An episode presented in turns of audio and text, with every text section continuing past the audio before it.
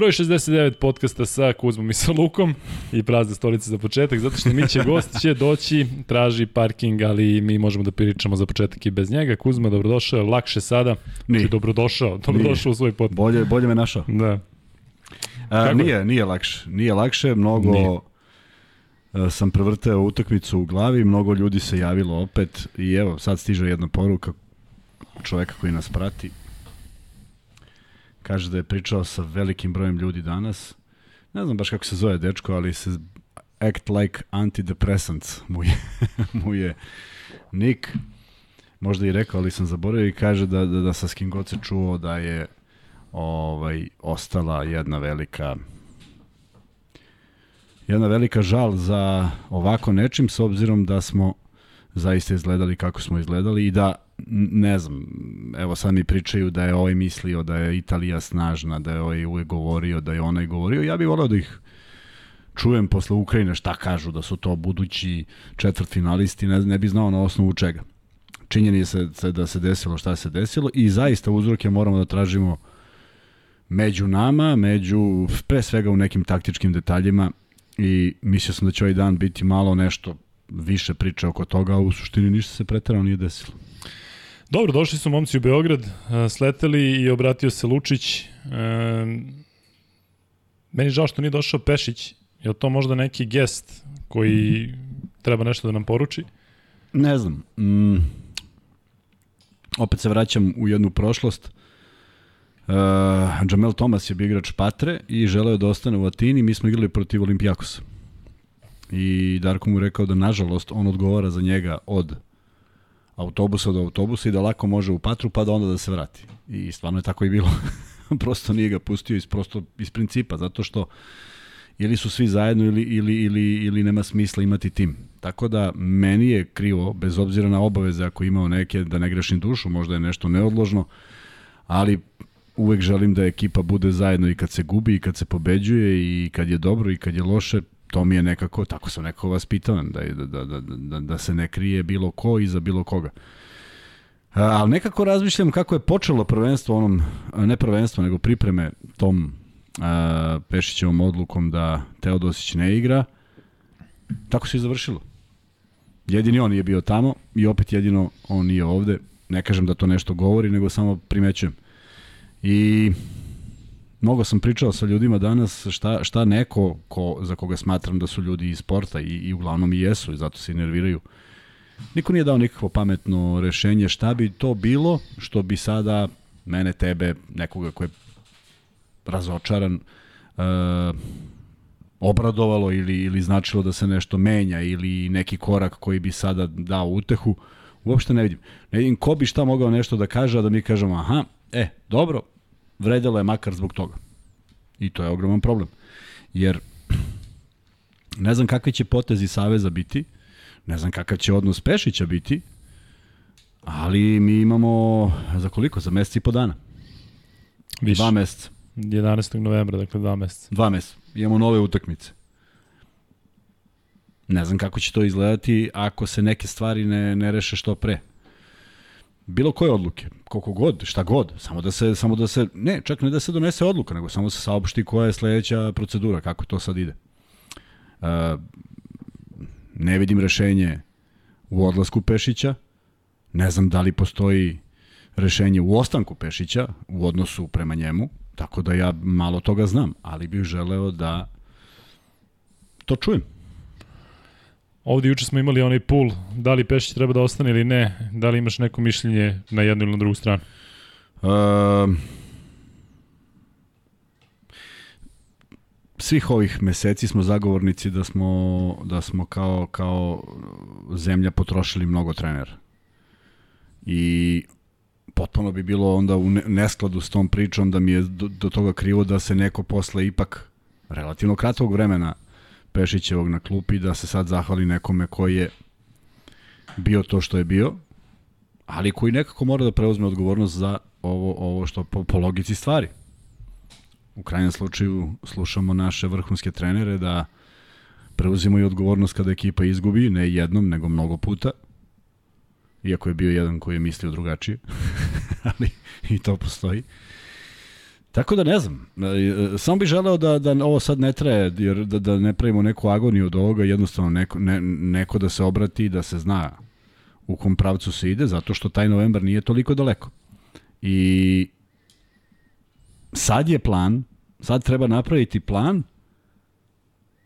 koje se utakmice igraju tog novembra Euro lige, NBA ne spominjem pošto je iluzorno, Euro lige, koje je na raspolaganju. I opet da vidimo da li postoji taj neko, to neko zajedništvo gde će pokušati, makar pokušati Savez da istupi kao ovo nam je najvažnija stvar u narednih četiri godine.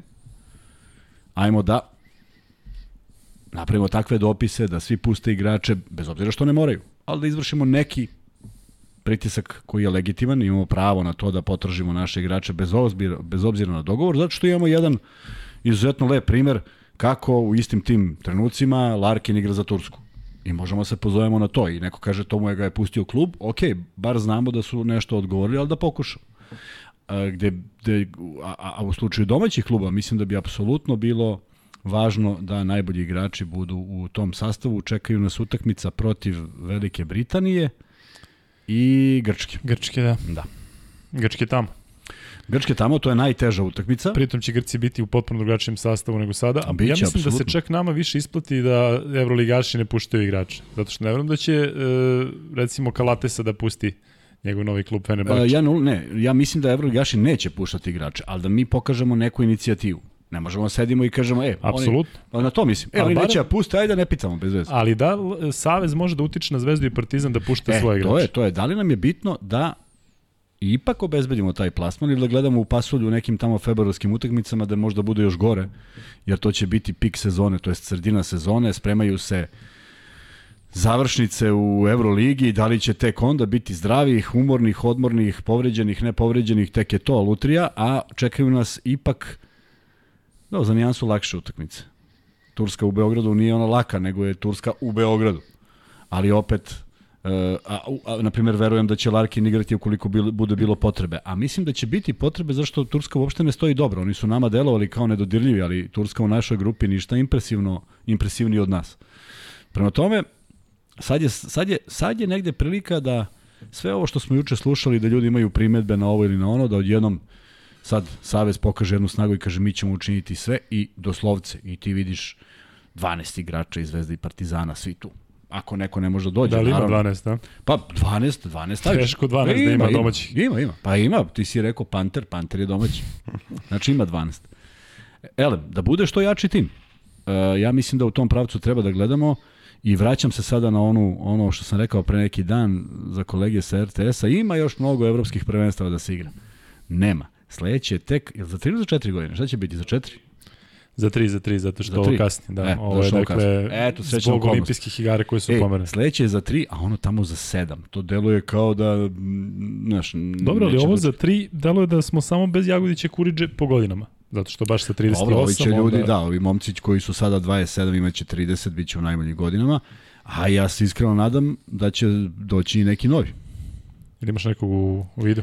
Pa pre svega imam ovog malog, eh, kako se zove, Jovića, naravno da se čeka njegov neki razvoj u, u NBA. Pokuševski ne, zato što ovde konstantno pišu, inače u podcastima, da li Pokuševski i Jović mogu da prinesu timu i stavljaju ih u isti koš.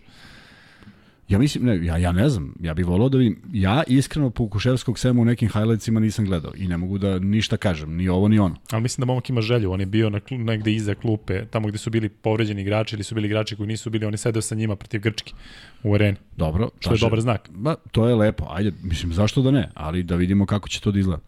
U svakom slučaju ne treba se odricati ni jednog igrača daleko od toga, a čak mislim da ono što nas često gledaoci podsjećaju, da postoji ogroman broj igrača za koje zaista ne znamo. Aleks Panović je bio ovde i pričao mi o imenima, naravno ja ih ne pamtim, ne zato što ne želim, nego zato što jednostavno to nikad nisam uspeo da pamtim imena i naveo mi je bar četvoro, petoro dece, pokazao mi njihove highlighte sa high schoola, sa univerziteta, gde god da su. To su zaista atlete, momci koji već treniraju u tom nekom sistemu i imaju taj problem, uslovno rečeno, da su im roditelji nisu oboje iz Srbije i rođeni su u Americi, ali ja ne vidim da to može da bude identično onome kad neko dobije pasoš. Dakle, to nema nikakve veze gde je ovaj rođen, on bi trebalo da slovi koje i šta je po nekom poreklu. Ja ne vidim tu neki problem. Ali bi volio da se neko pozabavi njima. Ajdemo konkretno. Saša Stefanović, naš gost e, koji je pričao Saša i čiji Stefanović. prevod nismo Svi preveli. pričaju o Končaru, ali samo da još jednom kažem za Končara, nema papire. Ne samo to, on igra u NBA ligi, a Saša Stefanović je potpisao u Grčkoj i igra za Kolosos, koliko sam i vidio i on da je tu prati, dostupan. Tako, Tako, on je dostupan, naravno. Da li ga treba probati? Zašto da dođe da ne? da proba? Zašto da ne? On je bio na nekim pregovorima s Partizanom, sve je to išlo u nekom dobrom pravcu. On je odlučio da ostane još jednu godinu, prošle godine.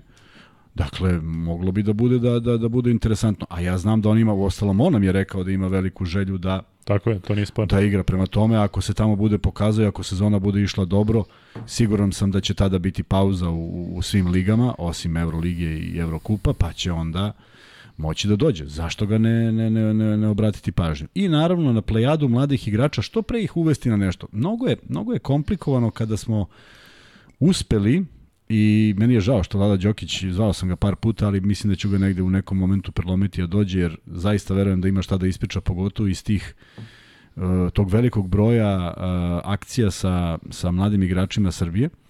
Mi smo bili u deficitu sa brojem 5 i došao je Nikra Kočević, koji sad igra u Kini. I ja ne mogu ti objasniti koliko se on brzo uklopio u sistem i sve to, tako da mu je Vlada Đokić na kraju svega što se desilo i zauzeli smo peto mesto koje je bilo posle samo jednog poraza u, u četvrtfinalu od Francuske. Uh, konstatovao da mu je žao i sad pazi čega mu je žao. Naše su pripreme počele u junu. Možda krajem maja, ali mislim da je u junu. A Nikar Kočić je morao da završi sezonu u martu na univerzitetu. Da. I onda imaju ono pravilo netreniranja. Da mogu samo par sati da provedu u... E, to je najveći problem, jer on zaista u tom trenutku nije spreman. I to je najveći problem kada bi takav neki igrač trebalo da se prilagodi. Jer naši, kakvi god, juniori i kadeti, izlaze iz punog ritma, a ovo je igrač koji bi trebalo da dođe znatno ranije i da se adaptira. Koliko je to izvodljivo, ne znam, ali sa Nikom Rakočevićem je bilo dobro. Prvo što je kupio sve momke razumeći, eh, jer je razumeo srpski, a drugo što je se ponašao potpuno kao igrač koji je tu došao da pomogne reprezentaciji da, da, ovaj, da napravi što veći uspeh. Bez ikakvog nekog individualizma, bez ikakvog izmišljanja, vrlo korektan u kretnjama. Sve što je dobijao, to je rešavao, sve što je mogao da učini, učinio i znaš kako mu išla forma, kako je stizao umor, kako su ut- utakmice činile svoje, tako je nažalost padao, ali to je bilo potpuno razumljivo. Tako da lepo je da kad se neko tako priključi jer donese nešto novo i pokaže nešto svojim saigračima, nešto što možda nisu videli, jer to je potpuno logična stvar. Ako ne treniraš na jedan način, a neko ti donese nešto novo, vidit ćeš, možda iskopiraš, možda uspeš, možda, možda ti bude želja to da uradiš. Kad sam juče spomenuo Miloša Glišića, fenomenalne reakcije njegovih trenera s kojima je radio, O, jeste, potpisuje za borac, ali video sam nekoliko, nekoliko lepih poruka, što zahvaljuju nam se što smo ga spomenuli. Meni on uvek bio oličenjenog zdravog razuma. Uvek je davao sve od sebe, uvek... Mića zove, samo da im šta kaže. Da li našao parking? Molim, Mićo. Daj, daj na njega kada šta. Da, ne za restoran, gore. Stiže Mića, recimo da ne žuri. Ništa, tu stani, tu možda parkiraš do pet. Da, da, penji se. Super. Penjaš se na, na, na sprade su rešetke na levim vratima. Nek uđe na plava vrata desno. Plava lat, kako, šta pravo? Pa kad uđe desno, da ne ode u restoran. Jesi prošao rešetke? E, pa ideš gore i onda vrata levo. Drugi spred. Drugi sprat. Sad smo svima otkrili desno. Sad mogu doći ovde. Nije ovaj kost. nego... Ajde. Um, nastavi za Glišića. Šta je live program? a? I ovaj, pa da, mi će da, da zna da, da, da, da smo. A? Je luš? Evo ga. Ajde, ajde, Miću, upadi. Samo ti ulazi Mića. Možeš i uvoda, možeš slobodno i. Samo Ajde, pazi na gajbu. naši smo, naši smo. Znaju te već ljudi. Desno. Sedaj. Sve ti je namešta. Samo lagano. Tako da je Miloš Glišić, ovaj, eto, jedan dečko koji je, nije, se od, nije odbio ni jedan poziv, uvijek je dolazio. A o i- koji godište biš on? 8, 9, 8, ja mislim. O, znači, dakle bi se u pravim godinama, a? Da, ali imao tešku povredu, odvojila ga je Da. prošle godine skoro celu sezonu, tako da mi je drago da se vratio u Čačak, u jedan grad gde mislim da može da ga, da ga da vrati u ritam, jer oni tamo žive za košarku, a kažem ti, ne možeš da ga ne voliš, prošto ja mislim da će njegovo zalaganje na terenu biti 200% i mislim da će odmah dobiti simpatije publike koja ga možda ne poznaje, ali u svakom slučaju mi je drago da je ponovo na, na pravom putu. Mićo, odjekuje malo u slušalicama jer se nešto desilo s softverom, ali tako ćemo da... Je ti ovaj, okej? Jel čuješ? Onda ću se vratim kući. Nema, ne gine sad 5 sati kad si stigao, Miću, to je A, to. Ja, E, Miću, dobrodošao. E, sad kada si seo, e, evo si- Vanja te još kadrira. izvinim zbog kašnjenja. Ma sve okej, reci mi kako si, ajde, zna, znaš o čemu pričamo, pričat ćemo mnogo, pričat ćemo o nekim detaljima. Znaš o čemu pričamo, tako pričamo o pripremama Partizana u izgubio Španiju. Partizan od Juventuda, to To znao sam da će me zovete čim smo izgubili 30 razlike. Pa zato smo te zvali. Ne ovo što su ovi naši nešto Da. uradili, nego da vidimo. Da. Mićo, kako si doživeo ovo? Ima, imaš toliko iskustva iz reprezentacije i to mahom dobrih, bilo je naravno nekih poraza u celom tom ciklusu, ali kako ti je ovo izgledalo, pošto nekako mi deluje da nam je mnogo teže kada ne igramo i kada nismo na parketu i kada shvatiš da jednostavno ne zavisi od tebe, a, a imali smo jednu fantastičnu grupnu fazu. Pa malo podsjeća na 2005. Danas sam s nekim pričao podsjeća me na 2005. i na to razočarenje koje je upravo sada u ovom trenutku u zadnje 24 sata, tako da kažem. Ovaj, iako opet je ono za nijansu, bili smo domaćini i onako bi bila je baš velika Još tuga, veća, da. Još veća i onda je bilo ono raznog prljavog veša i to ovaj, što, što je doprinosilo da se još lošije osjećamo. Ali definitivno ono kada niko nije očekivao, a, a pričali smo i, i ti i ja u studiju i da, da ta utakmica osmine finala, imali smo naš predlog kako bi to najbolje izgledalo, ali ovaj e, e, prva utakmica nakon prelake grupe, kažem. Mi smo stvarno delovali dobro i stvarno delovali timski i e, sve to funkcionisalo, ali jedno je grupna faza, drugo je playoff. A to je playoff od same osmine finala. Naleteli smo na jednu reprezentaciju koja nam očigledno ne leži. E, računajući prošlogodišnju ovaj, utakmicu ono, zbog koje nismo otišli na olimpijske igre u Tokio, e, pa čak i od ove pripremne utakmice. E, mi nismo bili u, u, da kažem, u najboljoj formi. Oni su isto igrali bez Galinarija. Mi smo i dobili to na, na oruk, ili tako, u jednoj Jesmo, ali- završnici, ali- jedva. Ali smo očekivali da taj oruk bude i na ovoj utakmici. Zašto je izostao taj naš oruk? ali pa e, nekako, da kažem, mi smo stigli, pa isto smo, ja mislim da je bilo isto 12 razlike, ako ne ičet sada me u pripremnom periodu, u, na turniru u Nemačkoj. Oni Mislim- su vodili u prvom poluvremenu, pa smo mi onda se odvojili, pa se... I u trećoj četvrtini, kraj treće, ili pred kraj treće je bilo 12 ili 14, sad i, i u jednom trenutku ovde je bilo 82-70, međutim, kada u jednom trenutku vodiš 14, pa dođeš na minus 12, onda Ozbiljan teško, problem, da. teško, se, teško se vraća. Ovaj, pa ne bih rekao da smo mi pocenili, ali e, ja sam i juče i eto, zo- zovu me, dosta sam i, da kažem, ovaj, nisam mogao svima da odgovorim, ja kažem kao da izlazim iz friždera, kao da sam jedini bivši reprezentativac koji hoće da priča i onda, ovaj, ali sam govorio sve, e, a čet finale Francuska, šta mislite? Ja kažem, mi pričat ćemo o Francuskoj, ali tek posle Italije. E, koliko god mislim da smo mi favoriti i bili smo favoriti i bolji smo tim, ali jedna utakmica je tako odlučuje, a nekako nismo, nismo, bili, nismo bili spremni. Mićo, pitaju ovde, uh, pitaju i tebi Kuzmu, ali ajde prvo da dogovorimo na ovo Kuzma. Zaista vas molim za odgovor zašto ste nekorektni i sada pominjete da treba izvršiti pritisak na klubove, što prošle godine to niste pričali, nego je bilo normalno da Radonja ne pusti.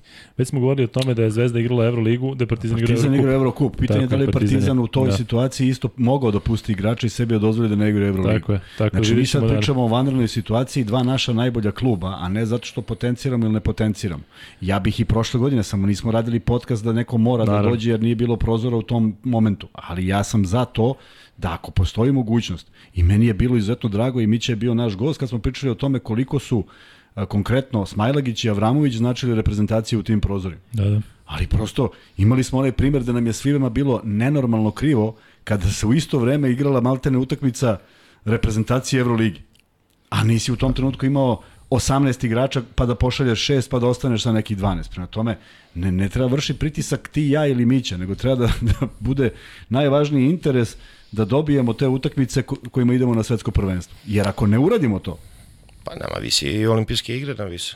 Znači onda čekamo tu treću godinu da igramo kvalifikacije za evropsko I prvenstvo. to opet, da li ćemo da, da otkupimo ovaj, pravo da, da budemo opet domaćini po treći put u 7-8. tako je. Od, od Rija, znači Opet to je 4-5, 16. tako, x miliona. 16. 21. i da bude recimo 24. jel tako? Da, mnogo je ozbiljan ulog, iako delo da smo se sad kao izduvali, je u stvari... Ne, naprotiv, sad je ozbiljan Tako ulog, zato i pričamo. Zato što sam danas razmišljao, čekaj, šta sledi? Okej, evo, desilo se ovo, desilo se. Svetsko, kako možemo se plasiramo? Samo da pobedimo četiri ili u, odnosu na rezultate tri utakmice. Ne, e, čak i sa četiri zavisimo od, Opet zavisimo. od drugih, od Belgije. Znači, u najboljem slučaju možemo pobedimo tri ako nam se rezultati poklope, da ne moramo da jurimo četvrtu. Turska je u problemu jer je izgubila utakmicu, Grčka će juriti da pobedi Belgiju, sigurno, ali treba ih pobediti. Ta ekipa neće, neće jej faliti mnogi igrači. Ali ono što je najvažnije, Belgija sa ovog prvenstva evropskog je Belgija u kvalifikacijama. Tako, to kažem, da neće faliti niko. Tako. Njih niko nije, njih je Slovenija dobila isto tako na, na, na neki juriš u zadnjoj četvrtini. Oni su igrali egal utakmicu, dobili Španiju. da.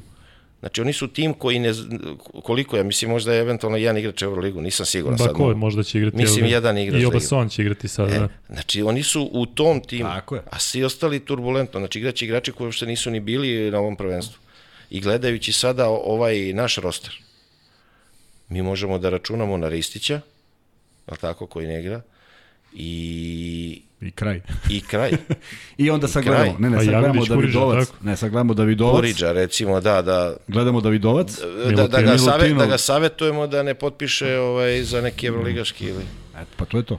Dakle, Tako nema, iz nema, CSKA da će da puste, al A, zamisli, aj sad samo prelazim na jedan, samo zbog ovoga što si rekao CSKA da puste. Mi imamo neki pritisak da u, država uvede sankcije Rusiji. I onda kažemo pa ovi će sigurno da ih puste. Zašto? kako da ne? Zašto će da ih puste? Ko će da ih pusti? Kako znamo da, da, da, da računamo s tim? Dakle, to će opet biti dobra volja nekoga, ali mi ne možemo da idemo s tim da je, da je to završena Da. stvar. A, e, Da, a a, do tog trenutka ćemo morati da se izjasnimo što se tiče sankcija. Znači, pre, e, ovaj, najbolje je bilo da odložimo još jedno šest meseci kad bi mogli. jel možemo samo nešto posle te utakmice? može posle, kvali, ovaj, e, može posle prozora. Posle novembarskih prozora. I onda ako sve bude kako treba, sve da savjetujemo da idu u CSKA. Dakle, Sve, sve, nije nemojte dakle, potpisujete nigde. I još jedna vrlo bitna stvar, uh, zašto je bitno, dok nisi došao pričali smo da ovo sad, taj neki status quo koji će vladati Pešić, šta, šta, kako i gde, on mora da se reši, nadam se da se slažeš sa mnom, zato što sutra treba da postoji neki zamišljeni spisak igrača koji će igrati novembar. On mora da postoji, ne može on sad da se pravi četiri dana pred utakmicu. Dakle, ti sad mora napraviš šta je to, pa da sedneš ozbiljno da razmisliš koji su to igrači koje, na, ti, na koje ti možeš da računaš. Jer sa Partizanom u Euroligi ih je mnogo manje nego prošle godine. Pa manje, minimum četiri igrača. To kažem. Znači tu su bili Is- Ismailagić, igrao je Trefunović, igrao je Avramović, igrao je Koprivica. Tako je. To su sa četiri. Četiri igrača. Znači nije to mali broj. A to su bila četiri igrača koja su i tekako značila... Izvinjam se, bio je i Zagorac. I Zagorac. Pet. Znači pet igrača. E sad ti možeš iz ovog, iz ovog, iz ovog svega, iz ovog svega, rekao si Ristića, dvoj, dvojac iz CSKA, uh, Simanić, koji je u Saragosi, znači pričam samo ko je gde je potpisao, i ja mislim da zaista nema više posle toga Niko Petrušev je otpao. On je u Zvezdi, Nedović je... Uh, I to je to, to je to, je to, nema, nema. nema, nema, nema koga da više navedem. Jović kada je bio, bio ovde rekao je da je dogovorio sa Pešićem da preskoči ovo i da se posle priključi, ali ne znamo još uvijek da li ćemo potpisati za Daj nekog Bože, da bude, ili daj da. Bože da on bude zdrav i možda u, u dobroj spremi kao veteran neki pa da nešto odigra. Ali to nije lako. Naravno. On mora da ima neke utakmice da bi igrao do novembra. Da, ne može nema, samo da igra zato pa ne može kao da. naravno. E, ima dosta pitanja već sada. Ajde jedno pitanje za obojicu, a vi slobodno se dogovorite ko će da ide prvi. Zanimljivo je zato što momak pita da li se slažete U stvari ovo je za Miću, ali ovo je za obojicu. Možete li ti i Miće Kuzma da objasnite šta se razlikovalo u vašem košarkaškom vaspitanju u odnosu na igrače danas? Aj Mićo. Aj ti pa ću ja sve isto. Da. Pa, mislim, to je, mislim, nije ni toliko lako pitanje. Sad, e, na, u naše vreme mi smo bili ovaki, a ovi su sad ovaki. Mislim, svako u svoje vreme, verovatno su tako razmišljali i one generacije pre nas, e, pogledaj ovi kako se ponašaju u naše vreme, to je bio bič i, ne znam, ne igra, mesec dana, nema pravo treniranja, tada naravno para, ni, pa, para nije bilo i onda ta te kažnjava neigranjem. Ovaj, Ali izvini, molim te, ja kad sam ne kažem ni doneo- u naše vreme da je nešto preterano para što se tiče ove domaće lige. Svi smo mi kretali od nule i igrali za nulu i bili zadovoljni što igramo, ali tako nismo razmišljali. Sada je sasvim drugo vreme i e, onako dosta razlikovali smo se o nekim materijalnim stvarima, kažem da danas je previše sve novac. E, na kraju trebaju da igrači razmišljaju da će doći novac kada zaslužiš, a ne ono sa već sa 15-16 godina, svedoci smo sada da O tome sada u mislio. kadetskim selekcijama se daju neke stipendije što smo mi nekad igrali kao seniori. I to je stvarno deluje onako, do, takva su vremena i naravno menadžeri su preuzeli onako, kada, kada čujem preuzeo ga je menadžer sa 14 godina, 13 godina, ja sa 13 godina nisam ni znao šta je menadžer.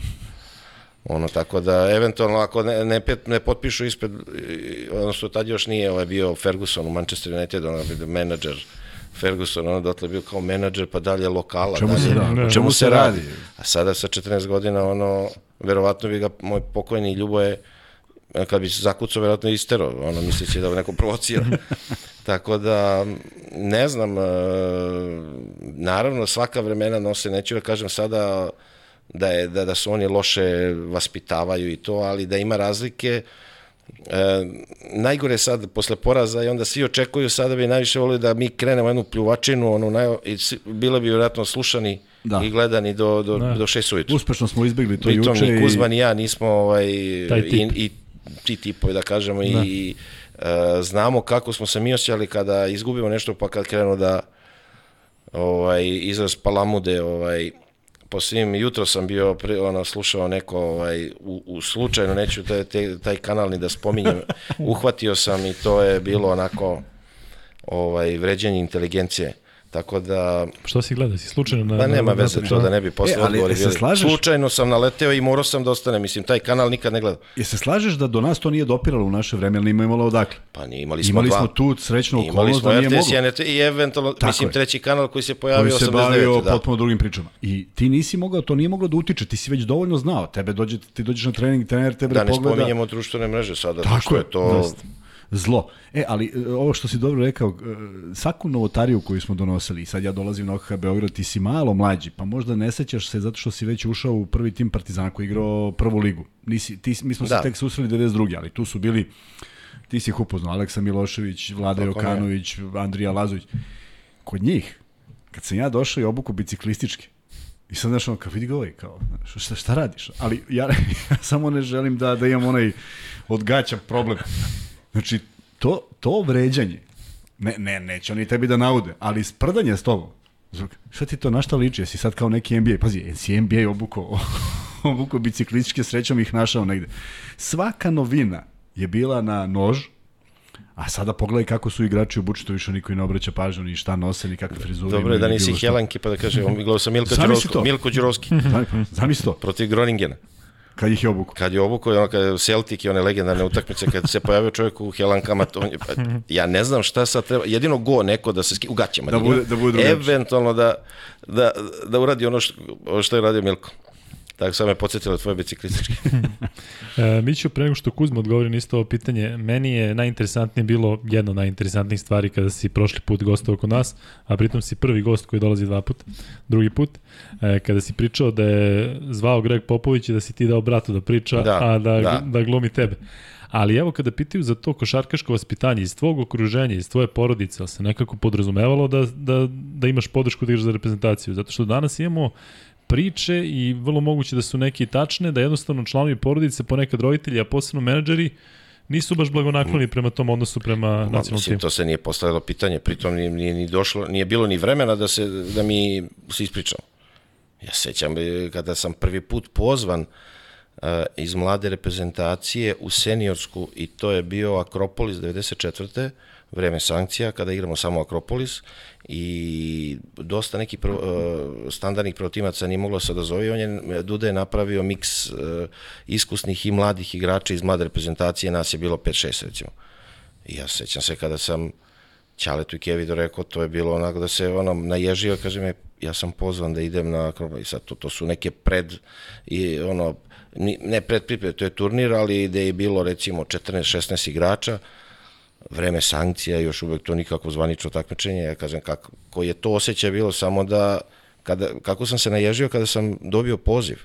Mislim, to je, a ja sam već, da kažem, prvotimac Partizana sa minutažom, znači ne neki, ovaj, da kažem, junior, tako da to apsolutno nije, nije se postavilo pitanje, nikad nisam ni imao priliku, e, da ti ne Da znam, kaže, e, a šta mislite, ovaj, da li da ja se odazovem, da li da dođem ili da, da li će mi to dobro Doneti ovaj, nešto u karijeri. doneti nešto, da, Kuzma, ajde ti, naravno, odgovori na svoj način, ali možeš uh, možda da posjetiš malo i tome, kakav je bio odnos trenera tada, Slušali smo ih sve.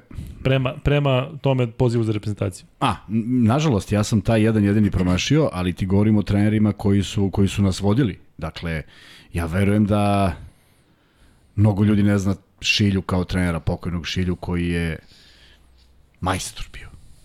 To je bio jedan, jedan, jedan čovek, čak ne znam ni kako mu je karijera išla, igrao je u inostranstvu, igrao je za OKH Beograd, pa je čak negde u Belgiji igrao. Ali njegov pristup životu, ne košarci, on je bio meni više filozof nego, nego trener. Ali ja sam pamtio njegove reči i dan danas ih pamtim u nekim situacijama koje su bile potpuno neke, kako bi ti rekao, usputne. Imao je šta da kaže. I ti ga ako hoćeš da čuješ, jer mi kad pogledamo sliku, evo ja sam negde nedavno video sliku mladog Jordana sa trenerom, pa onda kako ga drži za ruku posle hiljadu godina, ovo je već star. Mi nemamo taj odnos sa našim trenerima što je poražavajuće. Mi, mi nikoga, mi valjda želimo zaboravimo da nam je neko pomogu. A taj Šilje je bio na pravom mestu u pravom trenutku i rekao, za mene je kuma, e, ova dvojica ulaze u prvi tim. A na probi u OKK Beogradu 32 prvo B ligaška igrača koji su u tom trenutku svakako bolji od nas dvojice. Ali on kaže, ali da vidimo za dve godine. To je bila ta srećna okolnost, da je bio neki drugi trener, on bi uzeo tri, ovih 12 najjačih i pokušao da, da, da igra što bolje. Pa to je to što su imali viziju, daleko bolju viziju Tako je, i da znaju da ovaj, ovaj može ovako, ovako građen i to, ili bilo je tu igrača i u mojoj ge- generaciji gde se znalo da će u 18. 19. prestati da igra. Da. Ali je i davao po 30. On je u 19. sada neko ko je, vidi se da za 2-3, to je upravo ono što su unapred gledali ove mnoge stvari. Ne kažem da i sada da, da, da kod nas i da, ali tih, eh, pre svega to su bili e, naši učitelji, ne samo trener, on ti je bio uh, zamenjivao ti je oca, zamenjivao ti je druga. Mentor, što se Uh, kaže. Jednostavno mentor i ti si od njega sve upijao, imao poverenje, učio. Uh, Ja sećam moj prvi, uh, da kažem, trener u, u, koji me i doveo u Partizan, Savke, kad nas je vodio kod sebe kuće da gledamo na VHS, ono da gledamo finala, tada Lakers, uh, Lakers i Detroit ovaj, da Isaiah Thomas i onaj jedan moj drugar ovaj, koji je sa mnom trenirao otišao u Ameriku posle, ovaj, završio je ovaj, s košarkom negde u 19.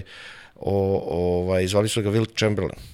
A Chamberlain, a bio playmaker, a volio Isaiah Thomasa, a imao baratanje lopte, da to nikad u životu nekoga nisam video da barata. I onda smo, to su te neke, de, upoznavali smo se tada VHS, da neko ima Da ima snimak, snimak dok i smiriš- to, to je bilo, da, smiriš pritom traku. trebaš prvo da imaš ovaj uređaj. Uređaj, tako to je. svaka koja, recimo 50 porodica je možda imala i to su neke stvari čime smo se mi oduševljavali.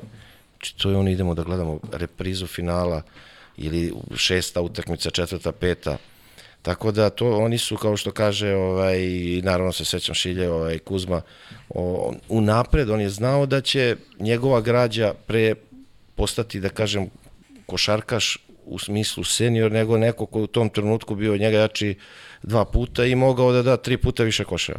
Danas smo svedoci da zarad nekih titula ili osvajanja nekih nevažne, će ne, da budu žrtvovane neki talentovaniji koji će za dve, koji ne mogu u tom trenutku da pokažu, dokažu ili daju 20 poena samo zarad toga, a onda će ugušimo dosta Talentovane dece. talentovane dece, tako da, ali i danas je i hiperprodukcija ti dosta klubova novih, ono koji se, mislim, više bave, ja kažem, onim članarinama i žive od članine nego što razmišljaju o nekom... Ovaj, Naša Beogradska liga je bila od 10 klubova, ne više. Ne više. Nisi ti baš imao 50 klubova, pa 7 liga, dve ove, dve one. Nego Da, sad na je 10 svakoj opštini imaš Sad jedan na 10 svakoj opštini. školi košarke. Ali vidi, ja ti kažem ovo za, za Šilju. Ja sam ga posle, go, posle x godina pitao, moram te pitan, kako si se opredelio? Zašto? I ispričat ću ti jedan detalj, ovaj, potpuno je banalan. Mi smo čekali naših na toj promotivnoj utakmici gde se igra kao 2 puta 20 i sada je jedna ekipa protiv druge i nadmećemo se. Ko dobije koliko minuta, koliko ti da šilja prostora.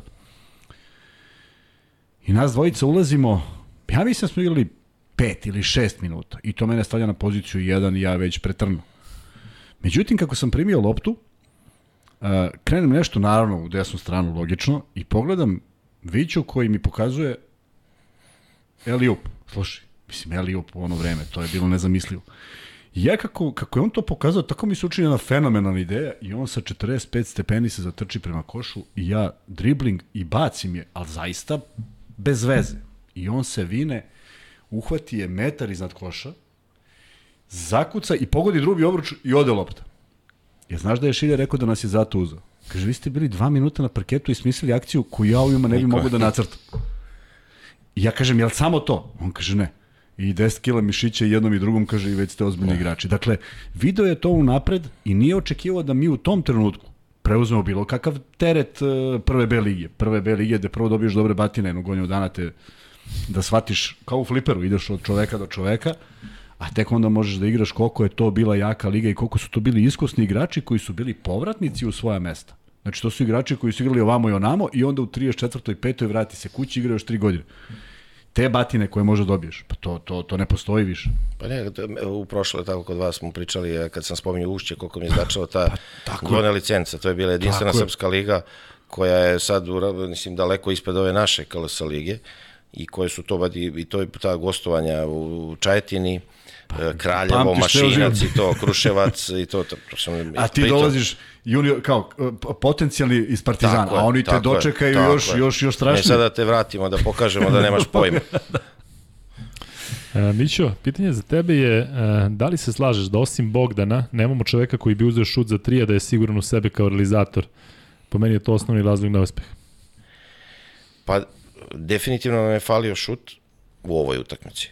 E, možemo, mi smo spominjali, ili tako pričali smo u, u prethodni put i, i složili smo se da u ovoj reprezentaciji je morao da bude Andjušić. Upravo pure shooter, što bi rekli. Ovaj, i, upravo, I u ovakvoj formi. Tako pitam. je, i u ovakvoj formi i to je ono što, što, što ne razumem, ovaj, neke odluke ne razumem, već smo pričali, dotakne, verovatno ćemo se dotaknuti i one, ovaj, verovatno druge teme, ali ovaj, mislim da bi on apsolutno ima a, mesta u ovoj reprezentaciji, pogotovo u ovakvim utakmicama. Pa mi smo znali da moraju da dođu te utakmice u trenucima kada ne može sad Jokić da da 100 poena. I kada će biti povratnih šuteva.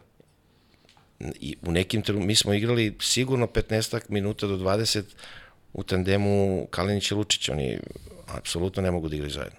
Ne mogu da igraju toliki do, period. Nama, da kažem, šuter kao šuter. Vanja je otvorio dobro, izvaredno sa dve trojke, kažem. Posle je malo nesto, ali opet ali i njega nije da bilo. Izađe. Nije smeo toliko dugo da bude ne, napolju.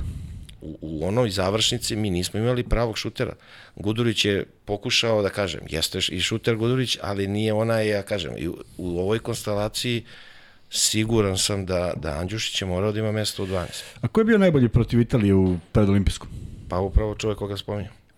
E to je ono što je što je e, sad naravno ne treba pričati o tome zato što je Andjušić to prvo šmekerski sve podneo što je objavio onu fotografiju kako se raduje dobroj igri Srbije. Uh, ali zaista mislim da je mogao da bude u opticaju kao jedan od, ako se ne nametne, ne nametne, nije sporno. Naravno, ako, nikome nije zagarantovano. Ako, mu, ako ne može sačuva ništa, ako ne može da ukapira gde treba da ide, to nema problema. Ne možeš ti sad nekog dovedeš tamo da što on pogodi loptu pa čekaš utakmicu da će to da se desi. Ali ja mislim da je on bio u dobrim, u dobrom uh, u dobroj formi u, ovim, u ovoj sezoni, u prošloj sezoni. Mislim da je sazreo kao igrač jer igrao zaista ozbiljnu košarku rekao bih, e, mo, skoro tri sezone tako konstantne, je, tako dobro. On je u Buržu, Burgu, e, da. odnosno Burgu, da. Sad, Ali Burž, sad je došao na nivo više zbog toga. Tako znači, je, ovo je, tako je. M, M ekstremno dobra košarka, tako je. najjača, M si u dobroj formi.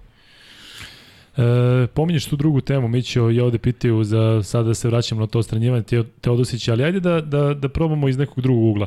Kada je tebe Pešić katovao iz tima, to je bilo pred koju, koju akciju? To je 2001. pred e, Evropsko u Turskoj. Dakle, 99. Naravno, si uzeo ja- vamo, Tako je. uzeo si, dakle... Ne, ja sam od... 99. si bio uh, U- odstranjen, dakle, mislim, ispao u zadnjem tom krugu za 12, onako iznenađujuće, uh, onda nisam se pojavio 2000. za Sidne i, i naravno posle ovaj, došao je Pešić i da kažem, ona moja sezona u Partizanu koja je bila izaredna, ovaj, e, imao sam s njim razgovor dva, tri puta u toku sezone, To sam teo te pitati. Dakle, I- vi ste pričali. pričali apsolutno dva puta i to dva sastanka. Treći je bio, mislim da, da sam se dotakao i toga da, je, da, je, da sam e, stvarno uh, zamolio ga da propustim neka tri dana tih nekih, da, da kažem, upoznavanja iz domaće lige. Ja sam stvarno te sezone lipso, jer sam igrao jedno 60 utakmica između 39 i 40 minuta, kao Goran Dragić ovaj, protiv Belgije. Tako da, i da li je on tu uzeo za pritom on se zahvalio mene, ja sam došao na sastanak ispoštovao da ne ispadne, ja sad ne znam, ovaj, on mene bez ikakvog objašnjenja, pitali su ga na konferenciji nešto, on je to isto na neki način, a, džabu, ja nisam bio taj, ja sam bio van, van ovaj, Beograda, naravno, mene su sačekali kad sam se vratio s mora, otišao ranije da bi tako sve isplanirano, ne bili 5-6 dana se malo istrenirao, počinjela su pripreme negde polovinom jula, sećam se. I naravno, novinari su sad mislili da ću ja sada drvlje i kamenje, da ono, ja sam dostojanstveno samo rekao, naravno, jeste neočekovan, iznenađen sam bio, ali ovaj, to je, to je selektorova odluka i njegova je odgovornost. Ali nije ti rekao, sa, od koga si saznao da nisi u 12? Ne, pre, brat mi je javio na more. Znači, Brat je ključni čovjek. ključni čovek, da. Kada je reč o I trenerima, to da. tada van bio, i dobio sam informaciju, onaj kaže nisi u, izašao je spisak, nisi u 18. Si mu verovao? Pa počeo sam se smejem. ovaj, ne zato što ja nisam tada bio, ne znam, u reprezentaciji. Bili su tu Bodiroga, Stojaković, uh, uh, i Tomašević, ali upravo ta moja pozicija bila ono, Dosta, da. to je ta pozicija koja je meni, ta dvojka je bila toliko, mislim, prazna. A, naravno, mi smo posle uh, uh, osvojili evropsko stvarno dominantno to, te godine. I na, kad se osvoji prvenstvo, to je isto kao sada smo osvojili svetsko, ali bi neko spominjao Niko, Teo, niko ništa, ne bi spominjao ovoga Andjušića ili bilo ništa. šta, sad zašto ovo, zašto ovo. I jednostavno to stvari. Ali ono što ja volim, i to je, i ni, nikad nisam čak nisam ni, ne da pitam, ne, ali da sam ja od toga pravio neku, a imao sam, mogao sam, imao sam pravo te sezone, da ja sad izlazim u nastavcima, eto, ja ovo, ja ono, pogledaj Zbog igara koje si imao, zbog Tako sezone je. koju si imao, Pritom, ja kao bi, znači ja sam bio konstantno šest godina reprezentacije, pa nisam bio dve, nastavak, ili tako, i u, u većina tih momaka su i sa mnom i krenula ovaj, ta generacija 72. treće godište. Četvrto, ovaj, tako da ja nisam, jednostavno, to je, mi smo osvojili, nema, tu nema šta, bila bi zlatnija medalja i to, ali jednostavno kada si svestan da pripadaš i ja bi sigurno sam pripadao to i, ovaj, i ne samo da, da budem neki mahač peškirom, nego jednostavno da sam akter kao recimo i te neke 98. kada nije, bi, kad se, kad nije bilo ovih uh, najvećih naših ovaj, igrača. Tako da, eto, to je to, ali ono što je, ja kažem, to je ta odgovornost i selektor je taj koji donosi odluke, za to je odgovoran ili nije odgovoran, odnosno ide se do zlatne medalje, niko ti ne priča ništa. Niko ništa, ali Da li prosto... si ti od strani ovoga ili od strani onoga, niko ti neće reći, e sada, Ko ja, ja da bih volio samo da čujem objašnjenje i dalje ne znamo zbog če, konkretno šta je vezano za teo. Znači i dalje to, to je nemu što bila ona konferencija. Nemu što, Znači totalno nemu što, da nikome nije jasno. Ja bih volio da znam i ono i da se sad naravno, da postoji, ja kažem i novinarska kritika koja više ne postoji, jer je sve to više uvijeno oblande, ne sme niko ništa da, po, da ono, pritom, da li će i biti konferencije, ali neke stvari, ja kažem, bi morale vezano za te, ali ja sam nekoliko puta jedan od redkih koji sam onako javno stao, imao sam intervju gde sam onako pričao kad je teo, ali više ljudsku stranu nego sportsku. Ja sam rekao, mogu da razumem to što je on njegov stavi da kaže, ne vidim ga u 12 i to, i to mora da objasnim tako. Ja kažem, da li bi Teo prihvatio, zašto ne bi prihvatio i to, ali ovaj sa ljudske strane to je bila jedna sramota da, da se mi opraštamo od dugogodišnjeg, odnosno ekstra klase igrača, reprezentativca, kapitena, tako što on ispada u prvom krugu. Ko bi to bio u tvom slučaju, u tvojoj reprezentaciji? Da se neko odreko onog perioda kad si ti bio? Kao recimo i- Đorđević. ili tako Isključi mi se, samo je sad ne čujem. Ču, ne čuješ me nas? Da, ne, kao da, ja mi se nešto isključilo. Izvini, kabel mislim da mi je... Mi će nam se isključio. Isključio sam se. Kod najvažnijeg Samo gde- pitanja. Gde sad idem? Kuzma, dok se Mića oporavi Se ovoga. oporavim. Da, a ovde pišu da prelaziš na arenu. Piše i za mene, često prelazim na arenu. Ko je to, ko je to, ko je to otkrio? Imam, ima. Da, Srđan e, Jao, je prešao sam, i krio molim vas da više ne pitate. I pišu da je kao prešla Euroliga na arenu. Ne, radimo Euroligu i naredne godine. Mići i se vratio. Svi. Mići, gde smo stali? Ko bi, šta to si- bio, ko ko bi bi bio? to bio u tvom slučaju, tvoje generacije da je odstranjen? Ekvivalent, dakle kao što je Ekvivalent. sad nestao Teodosić, ko bi tada bio šok? Dakle, ne Đorđević, a Divac, ko? Đorđević, Danilović, ko? Pa, mislim, sada kaže, e, sad to bi bio, di, mislim, Ne, divac, ne, e, jedna od veličina. Pa, Od veličina igračkiš, je li tako? Nije 13. pa ne znam, kao sada da je Željko 98. ono, Koga? rekao, povređen si Saša Đorđević. Da. Recimo. Da. Ajde, kažem, ista pozicija. Eto. On je kapiten, najstariji, najiskusniji. Teo je kapiten, najstariji, najiskusniji. Čak i po godinama ista situacija. Tako je. Pri, ne, tad je još, e, još je stariji e, Teo u, to, u, u trenutku kad je bio Svetsko 98. Sale 67, znači 31 godinu je Sale imao, a Teo je sad, da kažem, 35, ili tako? Više. 87. Da. Znači bio je još i stariji, ali ajde da kažemo. Da, da, to, bi to, tako. je tačno bi to izgledalo. To je tačno, da. I sada, ja ka, sad, ali to je ono što mi gubimo ljude, gubimo ljude i tako olako. I sada šta, da, da, li, da, da ga pita neko hoćeš da igraš prozore, šta je li? da. I, šta, Da. I odgovor je šta? Ne smiješ da ga pitaš. I sad, da li je to sad neke priče, da li zato što nije došao na, mislim, nije došao na ove prozore, spominje se u neki mail da se zvao, ja ne, mislim sad koje su Da, to priče. Ne, to, ne, To su nagađanja i ja ne volim time, naravno. ono, čuješ ono, ali volao bih zvanično nešto da se obradi da se skine, da se jednostavno kaže zbog toga. Ili napravilo je nešto na pripremama Daj da znamo što šta je uradio, nisam tako. mogao da... I to su stvari. Et, ali opet, to je ono što selektor je taj koji je koji odgovara za rezultat i za izbor igrača i to, ali smo svi znali da će doći play-off i da mo, i Vasa Misić može da ima lošu utakmicu. Kada trebaš da, iskre, da neko iskreira neki, ovaj, neko, neki asist, ne, neku trojku, ili kad je, kako je Italija bila non stop u bonusu do zadnje četvrtine, da izvuče neki 8 do 10 bacanja što, što bi ti dalo nadu da, mu, odnosno može Da preokreneš ili budeš, da da, da pobediš. budeš u blizu rezultatski. Još e, nevjerojatno kako se pogodi da Teo sve ove igrače poznaje. Imao tamo šest iz Armanija, Da. ovaj iz Venecije, dakle ovo je I mislim idealna... da bi imao, imali ozbiljan respekt prema, je. prema njemu na terenu. Pa Jola mu je saigrač, dakle ima nekoliko ovih bivših saigrača. Šta je bilo kad je bilo, Sud. to je, to je prošlo. Ali reci mi tvoje mišljenje o... Mi smo ovde dosta pričali i pričali smo u, posle pete utakmice, pričali smo da se sada skraćuje rotacija i da sad više nema igramo sa 10, 11, 12 igrača, iako 12 nemamo od početka, ali da li te zanadilo da je par igrača imalo veću minutažu od Jokića na, na toj utakmici?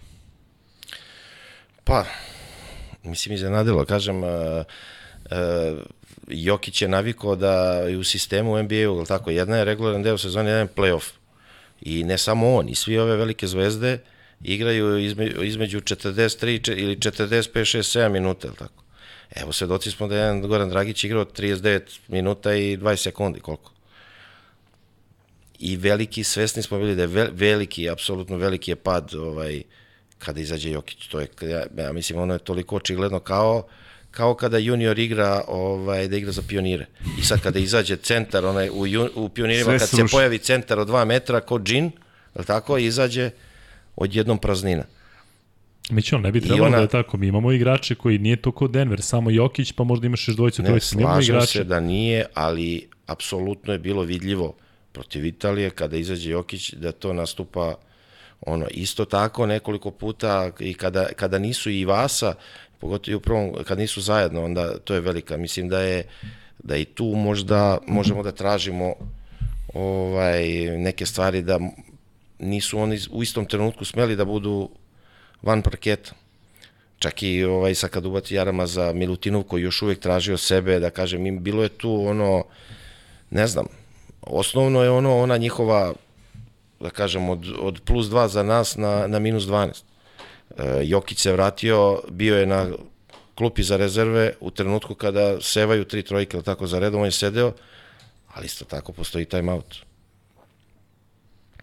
Ali sad možemo da pričamo naravno da u ovakvim utakmicama on mora i, i mislim da može, nije stvar bio, nije da trećen, on može da pritom bude. nije se videlo na njegovom, on je apsolutno toliko spreman ovaj, da, da je mogao da igra koliko god hoće i maltene da ali sada, kažem, posle poraza ispadne sada mi je ono jednostavno, sve ovo znamo. svi sve znamo. Jeste. Kad bi tako bilo, verovatno bi sad i Kariga rekao, ne, i ti igraš 40 minuta i ne izlaziš, ali neke stvari, ja kažemo, sad pričamo o tome, ovaj, onako svesno. Čak ta konferencija za, kada se pričalo prvi put, jedini put o Teodosiću, kada je Pešić rekao otprilike šta se desilo, ta konferencija nije bila zbog toga, već je bila redovna konferencija pred putovanje i to je bilo neko des, deseta tema, tek onako e, Uzgred. na kraju, da. Ali, e, E, od, toliko respektu prema kapitenu. E, ali sada kada evo treba da pozivamo nekog na odgovornost. Da li treba i Savez da se zapita koji je Saši Đorđeviću rekao da je neuspeh bilo peto mesto na svetskom prvenstvu?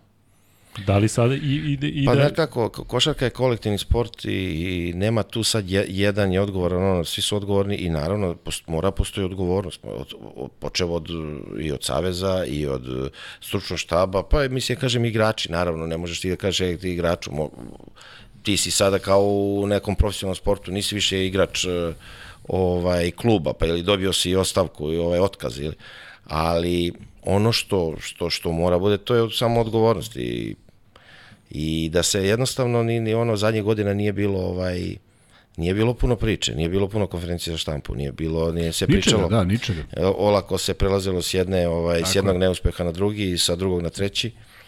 Ovaj, mislim da bi daleko lakše bilo da se, da se više priča i ono, ja kažem što se tiče što sam rekao sada, neophodna je jedna, jedna dobra konferencija čisto zbog, zbog dobrobiti i zbog budućnosti.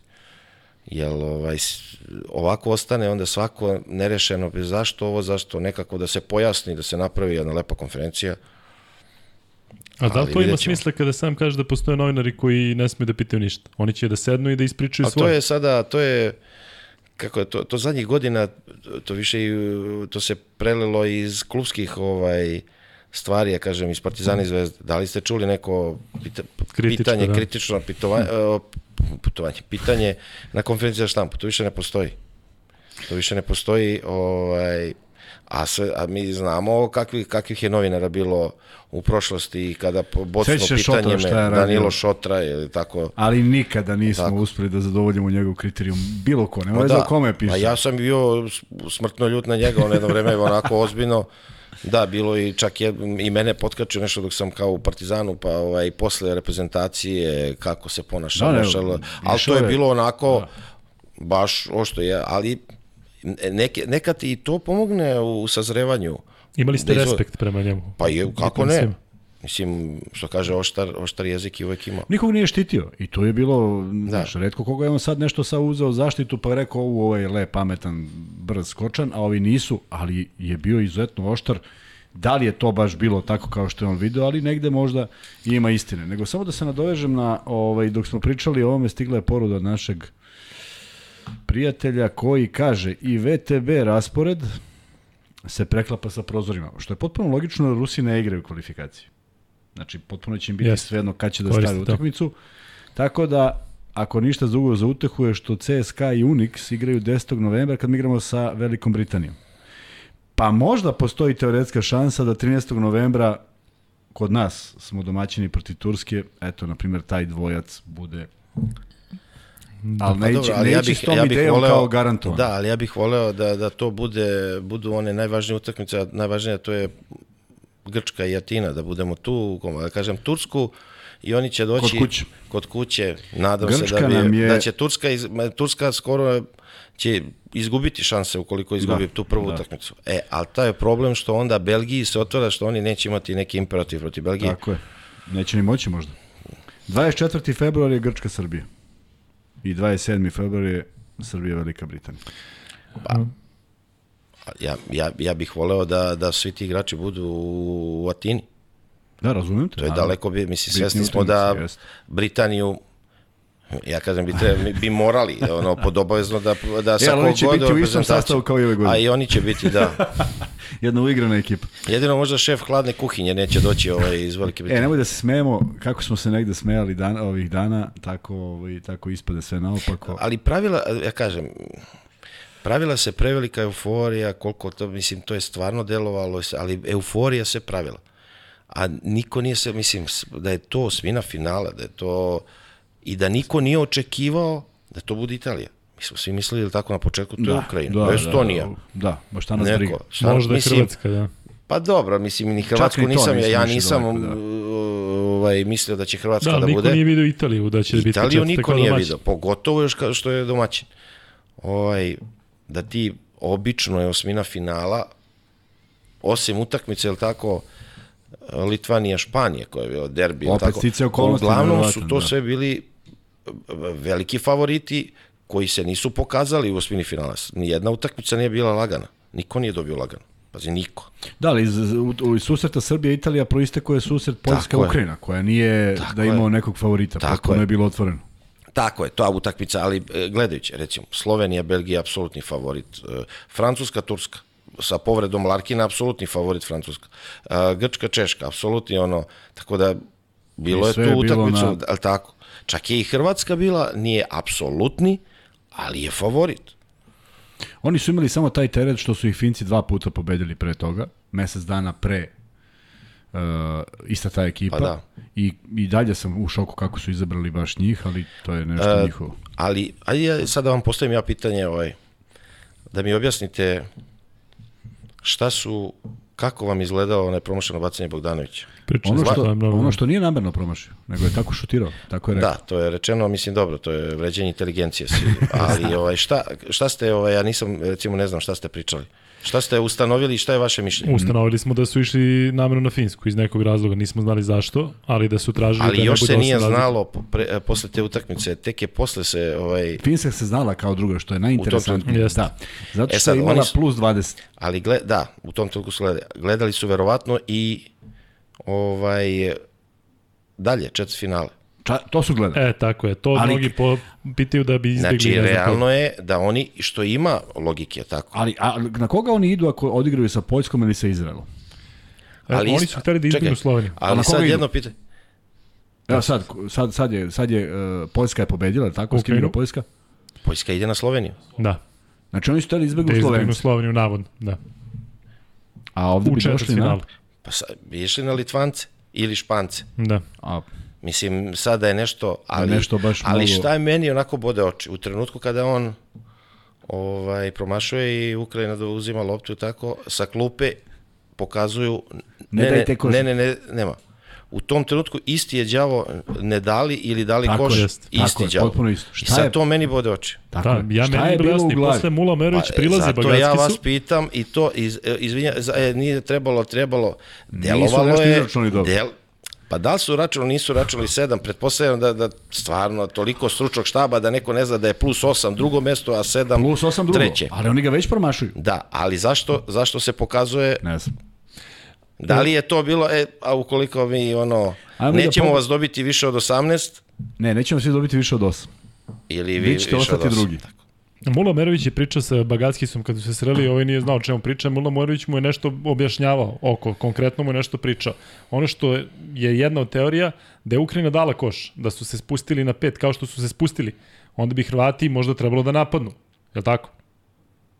Pa da ne bude da oni, oni su mislili oni- da oni su mislili da Ukrajina da ništa ni se ne dešava do kraja. Da, Da, ali Ukrajina oni- stapka okej. i ostaje sedam. Ok, ali, Ali ovi- sa a- 7 ili sa, Sa pet isto je. isti đavo i sa 4-3-2, samo do pobede. Da, su pobedili, Hrvatska ide na Srbiju. Tako, Tako je. ali Ukrajina krene u napad. Sanom krene u napad, promaši. I prave opet faul. Onda je Hrvat u situaciji da mora da promaši oba slobodna bacanja. Dobro, Tako? da, ali nema problema. Pa dobro, Da. onda bi mogli i oni, ka... ali verovatno ovi iz Ukrajine nisu gledali na Ma koga će u četvrtfinalu. e, onda bi to bilo, ali jeste, delovalo onako, ovaj, Delovalo je ne može krajnje ne može to odgovori, da, to, sad, svedoci smo da u zadnjih godina ima toga da se bira protivnik. legitimno je da ono, aj sad ono je bilo, ali tako, Ali se obično bude, obično bude ali bez kao ovaj, s obzirom da su se ili kao što da su bili džentlmenski dogovori šta god, e, loše su prošli jedni i drugi. Tako Jeste. da, ali ovaj, neverovatno je da eto, Finska u mesec dana osta, ostavlja uh, Hrvatsku bez dva velika takmičenja. Bez svetskog i bez ostavljate bez evropskog, igra si grupu, ja to ne računam, ovaj, odnosno osminu finala, ono, ovaj, ko da nisi ni bio na evropskom prvenstvu, a nisi otišao u četvrt finala. Da, njih je, pričali smo o tome, Finska dobila dva puta u tim kvalifikacijama, Da, i u Finskoj i u Opatiji. I evo sada treći put. Vanja, daj za gledalce jedan pul, ovo što smo pričali na početku pre nego što je Miće došao, da li e, to što Pešić nije došao sa ekipom jeste znak da e, napušta reprezentaciju? Tako što se nije vratio sa ekipom, pa da vidimo šta ljudi kažu. E, imam ja e, pitanje za tebe, Mićo, pre nego što nastavimo sa ovim. E, mogu da te samo uh, ajde. prekinem. Ja sam danas čitao da smo mi iz dve, dve grupe sustizali, nismo mogli svi istovremeno, verovatno niko nije ni mogao da rezerviše juče u pet, da očekuje da ćemo Karte. da izgubimo karte i onda je jedna grupa krenula jutros, ne znam, nije rano, a druga je grupa trebala u toku dana. Sad ne znam da... Pešić je otišao. S koje god da je došla i otišla. E, ja sam čitao da, bi, da je trebalo dođe. E sad, Ne, koliko, koliko znamo i koliko čak i ovde naši pišu. pa ja, ja to do, doživljavam kao izbjegavanje novinara. Pa sigurno, pa mislim, I, ja, I novinarskih pitanja. Definitivno. Uh, doćemo do novinarskih pitanja uh, na sledećoj temi, ali prvo da te pitam za Podseka, da li si igrao protiv njega? Jesam. Dok je bio u Varezu ili negdje drugdje? Dok je bio u Varezu. Bio isti ovakav. Pa dobro, on je jednostavno tako, tako, tako igra, tako se ono, tad je bio, ja kažem, igrač, ja sam igrao uh, posle u uh, prvi put, do igrali smo reprezent, protiv, uh, kad je bio u reprezentaciji, a igrao sam sa Tau Keramikom u Euroligi protiv Vareze. Znači oni uh, sezona nakon što su osvojili uh, e, e, italijansko prvenstvo, ono senzacija kada je bio pored njega bio je i bio je Benedin. Mršić, uh, bio je uh, Galanda. Galanda, uh, bio je ovaj Portorikana centar Santiago, Daniel Santiago, Santiago. uh, bio je uh, Menegin, uh, bio je kod Bekova sad ne mogu se, nema veze. Tako da znam, uh, znamo kakvom uh, igrač da, da on nakon trojke uh, radi avione kao Aca Petrović nekad. Ovaj, tako da onako, ne, ne čudi me, ali i mene je iznenadio juče šta je radio. Da. Onako, Šta je trebalo naša reakcija da bude na to? Zato što svi pričali, pitali su danas i Lučića šta je trebalo da uradi naš trener ili neko iz tima. Da ih kada je prebijemo, da ih Kuzma, je- prebijemo. Kuzma juče rekao lepo da je to zaista bilo kao ajde da se izljubimo, pokrali su nas, katastrofa, ajde sada da im pokažemo. Da je baš bio taj neki šok koji je uticao na igrače pozitivno. Da, ali mislim, on je, on je napravio cirkus. S druge strane, tu su i sudije, tu su delegati koji ne bi dozvolili šta sam prekad, ne, ne, jednostavno mu se priđe i idi na, na drugu stranu. Znači, to overavanje ili grljenje sa svim članovima, apsolutno to sudije i delegati, šta, onda pravimo cirkus od utakmice. Sada je sve pametno, šta, znači treba je da, da Pešić da kaže da kaže aj pali lave bre, neću dam ruku. Ili treba je igrači da on kako pruži i, da, i kako bi to onda izgledalo.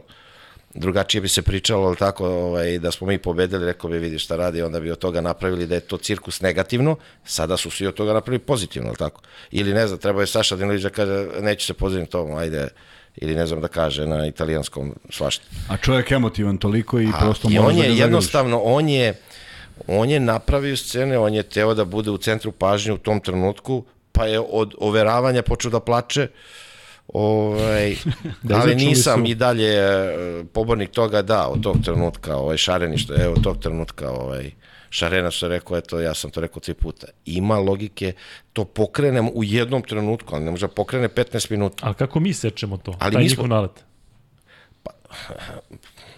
Se, se, s- Jel bi Teodosić koševima, recimo da je tu, Teodosić koševima, da je tu, trojkama. jel bi napravio Teodosić? Ja sam siguran da bi napravio nešto. Napravio možda neki jači faul da se malo opet... Faulovi, se, dobro, može. sečenje igre. To- Može i spisua, jedna, pa jedna, te, igre. jedna tehnička greška i jedno da uđeš u neki lažni konflikt. e, Tako je. e, ali ako, ako bi ko znao sa ovakvim suđenjem, mislim, ja kažem ovakvim suđenjem, sudijama koji nisu sigurni, a Teo ima auto, autoritet u, na, u ovakvoj utakmici jučerašnjoj, on bi minimum 10 bacanja šutirao.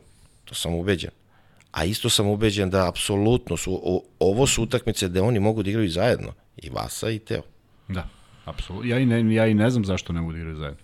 Ali vidi, e, tu smo, tu smo ovaj, napravili ozbiljan, ozbiljnu grešku, jer taj nalet mi nismo branili apsolutno nikako.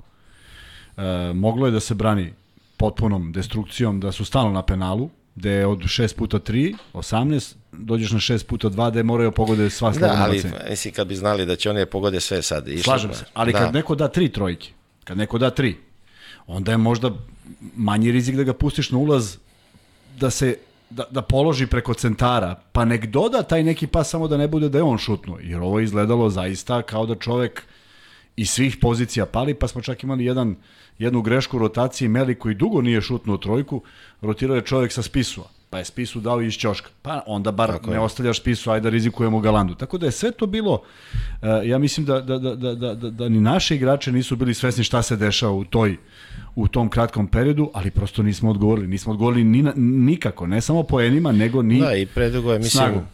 iskreno, ovaj, kasno je bio timeout na minus 9. Jeste, jeste. Prevelika je razlika da Jest. se dode na plus 9. Odnosno minus 9, plus 9 za Italiju. E, jedna stvar koju su ovde ljudi potencirali, a mogli bi mi da pričamo o tome, je to e, što Nikola Jokić uopšte ne priča sa novinarima ni u jednoj varijanti. Ja koliko znam, tako ni u NBA ligi gde opet postoje neka pravila. Ja ću ispričati nešto što može da izazove neku, neku buru, ali nema veze, volio bih da, da nastavimo tu temu. Predno tri godine kada je Jokić imao, čini mi se da je tri godine, ovde će ljudi znati, e, bio onaj period kada je Denver ispao ranije, pa e, Jokić nije igrao za reprezentaciju, imao je mnogo meseci slobodnih, pa su se čak i računali neki dani, ne znam, 157 dana. E, završio Denver i dalje trajala Euroliga, ja sam prenosio Euroligu i stigla neka ideja, ajde da vidimo da dođemo do Jokića nekako, da možda napišemo o njemu čak neku knjigu sa sport. I radim Euroligu, sećam se Makabi, rekao ajde na polovremenu da okrenem, naravno moram da okrenem njegov menadžer, i ja kažem, dobar dan, kao znamo se nekle, rekao radim Euroligu, kaže on, znam, evo, slušam te. Ja kažem to i to, kaže on, ma neće bre Jokić da se smara uopšte. Sad ja, znaš kako znam da odreagujem, rekao, ajde smiri se polako.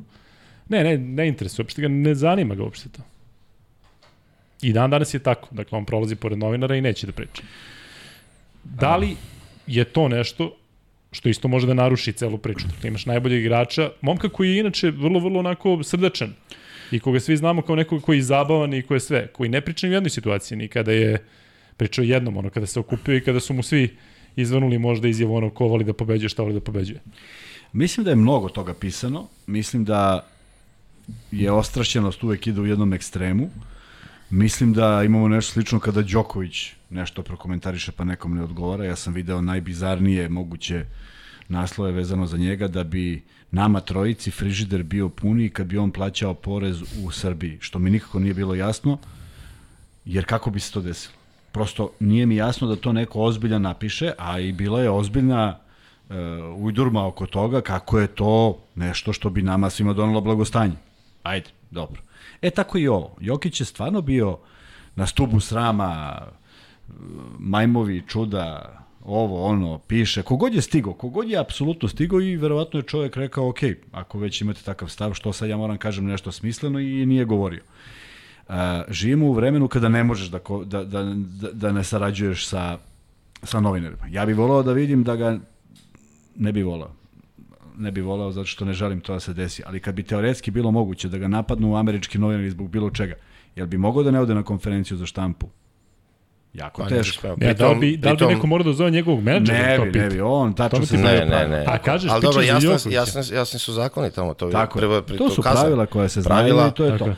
kažnjavaju klub, kažnjavaju njega, jednostavno to je u Ja mislim da tako, bi on imao- ali Aha. ovo što je Kuzma rekao, aj sad ću, ovaj, upravo ovo je dotakao se, mislim da, da je pušteno da on bude na stubu srama nakon svetskog prvenstva u Kini i da isključi eh, krivac je Jokić zato što se očekivalo da on daje 30 poena, ali tako. A svedoci smo da nije bio a, nije igrao ni svoju poziciju, nije imao taj, odnosno nije imao tu ulogu koju je realno trebao da ima, onako da se ne lažemo.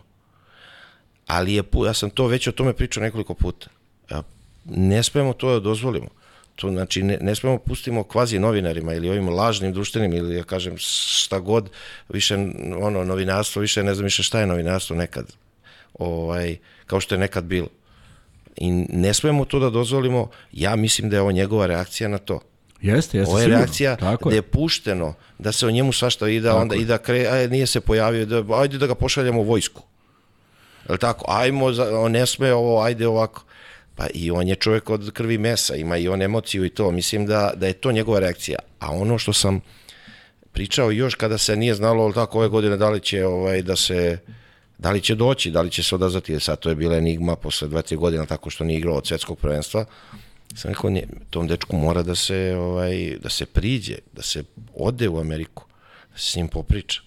I da, rekao sam da možda ima i loše savjetnike.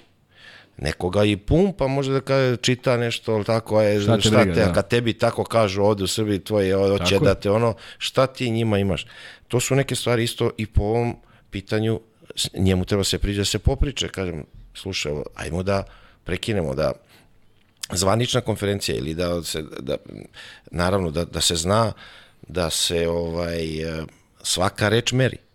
A pritom, mi, mislim, mi imamo jedno Jokića, imamo jedno blago koje mi moramo da čuvamo, a ne, mislim, sad je najlakše, ali tako, ovde se najbolje prolazi samo negativno. Ajmo se pljuvačina, ali tako. Ajmo, Đoković i vezao dva, nije ništa uradio, ajmo sad Gotovo, po njemu, ajmo pojma, gotovo, da. ajmo Jokić. To su ljudi, ma nisu ni svesni ljudi šta oni rade za ovu našu zemlju i koliko smo mi prepoznatljivi zbog njih. Ali to, to je neverovatno. To je neverovatno. E, potpuno, samo, samo nešto da, da, da Ajde. znam da imaš nešto, ali potpuno si upravo, međutim, gledaj sad koliko se sad to menja. Evo, ja sam pratio samo scrollao društvene mreže i odjednom sad obrt, posle njegovog zalaganja i fantastičnih utakmica gde je bio, šta možemo da prigovorimo Jokiću da nije uradio?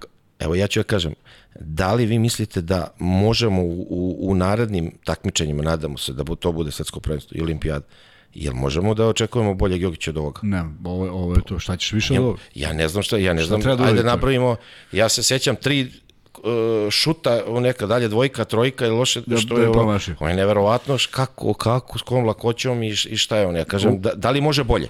Upravo to, da li može bolje. I sad se okreće sve i sad sve što su pisali, ali su mnogi ljudi bili na toj strani. Baš zato što ovo priča Mića, mi, mi ne shvatamo šta, šta imamo, nego se traži uvek neka zamerka. Đoković šeta bos po planini. Pa zar nije to divno? Pa si, si skoro šetao bos na travi. Pa to je fantastičan osjećaj. Od toga naprave neku, neku, ne, neku neverovatnu priču. I mi smo skloni da pravimo te neverovatne priče, umesto da cenimo te igrače kada se pojave. Ja samo želim da imamo pristup. Mene samo, meni samo smeta pristup koji štampa opet pod, zbog nekih ljudi digne na nivo ludila. Odeš, razgovaraš, vratiš se, razgovarali smo, hoće, neće i tu se završi. A naša, to traje kao ona španska serija. Nama, nama traje mesecima da li on hoće. Pa prosto odeš, razgovaraš sa čovekom. Pa da. E, njegova emocija u igri na ovom prvenstvu mi pokazuje da mu apsolutno prija da igra za Srbiju. Dakle, uopšte ne vidim da je on sad nešto ovde otaljavao. Naprotiv, mislim da je jedan od pogođenijih jer je možda i pružio najviše sa željom da eto uradi i to što su mu mnogi spočitavali da nikad neće, a on bio na putu da to uradi. Tako da, ja čak mislim da je on u ovom svemu ludilu zanemario šta se pisalo o njemu i posvetio se reprezentaciji sa jednom idejom da nešto uradi. Tako da verujem da mu je jako teško. Sigurno, ali ti znaš da ja i ti ovde pričamo, ako neko priča čisto i priča konkretno, pričamo ti ja. Zašto smo mi žrtve? Zašto meni hiljadu ljudi kaže pa nema šanse, šteta što nema šanse i Jokić da vam dođe. Dakle, to je prihvaćeno da mi moramo da tamo odemo da pitamo da. Da. nekog ili da se nekom obratimo pa da neko to aminuje pa da on dođe. Ne možemo da je, oknemo pa njega. jeste. Ali onda će biti, mislim, nezgodno je, on je odlučio jednostavno kad kaže ne, ne svima. I sad kad bi rekao, hoću ovde, ovde neću, tek bi Jeste, to dovelo. Zamislite nije- tu tabloidnu, da. tabloidnu štampu, šta bi pisalo Šta o bi njemu? oni, da, šta bi tek onda? A ovo što je Kuzma i što pričamo, pa z- jel postoji država? Pa mi moramo da imamo jasno stav, tako, o tom informisanju, ko- koga puštamo, ko- ko- kome dajemo šansu da piše, da pljuje o, o, o naš, to je blago, znači sportsko blago. Šta imamo mi? Šta je van sporta? Ja kažem, šta imamo, kakvo blago mi imamo, o čemu pričamo? Da. Pitali ste svi za Bobija Marjanovića da li bi mogao, kako bi mogao. Ja sam mu pustio poruku, on je u Houstonu. E, Posle svega ovoga što sam ispričao, pričao sam skeptičan da će, da će da se javi i da će da bude gost, ali on bi nam recimo bio idealan u onim kasnim terminima, zato što u Houstonu kad je kod nas 12, Naravno, to je idealno vreme. njega je dakle popodne, Pa, tako da bi I bilo njega super. sam spomenuo, ako sećate u prošlom, Da, da. isto, isto na, na, na loš način, isto Bobi koji je pozvan, ili tako, i posle toga nema ga nigde, kao da je mrtav. Da. I to posle onih akcija gde je bio glavni igrač, da je bio u petorci. Um, Miće, što se tiče te jučerašnje utakmice, e, ovde je bilo neko pitanje dobro, ali nema veze.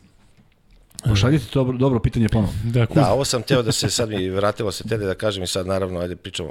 Kažem zato što imamo tabloidno informisanje. Nama je sve pokrenulo i sportsko kao tabloidno, Jeste. znači živimo u nekim reality, to su reality e, tekstovi, reality naslovi, samo negativno. Ali Mislim, to mora da stane, tu mora da postoji da neko da neko kažnjava. Nema kad više E, ja a, ajde da zanemarimo, razumijem te što. Ministarstvo informisanja, ne znam, da li se neko bavi Ne, nego razumeš, im ovo medije. prija, njima ovo odgovara pa da se prija, tako- naravno, Pa da se da se priča o samo nečem drugom. pune, tako je. Ali, ali zanemari to. Da li se slažeš, pošto sam ja ovde iznao tu teoriju nekoliko puta, da je zabrinjavajuća neagresivnost Košarkaškog saveza Srbije u informisanju. Dakle, odgovornost polazi da ti treba da neke stvari serviraš kakve jesu, je li tako? Zamisli, na primjer, da postoji jedno saopštenje pred svetsko prvenstvo, ko nam je povređen, kako, šta, gde. Mi gledamo, svi sedamo i gledamo ko je u 12 i ko će da igra. I onda celu utakmicu provedemo i kažemo, a što Gudura nije igrao? A to je jedna rečenica. Ne da sad ide ne znam ko, nego samo kažeš, ej, ovaj povređen ili pauziraće još ili uvodimo ga polako. E, mnogo je bitno da te informacije ljudi poseduju. I to ne da sad ide po medijima, ne znam po kojim medijima, nego jednostavno samo saopštenje koje će po defaultu svako preneti. I ti si negde malo mirniji. Ovako, nema informacija, ovi pišu šta hoće, a nema onda ni reakcija.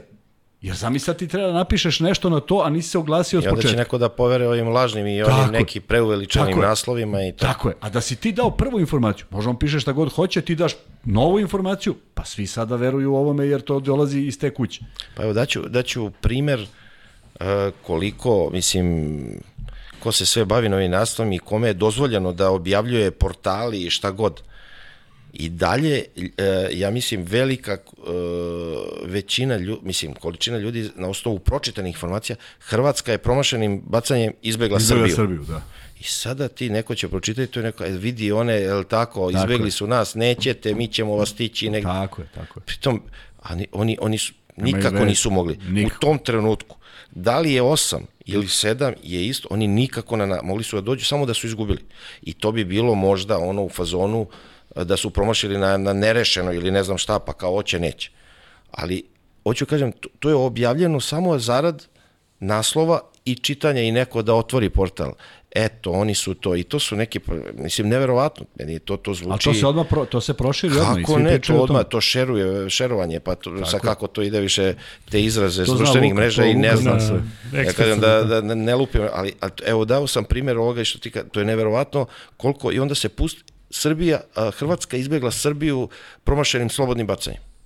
I svi gledamo o I čemu svi se radi. o čemu se. i Neko će da ka, neko ko nije u tome, da u smislu ima ljudi koji nisu toliko da se Tako bave, je, on pročitaju proči- naslov, E, znaju stiglo. rezultat, Tako je. nisu računali da pobeda od sedam razlike, osam mislili da, da taj osam razlike je trebalo Nešto da znači, tako. Ne, tih osam oni bi išli Neki, neko ko površno prati košarku, Naravno, što ko mora da računa ne, sve. Ne, ne, ne, isto, Ne mora ja običan kažem, čovjek da tako zna je. računicu. Mislim, ne može pored realitija da, da se prati i košarka. Ne može. Ali zamisli, ej, najveća bizarnost o tome o čemu pričaš digresije, ali jedan naš eminentni dnevni list, i zaista sam stvarno mislio da jeste, je objavio svoje vremeno naslov uhapšten Stanko Subotić Cane. I čija slika na naslovnoj strani? Cane Ne, Party. Breakers. Cane. Pazi. Čekaj. Znači, to je za izvinjavanje od 365 dana. Takvog, takvog lista izvinjavaš se cele godine. Jer je to za novinara tog lista nemoguće, prosto... E, znaš kako ti je to Pa fotograf, da, ali samo pošalje da li ima više ovaj potpisa, stavi. u puno ime prezime. Ne, ne, piše tamo je- nešto, da, samo N. M, N, T, P, T i to. Sa ili- servera, skinuto sa servera. Tako je. E, a bio je još jedan, moram ti, moram da, da, da, ovaj, bio je još jedan fenomenalan. Scrollovao sam taj, imao sam ga svoje vremeno u ovome u telefonu i pap, pap, pap i kaže nađen leš kita 6 km unutar obale Britanije. I ja onako preletim i razmišljam 6 km. Koja bre to plima, bre, ka, gde to ima, razumeš? I vraćam posle 10 sekundi nema. Verovatno bi onaj fake news. Da, da, i prva. izbrisali sve. Da, da. Meni je ovaj, e, kada sam prestao, trenutak kad sam ja prestao da pratim, kada je bila ona serija Anđelka i Andrija ili već kako i sada izlazi, tačno znam, izlazi mi negde, Anđelka prevarila muže. Možeš misliti. I uđem ti ja i sada ne, i negde na kraju kad pročitaš sve, priča Anđelka kako kad je upoznala svog muža pre 20 godina na prvom sastanku mu je rekla Znaš šta, nije htjela da mu kaže da je glumica, nego je rekla da se bavi nečim drugim. I tako I nasla ga. Anđelka, i, i, prevarila muž. Ba ne, nisam više nikad ušao, Ja, kad smo, ni temi, slično. kad smo na ovoj temi, potpuno jedna bizarnost isto, film uh, Petvaračke priče. I Bruce Willis kupi svoju devojku na Zedovom čoperu. A ona kaže, čiji je ovo motor? Dole, whose chopper is this? A on kaže, this is not a chopper, this is, a, this is not a motor, this is chopper. A dole prevod, ovo nije motor, ovo je helikopter. Znači, ne gledaš više film. Nije motor, nego je helikopter. Čovek koji je verovatno pritiskao na određeno Yes. vreme. Ne, ne gleda film, nego ima kad pritiska titl. Vanja, možda zatvoriš ovaj, ovaj pol, pa da vidimo šta i kako je. Dakle, na pitanje, da li to što se Pešić nije vratio sa igračima, znači da više neće biti sa timom, vas 56% je odgovorilo da, a 43% ne i još uvijek ne znamo gde je taj 1%. Ali dobro. E, Miša, šta? E, Mi ovde često pričamo o tome, dakle, poistovećujemo situaciju, čak ni mi nismo onako, na moment smo kontradiktorni. Kada je Kokoškov otišao izgubio od Italije i to je bio veliki neuspeh olimpijske igre, pričalo se, odnosno ideja je bila, pa zašto Kokoškovu se ne da šansa, trebalo da mu se da više prostora. Sada je Pešić sa reprezentacijom izgubio do Italije i odjednom je sad drugačija situacija. Pa što sad ne kažemo Pešiću treba da se da čas? Ne, nismo još nikom, niko još ništa nije rekao. Da li je potpuno drugačija klima. Za Kokoška je bilo, aha, on se saseka u korenu, to mu je prvo, prvi događaj, prvi, prvi gde se okliznuo. Da, koju, sad koju šansu je pričao se. Ja, ja sam Kokoškova u nekoliko emisija, kažem, izgubili smo i, i, i ponavljam, mi smo izgubili jednog mladog perspektivnog, ne perspektivnog, jednog velikog trenera, koji je prvi da kažem i Srbin, prvi trener sa prostora bivše Jugoslavije, čitave, koji je uspeo da ovaj da bude trener jednog NBA tima. I mi onako olako, olako ga protraćamo. Znači, on, on jeste, jeste neuspeh, je li tako? Ali on je imao daleko lošiju reprezentaciju od ove. kako ne, ma, Imao je četiri i po dana za pripremu. Tako je. Četiri i po dana za pripreme imao. Tako je. Znači, on, njemu koliko nije data igrača, sa šansa, sa, kojim- koliko tako je. igrača. Mi, on je imao i te isto prozore. Koliko? Isto, po četiri isto. dana. Tako ovaj, tako. tako je. Tako da ja ne znam sada, sad gledam da gledamo unapred, ali mislim prvo ne da gledamo unapred. Ja uopšte ne želim da pričam o tome, to je jednostavno da ima ko treba o tome da priča i da se izjasni. Pritom prvo to zašto se nije vratio, za- zašto se vratio, to to mora selektor da, da, da, da, da objasni i odgovori. Ali moje mišljenje, to je jednostavno izbjegavanje i novinari i novinarskih pitanja. Vidi još jednu stvar. E, pričali smo sad o Jokiću, o novinarima i o svemu. Ti znaš da je, ne znam da li znaš, ali mislim da je tako provejavalo. Bar ono što sam ja slušao, ne, pošto redko ko je znao da postoji veza između mene i Igora i da smo uopšte bili zajedno osvajači prvenstva Srbije te deve- 89. i zajedno ušli u prvi tim i posle nam se putovi razilaze zato što je on doživeo povredu u vojsci, ali mi smo bili zaista bliski i dobri drugari. Mene je x ljudi na ulici pitalo, pa kao kakav je Kokoško, se ja kažem sve što mislim, ali pa znam, malo, malo gaji taj američki stil igre, znaš, kao ne odgovara. I ovde se stvorila klima da on u stvari ne može da radi u Evropi. A kako je prošao sa Gruzijom, e, to se, to mu se posrećilo. Pa čekaj, ja si sa Slovenijom posrećilo. Ako se stvarno čovjek ako ima toliko sreće, nek ide život. Ali ja mislim da je najveća tragedija što je posle Gruzije i Slovenije, to jest pre Gruzije i Slovenije, njemu sam bio da bude selektor u Srbiji. A to, a to je bio Naravno. najkraće moguće. I on nije čovek koji će uopšte da uđe u neke konflikte da on sad nešto objašnjava. Sa druge strane... A to su ljudi znali. Tako je.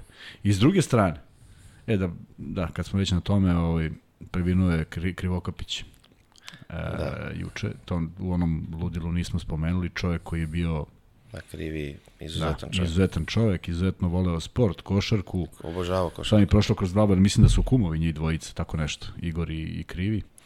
I znam da je bio imao dosta problema, pa je to izgurao, ali evo, juče je stigla ta vest i potpuno smo zaboravili da, da spomenemo da je, jer je Nikola Srtivić nas je spomenuo ko je sve otišao u tom nekom periodu koji on malo verovatno vremenski ne može da, da, da odradi, ali stvarno ljudi koji su Pera Zimonjić koji nam je obojici da, da. mnogo značio i mnogo ljudi koji su, to znači da i mi starimo.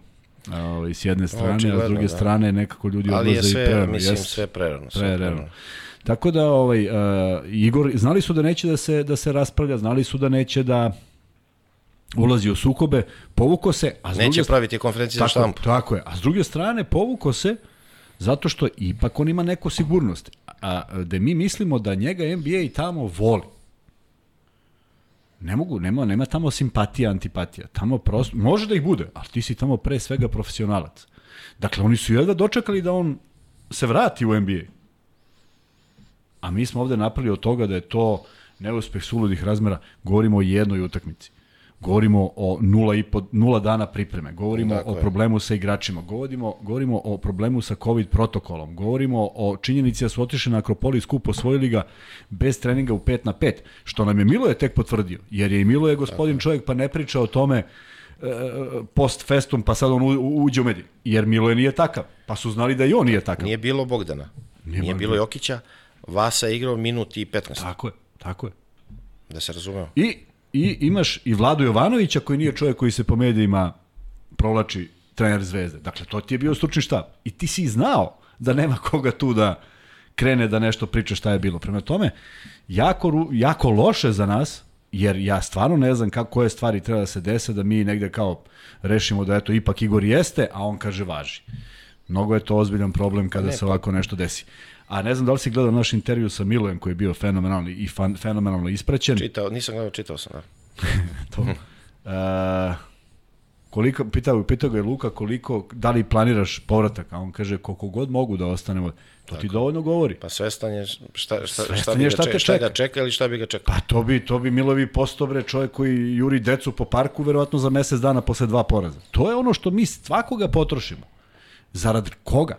Jer vidi, ja sam u, u, Savezu osetio na svojoj koži kako izgleda kad te neko prvo nisam mogu da razumem što sam ja čest gost pojedinih emisija i što uopšte ljudi pišu o meni. Evo ja ne znam, da li, da li, su, da li nešto piše o današnjem direktoru reprezentacije? Ili ja se nećem da je neko pisao o Varajiću. Majke, mi ne sjećam se. A o meni je bila debata kao... Zato što u stvari sam shvatio da neko gađa to mesto. Neko misli da mu to mesto pripada, pa ga gađa. Tako, na primjer, kad bi mi sad predložili da je ili neko rekao da je Milović trener, verovatno bi se sad ustrvili ti koji misle da, da im to pripada. Neki, imaginarni, koji misle da su treneri. A kad dobiju posao, onda vrlo brzo izgube taj posao. Ali i dalje misle da su, da su, da su, da su, da su bogom dani. Tako da, zaista, ovaj moment jeste više kritičan nego što je sam poraz.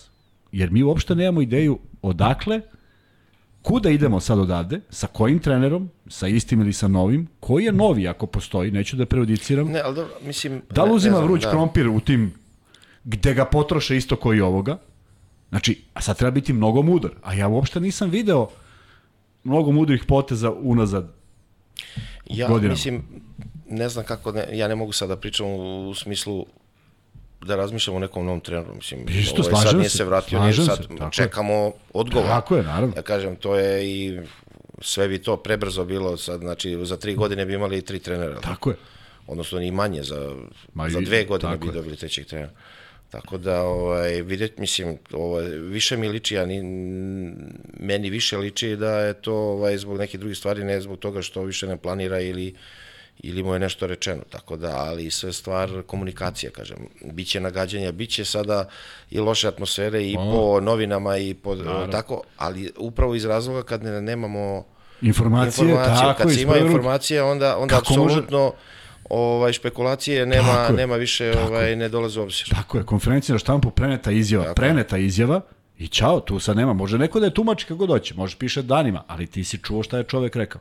Ajde neko nešto da kaže, jer uh, svaki dan, aj sad da ne preterujem, neću melo, melodrama neka, nije baš sutra, ali vrlo je bitno da postoji spisak igrača koji će nastupiti u novembru.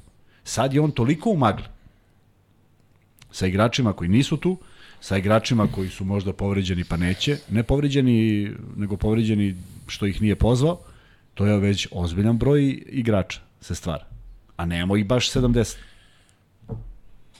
I već trebaju da, da možda da se krenu pritisci na, na Euroligu. Tako je. i da već unapred da se krene s A pritiscima to- tri ko da meseca uradi? Ko to da uradi? unazad. Pa Tako ne je. znam ko. E, to- valjda to ti treba ja, to. Mislim, savez i savez, tako da sad, ovaj, i to su neke stvari da se pokuša na sve načine. Tako je. Pa Jer smo ideš pa ideš. I smo pričali šta, šta, šta će značiti za nas da ne odemo svetsko, pa automa, mislim ne automatski. Velike šanse i da ne odemo olimpijadu. To znači Tako je. sledeće takmičenje je 25. 25. A ovde dobijam poruku sada, nije realno, ovo što smo pričali, pošto ljudi zaista pomno slušaju šta pričamo, kaže, nije realno da e, Partizan pusti igrače za svoju reprezentaciju, jer bi morali da puste Madara i ko je još drugi? Madar i... Ko još ima u reprezentaciji? Napisaše neko ima, kažem. Nije ni važno. Neka je samo Madar. Mora da ima još neko. Da ne tražim. Da, sad. ovaj koli, ne, a, da se, pa čekaj, jedino Exum Ne znam, ne znam. Za Australiju. Australiju, Ali recimo. Ne, ne. Ali teško da... Ajde da kažemo samo da je Madar. Pa ni Efes nije pustio sve igrače osim Larkina. Znači ne mora, to je to je stvar izbora kluba. I ne možeš se podvedeš po to nešto mora. Dakle, ovo je interes srpske košarke, ti si sad trenutno u Srbiji, ove hoćemo da pustimo, tebe ne moramo, jer tako glasi pravilo. Prema tome, e, Papa Petru. Papa Petru, Papa Petru, tako, Tako Papa je. Petru, kako razmišljaš čoveče. Ja. Tako da, e, e, e, ti ne moraš to da uradiš, a za nas apsolutno možeš, pogotovo što igramo protiv Grčke. E, Da. mogu da te mrze posle, ali Aj, nije ni pošteno. Sad ti pustiš za Srbiju Pa, četvoricu, ali a Larkin Papa jedini ide za, jedini Kako Larkin će je Papa pušten. Petru da igra onda za... Pa, za, za... znaš šta, da, da kojim slučajem Turska jako blizu ili recimo da im jedna pobeda o, fali za svetsko prvenstvo, nisam siguran kako bi se Efes poneo. Pa tako je. Si, mislim, čak bi bio u stanju da kaže Turski mogu, a Vasa ne može. Da, Turska Srbija, Larkin ide, a Vasa ne ide. Nacionalni To to. interes. Nacionalni interes, upravo to. Sad Jer ako je već takva rupa i ako je to sve već nenormalno koliko jeste, da u istom danu, od svih dana u godini, mora da se igra utakmica Evrolige ovoga, onda stvarno, stvarno ja, ne- kaže, ajde sedno da se dogovore, ja to stalno pričam, ali šta da se dogovore kad ne možeš da dogovoriš da ne bude utakmica u istom danu? Nego, sedimo u, sedimo u kabini i gledamo, radimo Evroligu, a gledamo, gledamo šta radi da. reprezentacija. Ludilo. Sad kada pominješ ovo, e, čovjek je pitao da li mislite da će dolaskom Bodiroge na čelo Euroligi da dođe do e, boljih odnosa FIBA i Euroligi. Ljudi, mi, mi pričamo o Bodirogi, u stvari se priča se o Bodirogi ovo treći mesec. Da, Ali da, sutra bi trebalo da bude će- izvan preko. Pa dobro, mi će i ja smo radili Final Upravo Four, kad Final smo Foura pričali, smo pričali, dobili pričali. tu informaciju, Tako je. da. Ništa se nije desilo. Ajde da, da jednom i, i oni krenu. Ja sam očekivao od, od Evrolige što, što ranije da se saopšti. Jer vidite, jer mi ne znamo, mi ne pratimo, ali CSKA je tužio Evroligu. Ne može to, Tako koji je. pike ne važi, vi sad niste. Da li će to imati dalekosežne ili ne dalekosežne posljedice, ali to nije dobro za samu organizaciju. I onda sam mislio, sad će se pojaviti neki čovjek, Bodiroga, daj Bože, uvek volim da je neko naš. Ali to je trebalo bude još u junu doneto, a ne da će se čeka septembar. Evo Pa, naših, Liga počinje za manje od mesec dana. 6. oktobar. Tako je. imate ovde dosta pitanja za Miću o Partizanu, ajde to da ostavimo za poslednji deo emisije. E, Ne, će kad ponovo bude došao. Samo za Partizan, da. A šta radite u četvrtak? Pa ništa, je, možda dođeš? Ali tad Partizan, tema Partizan. E, evo objašnjenje. A da me, a da me zoveš oko sedam. da, važi, da te podsjetim. Da. Miljan Brkočević kaže, Luka, objašnjenje za 1% YouTube zaokružuje na ceo broj, znači 72,3 i 27,7 ide kao 72 i 27. To je cela mudrost, Majstor. gde ode on je. Majstor. Hvala Miljane, lepo za objašnjenje. Da se ne brineš. Tako je. Jer te taj jedan boli već dva dana. E, nešto mi je tu delovalo sumnjivo, dakle, da nas neko krade ili nešto. E, piti ovde da li treneri ćute na ovo što se dešavalo i što se dešavalo konkretno na utakmici zbog kolegijalnosti. Pa, uglavnom da. Mislim, generalno sada da ne ispadne, ja kažem, ni Kuzma ni ja i nije ono, apsolutno merimo svaku reč i ono, ne želimo da budemo i sad, Naravno. mora nešto i da se kaže, ja kažem, neko mora da ima i i hrab, mislim hrabrosti, nije ovo hrabrost, ali to je jednostavno takvi smo ljudi da ne možemo sada da čutimo, ali i ovo je sve, nije ono što mi možda pričamo, sednemo tako na kafi i, i ispoštovanje i to mora i to potreba postoji. Naravno sad smo svedoci ko se sve izlazi iz iz miših rupa i Da se jave. da se jave i po raznim programima, televizijama i to, to je apsolutno ružno i neke reči, znači, ali pričamo o konkretne stvari. Mislim, ja bih voleo da, da ne izgledamo drugačije, odnosno da ne zvučimo drugačije. Ali ovo, mislim, iz kolegijalnosti, da. Ja mislim da je poštenije da se iz kolegijalnosti ne izjašnjavaju, nego da krenu u ono što, što se čita par dana. I uvek se čitalo. I uvek kad je neko pogrešio, uvek je, uvek je, je bilo to. Ali nekako e, postoji taj krug. Uvek ti se vrati. Uvijek dođeš na taj tapet. Pa, naravno. Prosto to je nemoguće. Jer ako si prestao da radiš pa te baš briga. Ali e, tužno je što se pojedini ljudi koriste da samo izlete i da kažu nešto. Nikad ga ne zovu kad je nešto dobro. Dakle, ja bih volao da vidim... imamo, I imamo sigurno jedno, ja bih nabrao jedno pet ljudi koji su u kritičnom se zovu i znaju koje novine ih zove Tako i znaju da će da ih Tako iz njih izvuku ono najgore. Ono što, tako je. Provociraju Tako ih je.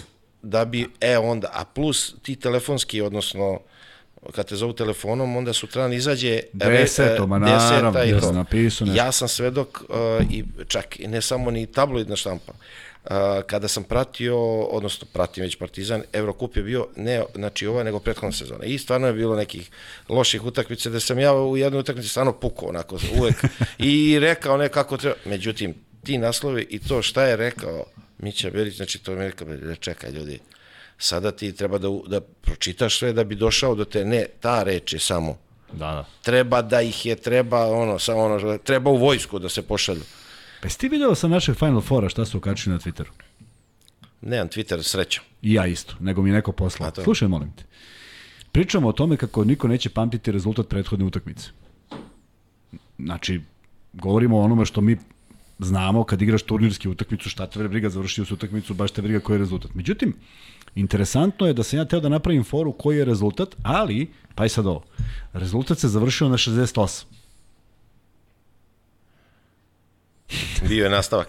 Ja kažem, koliko je bilo, ali zaista iz namere da zaboravimo da uopšte više ne pričamo to. I kreće, kaže. Kuzma je, verujete da je Kuzma pitao Miću zbog osam? E to ti je, to ti je da se da, napravi neko, g- neka glupost koja u našem odnosu ne da ne postoji, nego posljednja stvar koja bi mi bila, prvo ja se ne šalim na taj glupi način, a ne čoveka s kojim sedim za stolom i radimo Euroligu. E to ti od čega naprave, a zamisli kad neko kaže nešto telefonom, šta tek onda me- zato što se prodaje. i- A prodaje se, pa da, prodaje se, to. oni I uživaju u se, tom. I meri se je. svaka reč. Da. Meri svaka, Svaka, reč. reč se meri. Ali evo sad interesantno, Vanja, je li istina da je Pešić ovde kada je bio kod Mileta rekao da sa njim može da priča drugačije zato što je iz košarke? Tako nešto. Da. E, koliko god ja nisam bio ni blizu toga što si bio ti, ali trenirao sam košarku dugo. Ti si bio to što jesi. A pa i sad ovo. I Mića igrao košarku. ne, ali došao bi Pešić bi došao kod, kod, kod nas. Kad bi novinari pitali Pa Pešića da, za struku, vidiš da dolazi u četvrtak, izvini što te prekinu. i onda Pešić, gde stavimo Pešić? Da, Može ovde Pešić će se, e, okrenut leđa. Ja pričamo o fudbalu. Okrenut leđa. Da. O futbolu u novembru. Kad bi novinari pitali Pešića za struku, odgovor bi bio da nije dovoljno stručan da priča sa trenerom o taktici. Zato ti ja kažem, treba dođe ovde. Za, zato mi treba da, da, da ljudi kao naš ne pričaju ili ne pričaju javno. Postoji razlika između tih koji će uvek da ti kaže nešto, ako Pešić kaže, eto, ja sam pričao sa Teodosićem, iz, izvući uvek iz konteksta.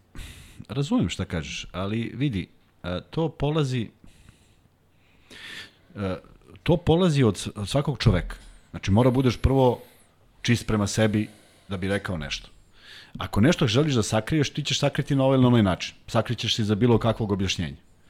Ja uvek govorim da nam je najviše nedostajalo, čast izuzecima, najviše nedostajalo te transparentnosti. Kažeš čoveče, desilo se to i to. Ne možeš da odgovoriš da treba da ćeš u ponedljak pričati o Teodosiću, jer ne pričaš o nekom tamo d- 14. nego pričaš o kapitenu Srbije. Ja, Evo, evo, se, kao, kao da je ispao Simanić. tako Da. je, ispada Znači, tako. apsolutno, to je ta Tako je.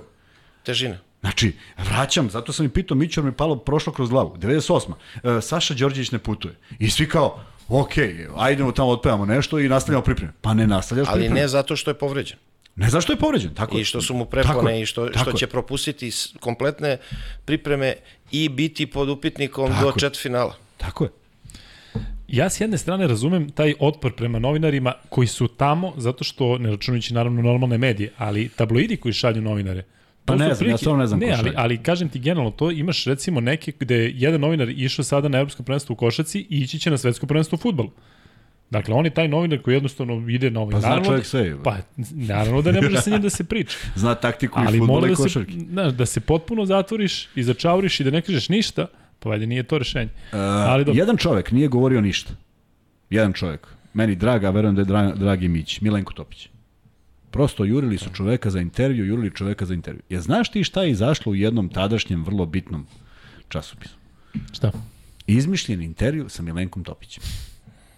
Šta bi radio Milenko Topić u liftu sa Cindy Crawford? Siti bi se naćutali. I neko uživa u tome. A drugo pitanje je koja mu je omiljena muzika instrumental, jer nema reči. Ja bi sad volao da kažem koji je to časopis, ali neću. Ali to je časopis koji je nama značio život u smislu košarke. Je. Ej, ljudi izmisle nešto potpuno sumanuto. Ne, ne, ne odgovara ničem. Da bi ti nekog uvredio što ti nije dao izjavu.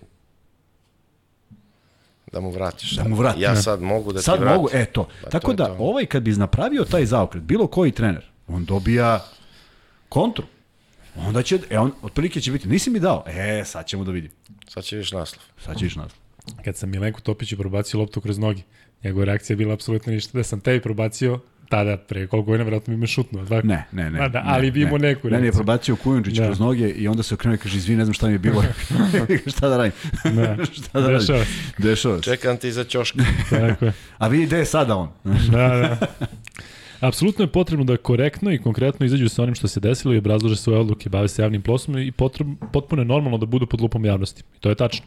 Ali pitaju tebe, Kuzma, da li e, smeš da kažeš kakav je bio odnos Danilovića i Kokoškova dok si ti bio u Savezu? Nisam bio u Savezu kako Koško bio tu. Kad je Ja sam došao izašao Kokoškov? 2017. E, Da, ali pitaju te isto... Tad je ovako, bio Sala Đorđević još uvijek. Sale Đorđević selektor i Danilović eh, predsednik. Ali gledaj sad, pitaju Kuzmu, pošto je radio u KSS, da li postoji čovek koji je zadužen za kontakt sa reprezentativcima, da ih jednomesečno pozove i pita kako su, da li ih nešto muči, neka povreda ili barem preko poruke?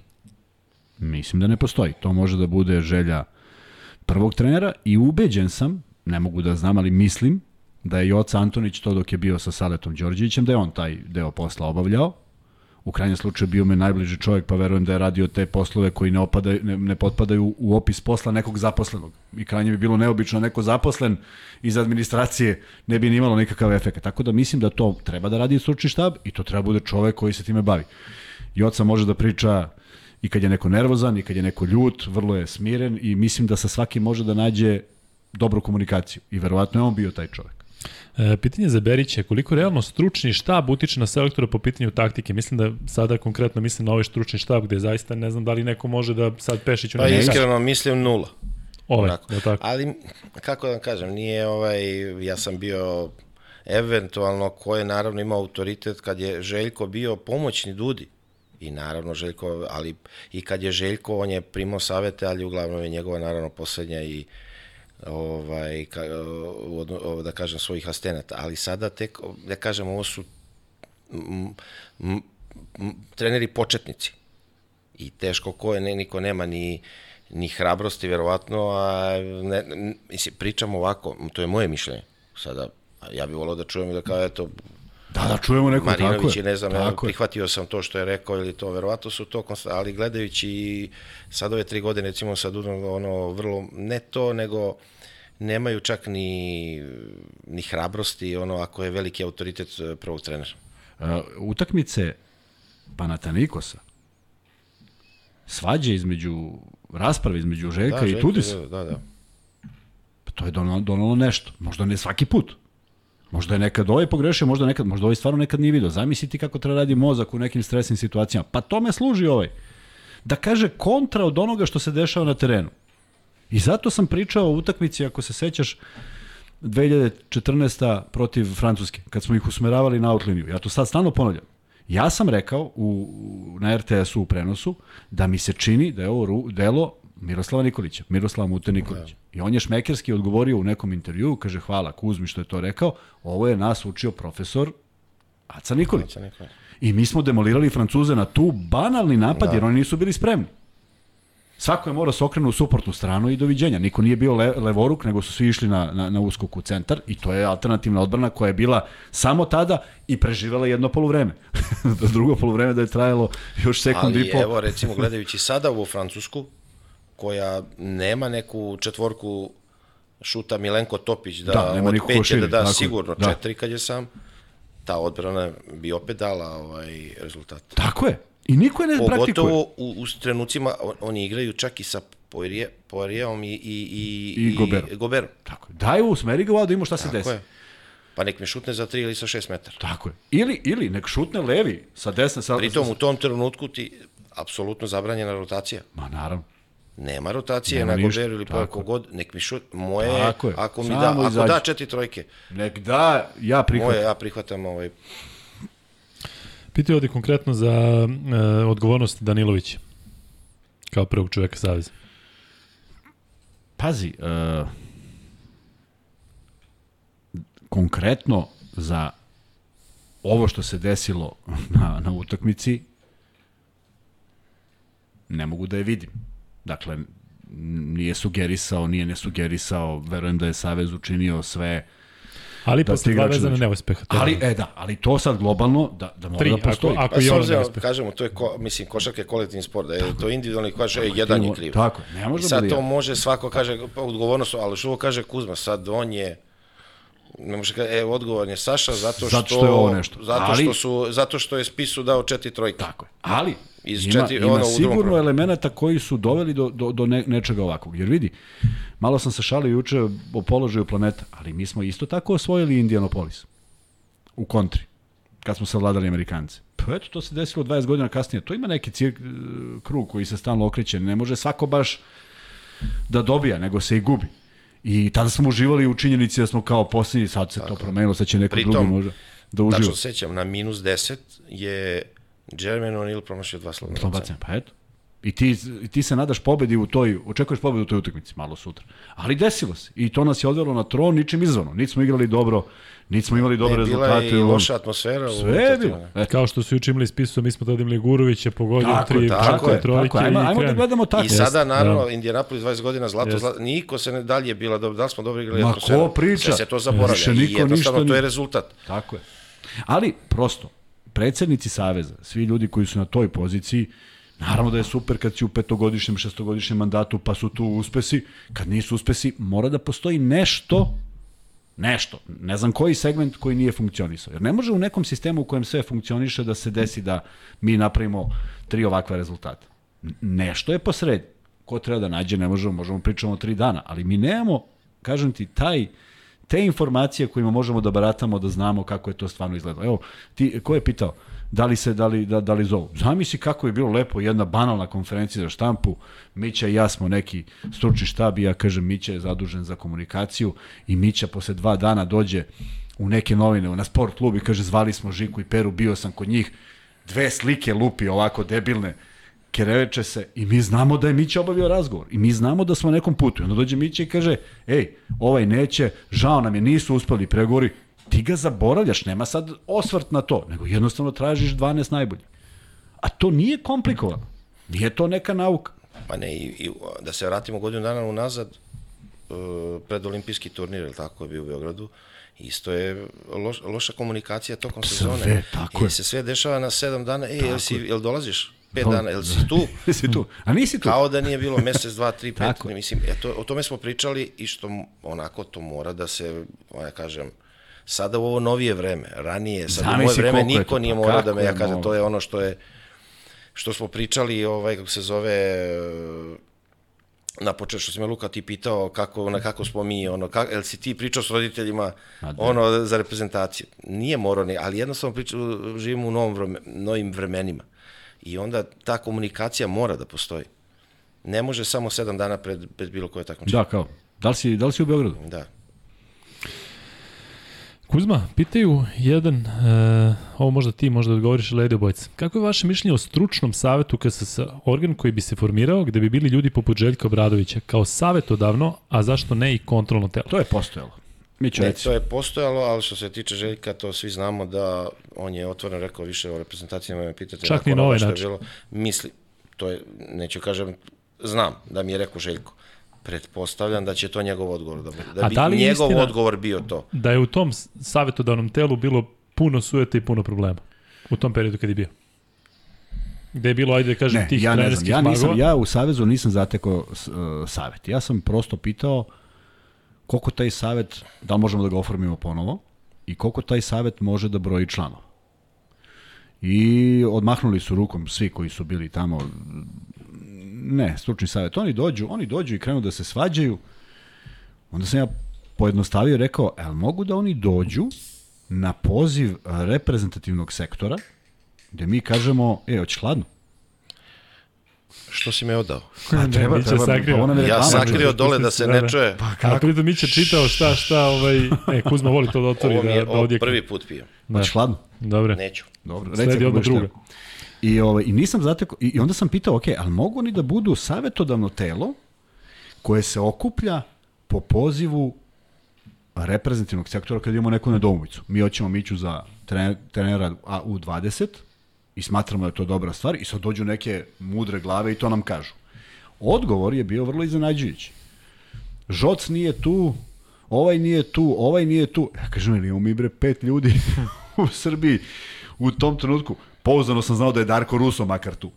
Pa tu i neki Muta Nikolić bio tada u Srbiji. Pa je bio neki Boško Đokić. Čekaj, nisu to ljudi koji nisu znali ništa sa... Znači, pet, ne 50. Ne sad oni da dođu da trube. Ajde, ne moraš ove koji su angažovani po klubovima, tad je Dule bio u Partizanu, Dejan je bio u, ovome, u, u Zvezdi. Dakle, ajde, ne moraš te, ali postoji pet imena. I sad zamisli kad dođeš i kažeš mi smo mislili to, a oni kažu je dobra stvar. Čak možda jednoglasno, nema šta da se svađaju ili da se ne svađaju. Nema, nemaju temu oko koje mogu da svađaju. Da li će izaći napolje pa se svađaju, to nas ne zanima. Ali naše je pitanje da li vi mislite da je dobro da Đokić bude u 20, da Vlada Jovanović bude u 18 i ne znam koje te godine bio u 16. A oni kažu, odlična ideja. Kao što smo otišli kod Saleta Đorđevića kad smo napravili taj spisak, pa ga pitali, Sale, šta ti misliš? A on rekao, ovo mi se dopada. Pa znači imaš Amin jednog, zamisli da imaš pet. Pa sve radiš sa, sa lakoćom. E to niko neće da uspostavi iz meni nepoznatog razloga. Jer valjda to mora da bude, ako nije Željko u, u- tog kalibra trener, ako nije u stručnom savetu, to onda ne može da bude stručni savet. I mislim da tu grešimo zato što bi sve onda što, što meni su, meni su rekli da sam jednu reprezentaciju ja sastavio dok sam radio u univerzitetsku. Odbilo 25 igrača. I ja počnem da jurim ko postoji.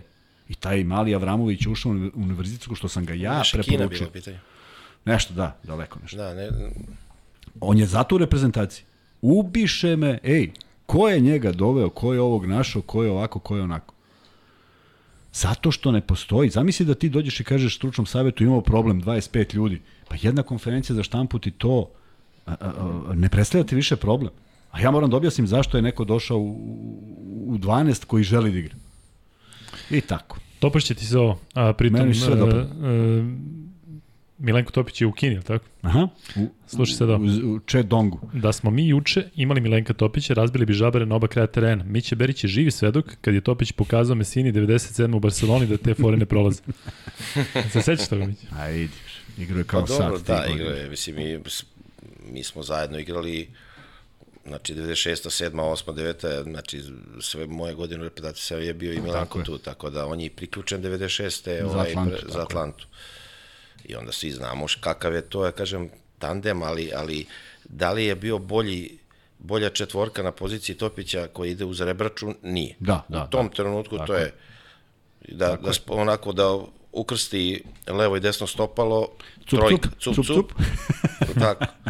I onako kao da trojku i skoro da se izvini, kao izvinjam se, ali pogodio sam.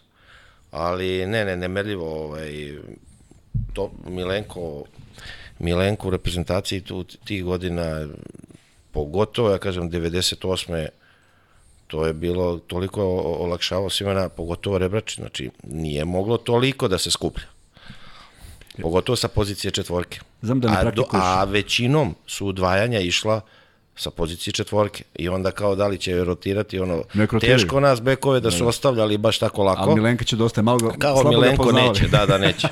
Vidi ga, ne izgleda baš da, nešto. da, ne izgleda. Inače, ovaj, znam da ne praktikuješ ove uh, veteranske utakmice, ali otišli smo na jednu, na jednu 2014. ja mislim, na Evropsko prvenstvo.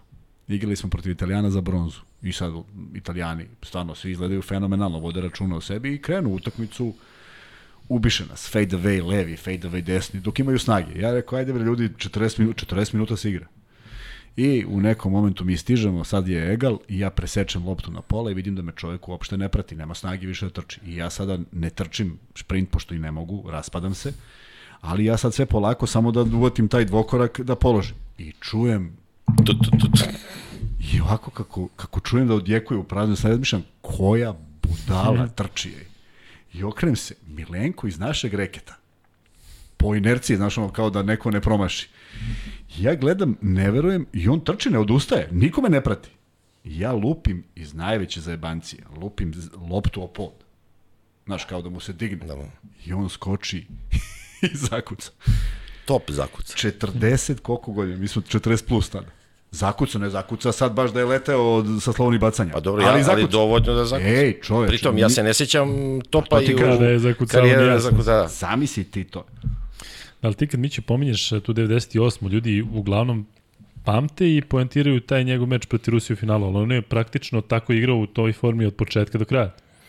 Pa dobro, uvijek je, on je ulivo sigurnosti i znali smo da, da on teško može da promaši dve za redom. Jedno može, ali dve ne može. Ali nije samo stvar, ja kad pričamo o tri poena, jednostavno pametan igrač i sve akcije ti si mogao preko njega da e, i da prenosiš loptu, on je on znao da asistira, izuzetno inteligentan igrač, s njim si mogao da se dogovoriš da izađeš iz neke kretnje i da, je tako, zeznaš protivnika na neki backdoor ili bilo šta, blok u leđa, a ja ću ti sad ajde da, da iskoristimo, tako da ovaj, a pritom ja ga znam iz profi kolora.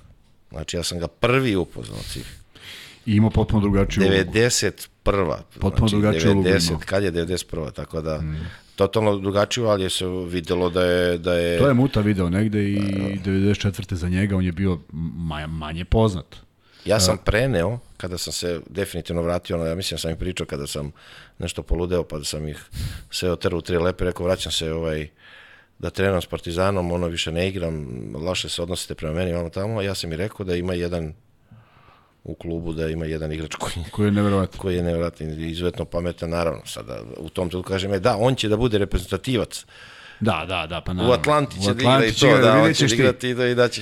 Ali vidiš, najveći rating tada je imao Topalović. On je bio poslednja SFRJ ekipa, 72.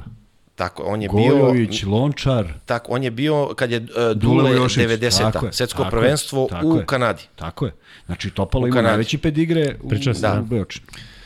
Pa i sad ovo, zašto Luka ne ide na konferencije za novinare ili Kuzma? I još neki podcasteri koji smeju da pitaju. Pa zamislite Kuzmu da ode sada da pita na uđemo? konferenciji za novinare. Kako da Drugo? Kako da e, dođemo? Mislim, ja ako odim tamo moram da pitam ispred sport kluba, a onda ne mogu, znate, da komentariše mečeve, tako da nije baš, e, Ali možemo napraviti neki štrajk, da. neki, A nemate ni pečat. A, pozivamo, da, pečat. pozivamo ih ovde, to mislim da je mnogo elegantnije. E, a sad ovo pitanje, nesvatan pitanje za Kuzmu i Miću, postavljam kao aktivan igrač i kapitan KK Železničara iz Čačka. Igračima skidam kapu što su se odazvali, ali Italija je loša od nas bar 30%. Je li istina? Ja mislim da je čak i više lošija kada, kada Ne pogledam. možemo, ne možemo pričati nakon nas Istambura da ne znamo gde je levo, pa mi sad pričamo loš. Ono što je, ono što je, ono, o, ja bih voleo da se jave svi koji su gledali Ikra- u Ukrajina i Italija i da mi kažu kakav su utisak imali i da li će ili uh, Italija ići dalje. Dakle, govorimo o jednom utisku koji su oni odavali. Da smo znali da imaju kvalitet individualni, da, da, da pogode ovo što pogode, ne bi bio prvi put. Taj spisu je dao Zvezdi 5 od 6 trojki za Unix. Taj Fontecchio otvara utakmice sa 4-4, 5-5, 6-6, kad stane, stane, ali do toga. Meli, jesmo se iznenadili što je šutno trojku? Jeste, mene iznervira kad Pajola da trojku jer, jer, jer se gica celu utakmicu u nekom kontaktu, ali nije ni mnogo dao. Ali ovo nisu iznenađenja. A ako uđemo u njihov ritam, ako uđeš u ritam bilo koje reprezentacije, ti si u problemu. A mi nismo celo polovreme to dozvolili. Pet razlike u toj utakmici je bilo veliko ko kuća. I uopšte nisam imao problem što smo i na polovremenu vodili pet razlike. Ja imam problem što mi sa 14 nismo otišli na 20. Jer su bili zreli pre onog cirkusa i prega svega što se dešalo. Bili su zreli za tu razliku. A mi smo tu napravili rotaciju sa petorkom koja nije imala potencijal u napadu. A vodili smo. Možda je trebalo da bude baš naprotiv, potencijal u napadu, a da sečemo sve što stignemo, jer nismo bili ni u problemu s faulima. Da, mi nismo do, do zadnje četvrtine, mi smo ušli, e, kao što je Italija ulazila Tako u je. petom minutu, mi nismo ni jednom u je. bonus ušli za prve te tri Tako je, četvrtine. tako je. A ovo što ti kažeš sa, sa ono plus 14, stvarno je delovalo u tom trenutku, kogod da ti kaže, Ma, ne znam šta mora se desiti. Tako je. A onda smo bili srećni što smo vodili uh, uh, šest, pet ili šest, koliko je bilo na, Na polovremenu pet. 51, 45. Pet, je tako? Pritom, srećno zato što je Vasa dao se, Jest. e, najteži Jest. šut koji je mo, u, u zadnjoj sekundi, a oni imaju otvoren šut Melija koji je pr- već do, dotle dao dve trojke, je tako? Tako je. To je jedina Vasina trojka.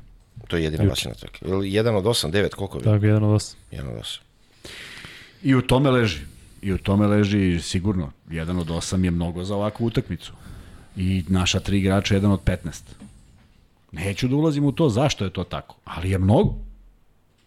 A oni, s druge strane, njihova tri kad sabereš, 12 Pritom, od nijednom, 14. nijednom nismo pokušali da spustimo Vasu protiv Svisiju. Ništa.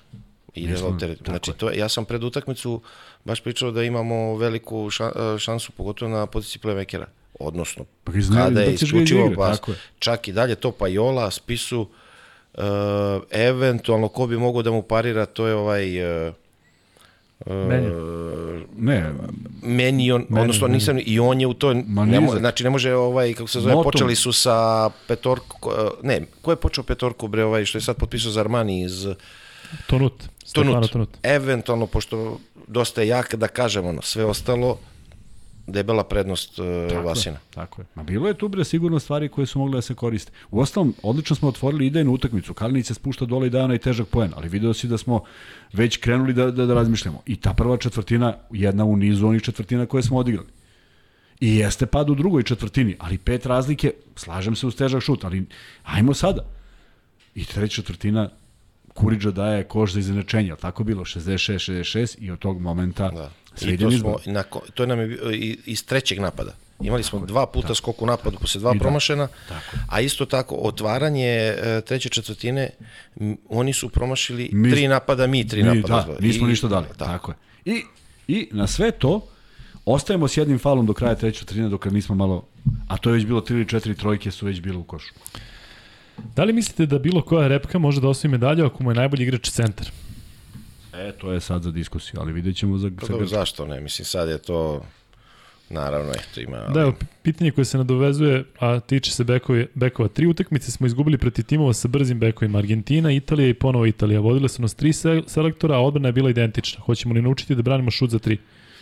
Uh, jedna stvar o kojoj smo pričali ovde je bilo, ne znam kako, kako je tvoje viđenje, ali mislim da smo bili najtanji u nekim individualnim uh, odbranama, dakle baš jedan na jedan, bez pomoći, bez rotacije, bez udvajanja, bez ičega uh, i u prvoj fazi. I to mi je delovalo kao ozbiljan problem. Čak ne svi igrači, ali bilo je prodora koji su bili prelaki. Šta misliš tome?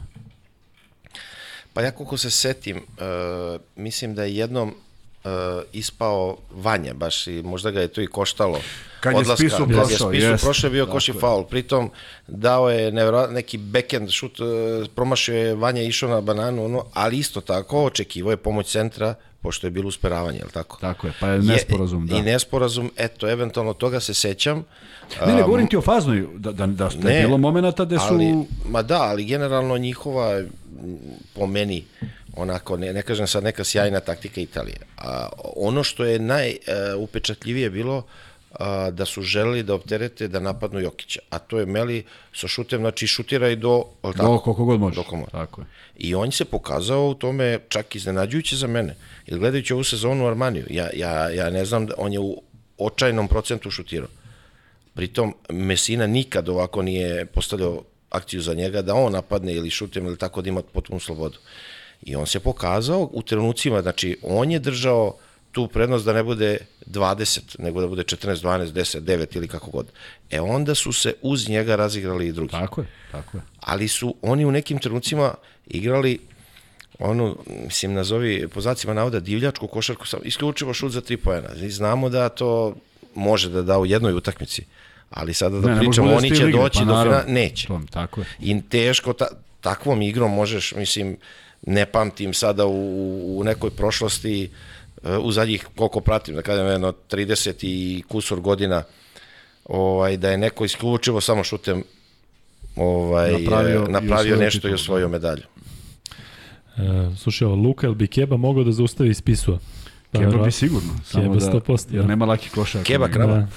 keba, keba. Pitajte mi iz kog si kraja, ovde dok, dok smo pitanje. 62. blok. Da, to smo već pričali prošli put. Užička republika. I pitali Škola. su te, mada je malo nezahvalno, ako se već Kari nije tu, koja je opcija za trener? Mi Ne, o volimo tome ne pričamo želim da to pričam, unapred, pritom- Tako je, tako je. Mislim da je ne, ne prerano, jednostavno uopšte ne vidim razloga da se o tome priča, da čujemo prvo, mogu o tome da odgovorim kada budemo nešto znali. Kada budemo Ako nešto znali, nešto za, saznamo. Da. E, ovde pišu Milojević za trenera, ako ste slušali Milojevića kod nas, to definitivno nije opcija. Ako niste, poslušajte. Tako je. Ajde da bacimo jedan free bet, šta kažeš Kuzma? Ajde, pa za nismo neki? Ajde, nismo ni jedan. E, imali smo onaj pool iz, izvestan. U kom klubu su igrali zajedno Mića Berić i Milenko Topić? Koje godine Mića? 91. na 92. 91. na 92. U kom klubu ko prvi odgovori, dakle, dobija free bet, max beta od 1000 dinara. E, umeđu vremenu, pitanje sledeće, odnosno I... konstatacija. I tudi se u stručni štab mnogo učestvuje. Sedao sam pored klupe Grčke na meču u areni i video koliko učestvuju u svemu. Da, to nije slučaj kod nas. Video se, oni se okupe e, i priče. Ajde da vratimo samo malo film i sprdačinu na okupljanje stručnog štaba Igora Kokoškova. Jel, bilo, I kako on crta minut. Kako on ono... crta tu nešto. A sada je to postaje to trend. To sam jutro čuo. Pa nemoj da pričamo gluposti, nego uh, samo je trebalo da zna da mi nismo spremni za to. znači, nije ovo podnevlje koje je spremno za tako nešto. Neka neko da unese drugi tu novinu, pa ćemo mi da kopiramo. Ja ne vidim ništa problematično u tome, osim što je o tome bilo reči više nego o bilo čemu drugom. A vidiš, to je nešto da čuje. Pa to nam je Milo je pričao. A on kaže, ja kažem šta mislim, da li će to da bude usvojeno? Pa ako bude fenomenalno, ako ne bude, ja sam rekao i stojim iza toga. I odjednom vidim da se nešto desilo što sam ja rekao. Pa kaže, puno mi srce, to je hvala Bogu. On, on, prvi trener, on bio kad vidi, on insistira i svako kaže, to im je obaveza da svako kaže je, svoje. Neka... Ja sam taj, da li prihvatam, da, ne prihvatam. Da, da, da. li on uopšte i sluša? E, ne zanima. Može sad. Ne, ja bih voleo neka budem gre Popović da vidim da li uopšte čuješ šta mu ovi kažu. Kaže, da jer on je već toliko je preiskusan, tako, kao Alex tako, Ferguson sad u futbolu i kao sad mu je rekao, ne, bivši, znaš, Van Persie onako ni, ono, on više ide u desno nego u levo. Nenad KG Vagabundo je prvi odgovorio Profi Color. Tako da ne Šalje Mići na Instagram. Pošalje. Da. Instagram ili Twitter, šta god hoćeš. Šta god hoćeš. Da, tu nemaš, sam nemaš ništa, jako sam aktivan. Ništa. Da, Luka Hoćete i Kuzma. da vam kažem koliko pratilaca ima? Koliko? Jednog.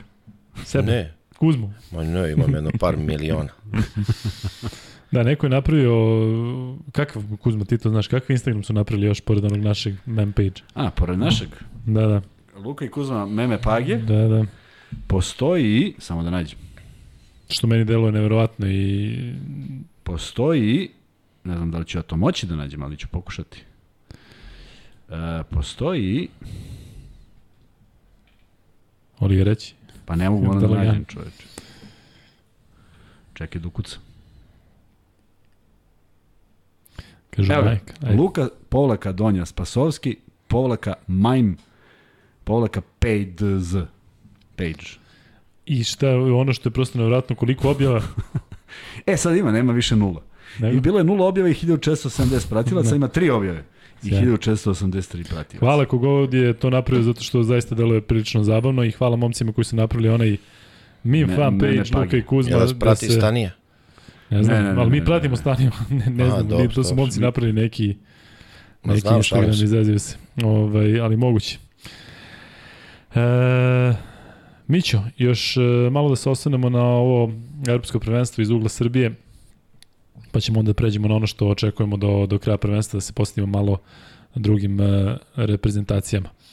E, je li ima nešto što bi ti hteo da dodaš da te mi nismo pitali što se tiče svega? Ono što sam ja hteo da te pitam, a ti posle nastavi u kom god hoćeš pravcu, 2019. i ove godine smo imali, ajde da kažem, sličnu situaciju gde smo bili toliko dominantni u grupi, Sećaš se i Portorika i Filipina da. gde smo gruvali sa po 50-60 razlike i tu Italiju smo pobedili u grupi 2019. Sada smo sve zgazili u grupi, ali te 2002. godine, kada je Pešić osvojio Sećaš se da smo se ukliznuli protiv Portorika, protiv Španaca, da su svi bili skeptični šta može. Pa da, da li, i zbog toga smo u četvrtfinalu išli na Amerikanci. Tako je. I da li je da li treba ispucati sve u, u ovoj prvoj fazi ili treba kalkulisati kao što recimo konstantno rade Španci, pa evo pričamo o kalkulacijama nekim, nekim vrstama kalkulacija Hrvata, ili treba tako da mi gruvamo, gruvamo, gruvamo i onda dođe prva, prvi meč eliminacije i natrčimo na nekog ozbiljnog protivnika i desi se ovo. Jednostavno imali smo prelaku grupu i tu neko kalkulisanje sada, e, aj sad malo da izgubimo od Poljske.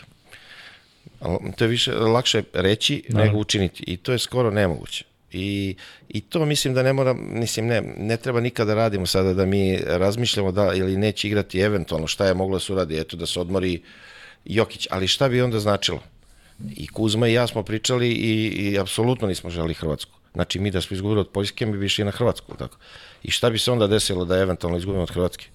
Znači sad bi tek, o čemu bi Ne, se sad, onda, pa to- tektonski ono, To ne pored, bi poremećaj. stavljalo nikad više. E, tako da jednostavno tek bi tad bilo ono, eto, a sad ste to hteli, a izvolite ono, ovaj, jednostavno meni se nije svidelo od početka ovaj, što je, što ni jednu, to sam juče u intervju pred utakmicu, zvali su me i rekao, ono što me samo zabrinjava, ni jednu egal utakmicu, ni jednu blizu egala. Znači, mi smo se ono kao strepali u trenutku kada neko priđe na 12 pojena. Mislim, to je sad stvarno del i, i to nije dobro, ali takva je grupa bila i to nismo mogli, to je jednostavno izabrano. Lako smo došli, a gledamo sad ta grupa smrti, kakva je bila, stvarno, ono, apsolutno grupa smrti. Ali, e, prvoplasirani zasluženo dobija najlakši raspored do polufinala. To je bila Slovenija, izborila se i onda kažemo, Belgija pa Poljska do polufinala. Pa ne, da, da, da praviš kući i da pi, pišeš teško može bolje, ali tako? Eventualno da kažeš, e, može, može Velika Britanija umesto Poljske. Ali su podbacili nešto u posljednjem. Da, ali su nešto podbacili.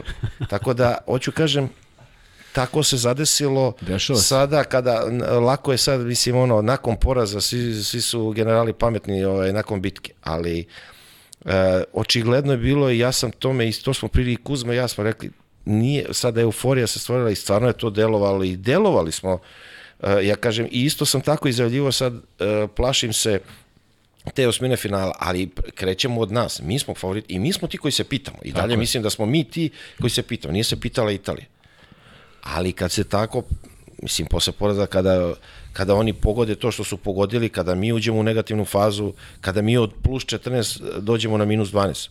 Ogroman je Ja, to. ogromno, to je ogromna 26 rupa, poena, mislim, ne pamtim da je bio ve, ve, veći, ono, tolika razlika od minusa do, odnosno od plusa do minusa.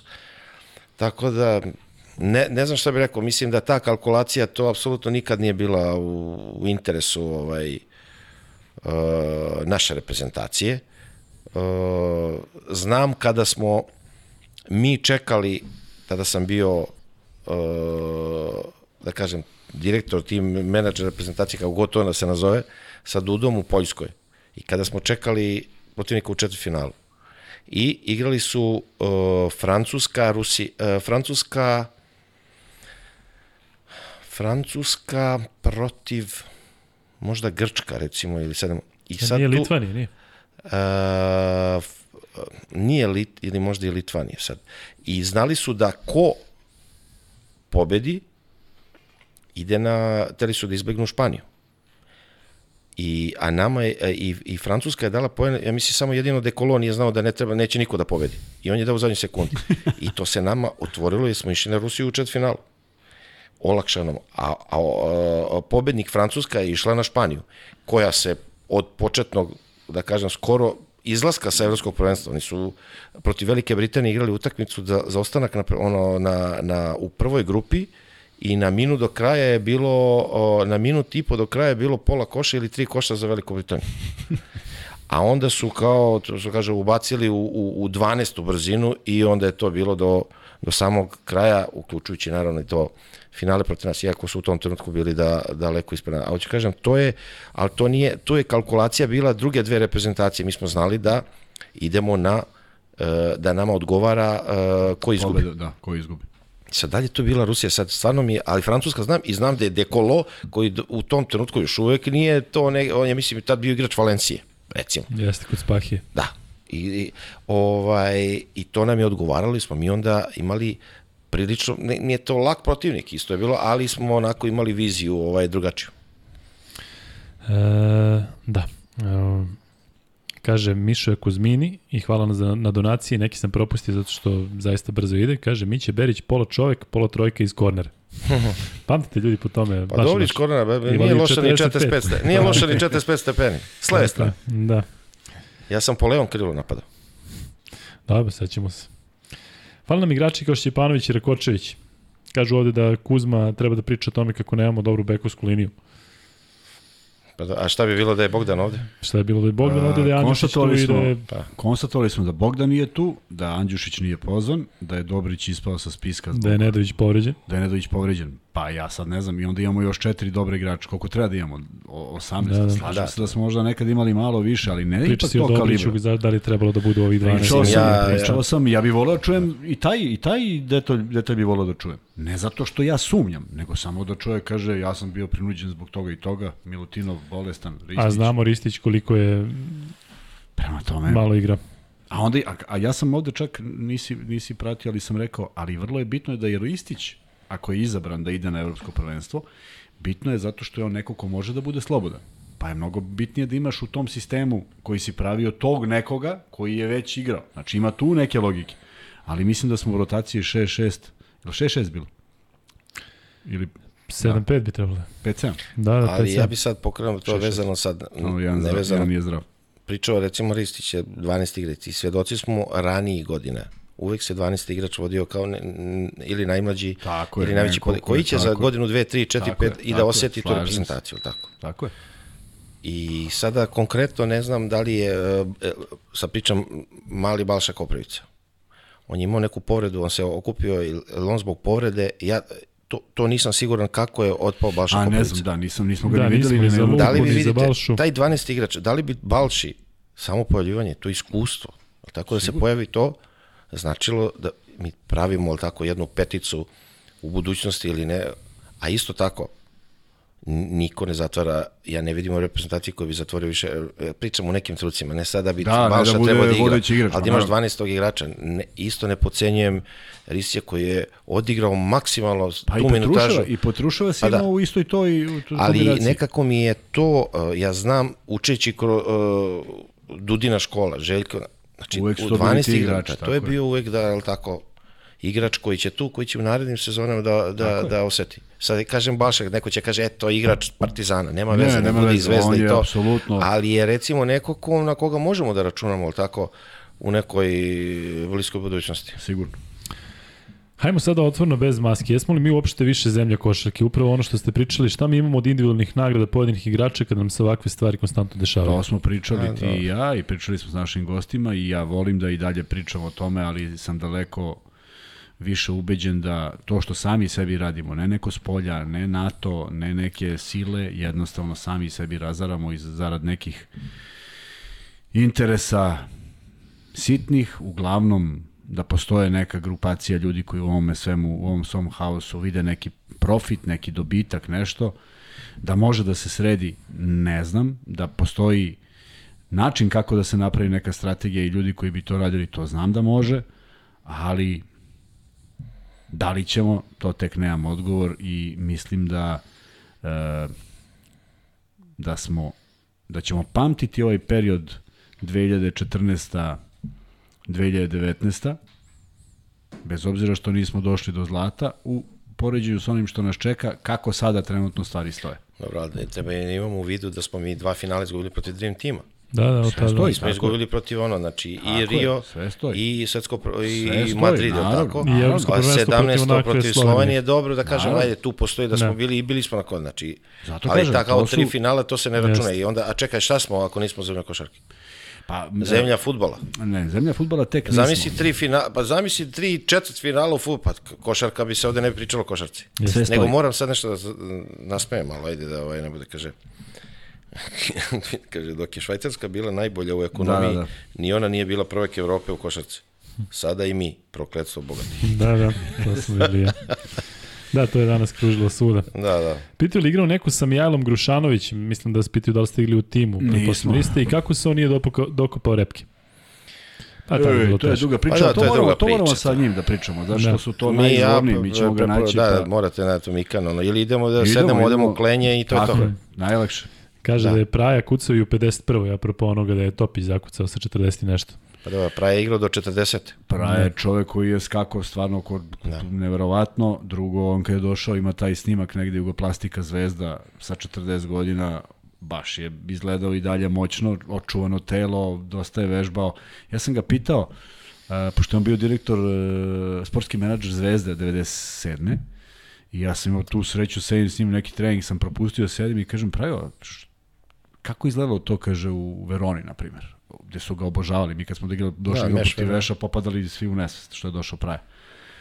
A on kaže, ja ustanem, kaže, popijem kaficu, napravim kod kuće, pozovem Luigi, dođe, op, i ja kaže, 400, 400, 400, neke pozicije samo promeni i odem. Pa kažem, jel trenirao još neko? Kaže, italijani? Ne. Kaže, samo ja. A onda dođe utakmica i ti vidiš da on sipa, ima nekoliko snimaka njegovih poena 40 kusur, to je šut o tablu sa 45, šut za 3, šut sa nule, apsolutno odakle god to samo ulazi. I stvarno je bio majstor. I pa ima da, iz mesta metar kad skoči da, odbrana da, ne postoji, ne da, mislim. Da. Još u to vreme ta agresivnost vreme. odbrane nije ni postojala Tako toliko. Preskaku ljudi. Ali ovaj da, da javljaju da je 206 cm praja, ovde odmah se nadovezuju. Tako? Ne, Deluje tako. Ne, pa smanjio se sada, ne znam koliko. Da, sada. Ali u, u, da, u njegovu, da kažem, kada je u, bio 25, 6, 30 godina, ja mislim da je to, da je to, to njegova visina. Če da, da ispričaš za fintu šuta, nećeš?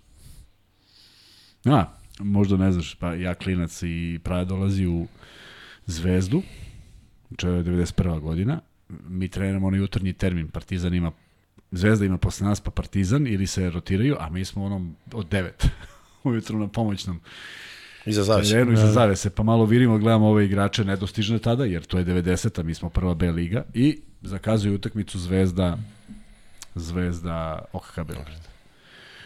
I sad, ajde, igrat ćemo protiv Zvezde, malo ti trema, bez obzira što su zavese spuštene, što se igra, ono, sudi, ja ne znam ko je bio trener, da li Susla, možda čak. I u jednom momentu, ajde Kuzma, ja paf, i ispred mene praja. I ja se već, kako bi ti rekao, zamisli ti neko kaže, neko kaže 16-godišnjem, 15-godišnjem futbaleru da će jednog dana igrati košarku s prajom. Nije realno, pre samo 3 godine, 4. I on mene nešto tu čuva, ja se preseko, ne smem da ga pipnem, sve obigramo. Izvini. Da, a bukvalno, izvini, molim te. I u jednom momentu ja primim loptu i šta da radim ja? Op, i praja, fu. Skoči.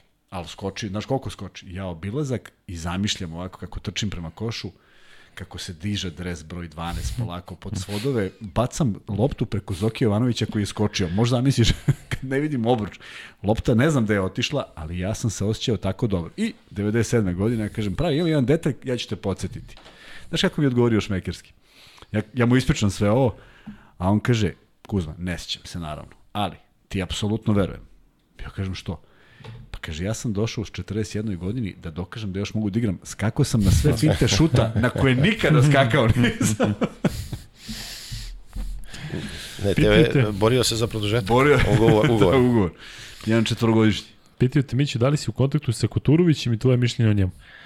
E, jesam, e, sad ne, ne nešto pretredno često, da kažem, skoro sam ga vidio kod mene baš u kraju i to, a ovaj, ima mišljenje da ja Kotora obožavam i izuzetan momak i Uh, i bio igra, mislim bio da kažem, igrač, uh, pošto je sada, da kažem, penzioner kao i ja, ovaj, tako da sve najbolje, Ovaj, igrali smo dve godine uh, u Partizanu zajedno, da kažem, tu, tu se naj, najbolje upoznamo kada deliš i imali smo, ovaj, da kažem, zajedničku nastup 95. ono, legendarno ovaj, evropsko prvenstvo u, u Atini, tako da o Kotoru sve najbolje i sećam se onaj njegov povratak u reprezentaciju nakon mnogo godina 2002. kada je on bio otkrovenje i jedan od najboljih igrača reprezentacije i toliko sam bio ponosan onako da toliko je zaslužio i toliko je emotivno i tako davo izjave i sve to tako da ovaj da o Kotoru se najbolje ovaj, izuzetan momak. I vrlo je bitna stvar, ako već pitaju za Kotura, uh, on se pojavljaju u različitim nekim momentima na Facebooku, ovako, onako, u nekim dokumentarnim emisijama.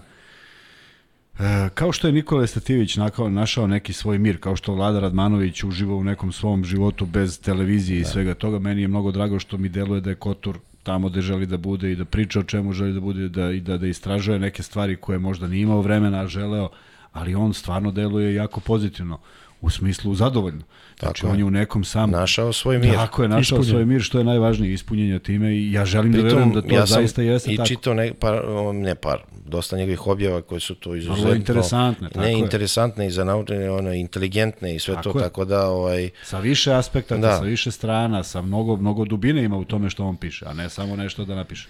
Kuzma ima anegdotu o svakom, hoćeš da ispričaš uh, Finac i Kuturović.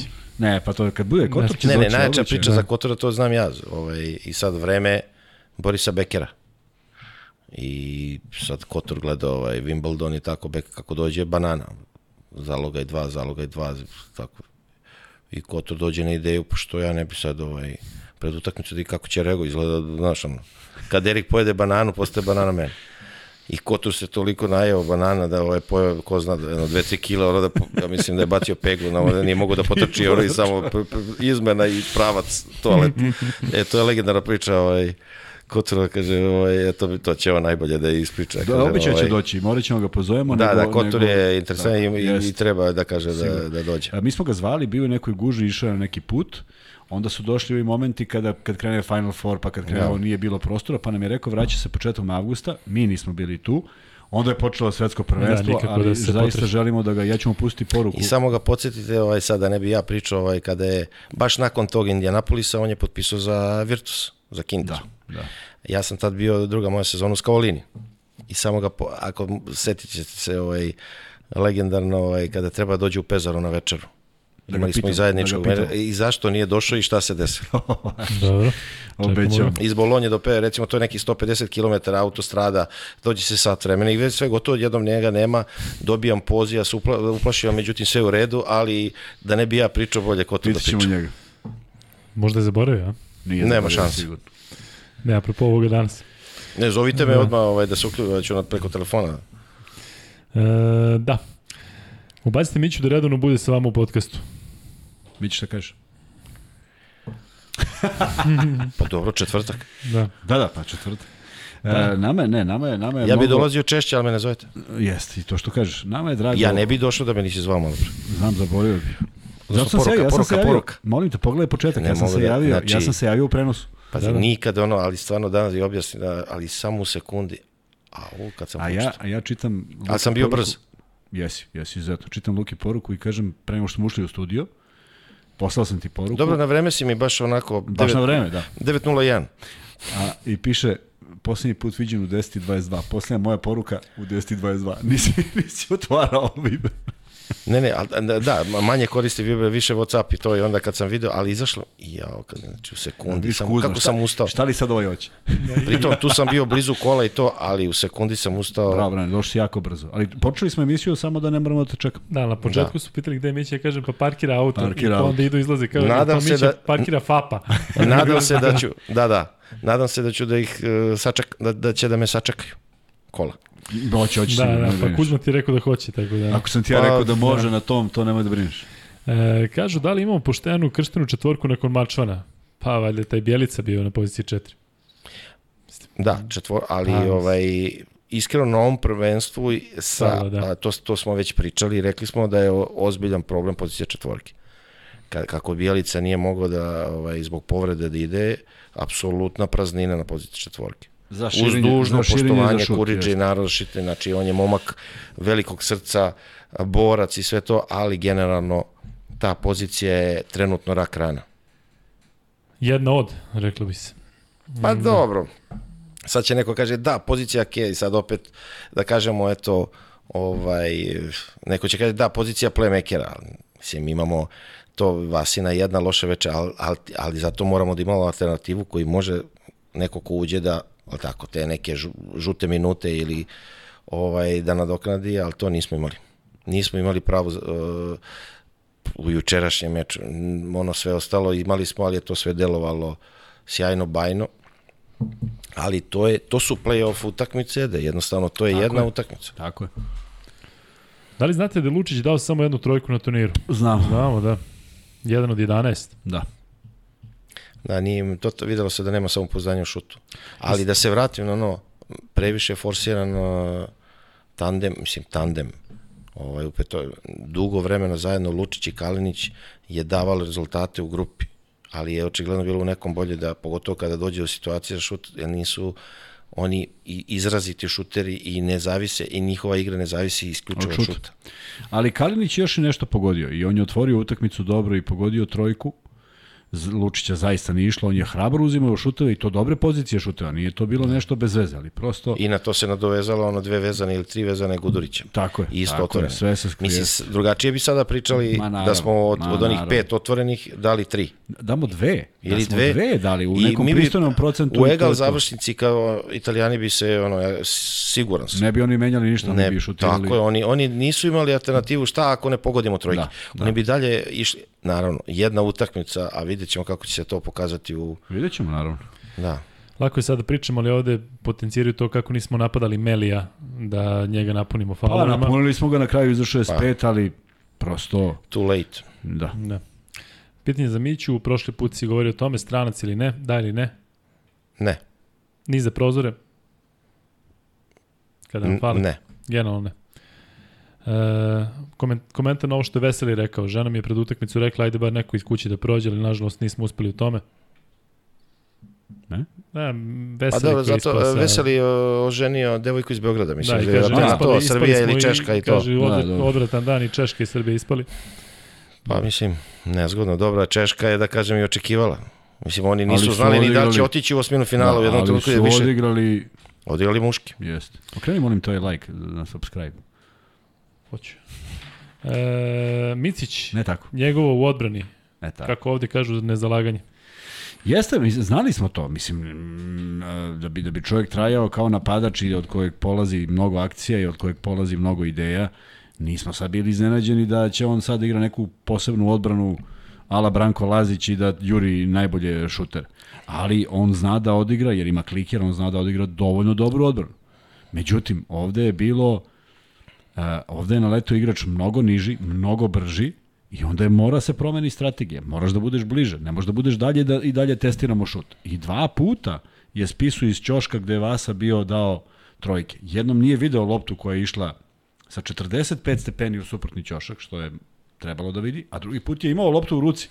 Sećaš onog momenta, Da, imao imao. loptu u ruci, ono ispadne i ovaj I nije više znao i šta. sa, kasnije isto na, sa kapice, da kažem, ali više je bilo izletanje nego da kažem nezalaganje. Ne, da, samo- A sad samo to tako. može da će se neko kaže nezalaganje, ali treba Ne, imati u mislim, vidu samo da je morao u da- Efesu, da- pa odlik, da li je odlika Efesa jaka odbrana? Nije. Jednostavno tamo igra, igraju tako i jednostavno je. tako, se Tako prenelo. je, nije ništa, ništa iznenađujuće. Da.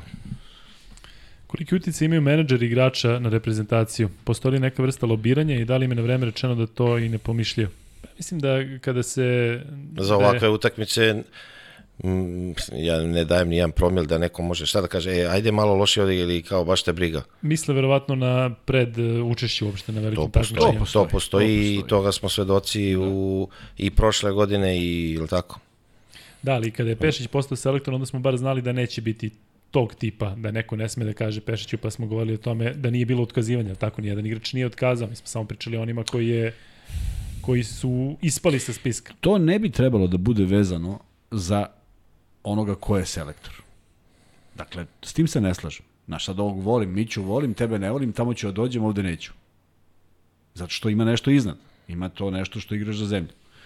I meni je zaista drago što je Jokić to osetio na najbolji mogući način. Jer ono što se desilo na svetskom prvenstvu, kao da je kod njega stvorilo nešto da neće više se vraćati ikada u reprezentaciju. Meni je drago što je bio ovde, što je on osetio tu emociju, ubeđen sam da je osetio već. Što je rezultat takav kakav jeste, šta da radimo? I da dodam, zato što je sve prebačeno na njegovu Sve, odgovornost. tako je, tako je. Znači, kompletan, Tako je. e, da kažem, loš rezultat u Kini. Je bilo, da, da. Je bilo Jokić. tako je. Neko Nije- nekog drugog niko nije spominjao. spoma- niko. Niko, nikog ništa. Niko, Niko, nego, ničija odgovornost, isključivo tako, Jokić. Tako, i to se njemu skupilo. Ali ne može, ne bi trebalo da ja sada razmišljam, aha, evo, pričamo o svojim trenerima, pričamo o, o čoveku s kojim sam, ko, ko- kojeg stalno spominjem, Darko Rus. E, kao Darko je trener, ja ću dođem, Mića je trener, ne, ipak ću razmisliti. Nije to dobar odnos. Ne daje dobar rezultat ni, ni u, u budući, u životu ti ne da neke stvari. Pritom, to, mislim, pristojna reč je nije dobar odnos. To je sramota. Ako je do toga, tako kad bi neko saznao, to je na stup strane, Tako da ti kaže, da, menadžer mi nije dobar, sve i zato ja i rekao E, mi je ovo ono, mislim,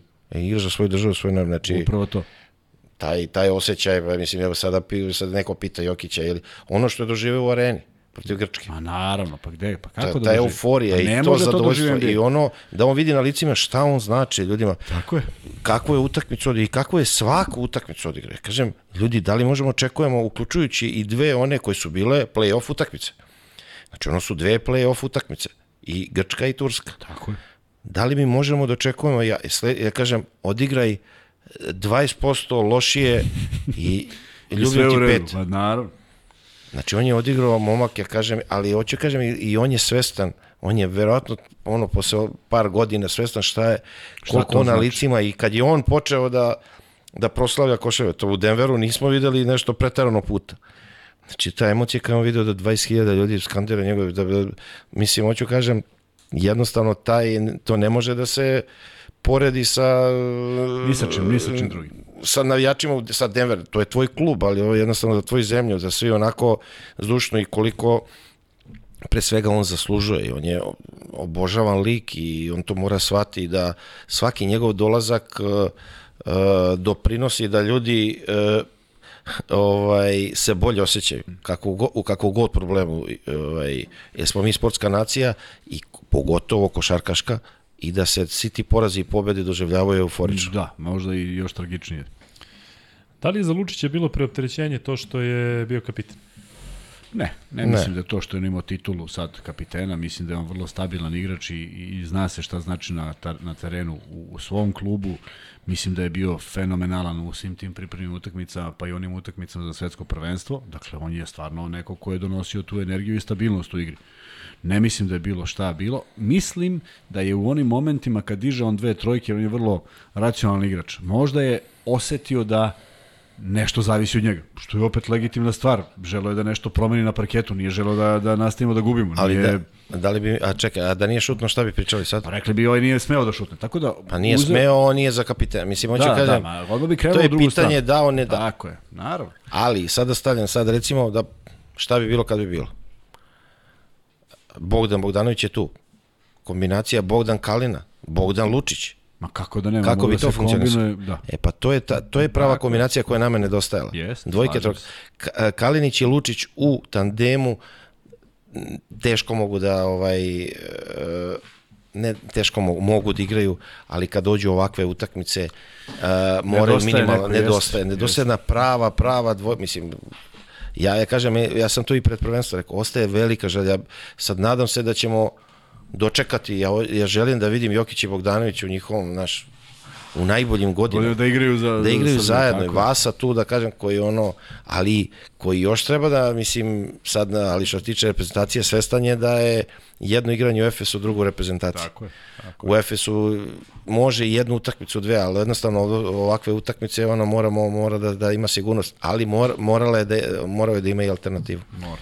Ovdje sada pišu da li je Mega donala nešto dobre reprezentacije osim Jokića, da ne preterujemo ljudi, pa taj Vasa Micić je valjda isto iz Mege, tako da ne treba da zaboravimo neke stvari, znamo da smo o čemu smo pričali prethodnih dana, ali svejedno e, dajte da sada ne, ne idemo u neku krajnost. Ali da li je e, trebalo možda, rekli smo da za Lučića nije bilo problematično to što je kapitan, ali da li je trebalo možda da bude neko drugi kapitan zato što znamo da su ipak dva igrača lideri, Jokić pa Micić.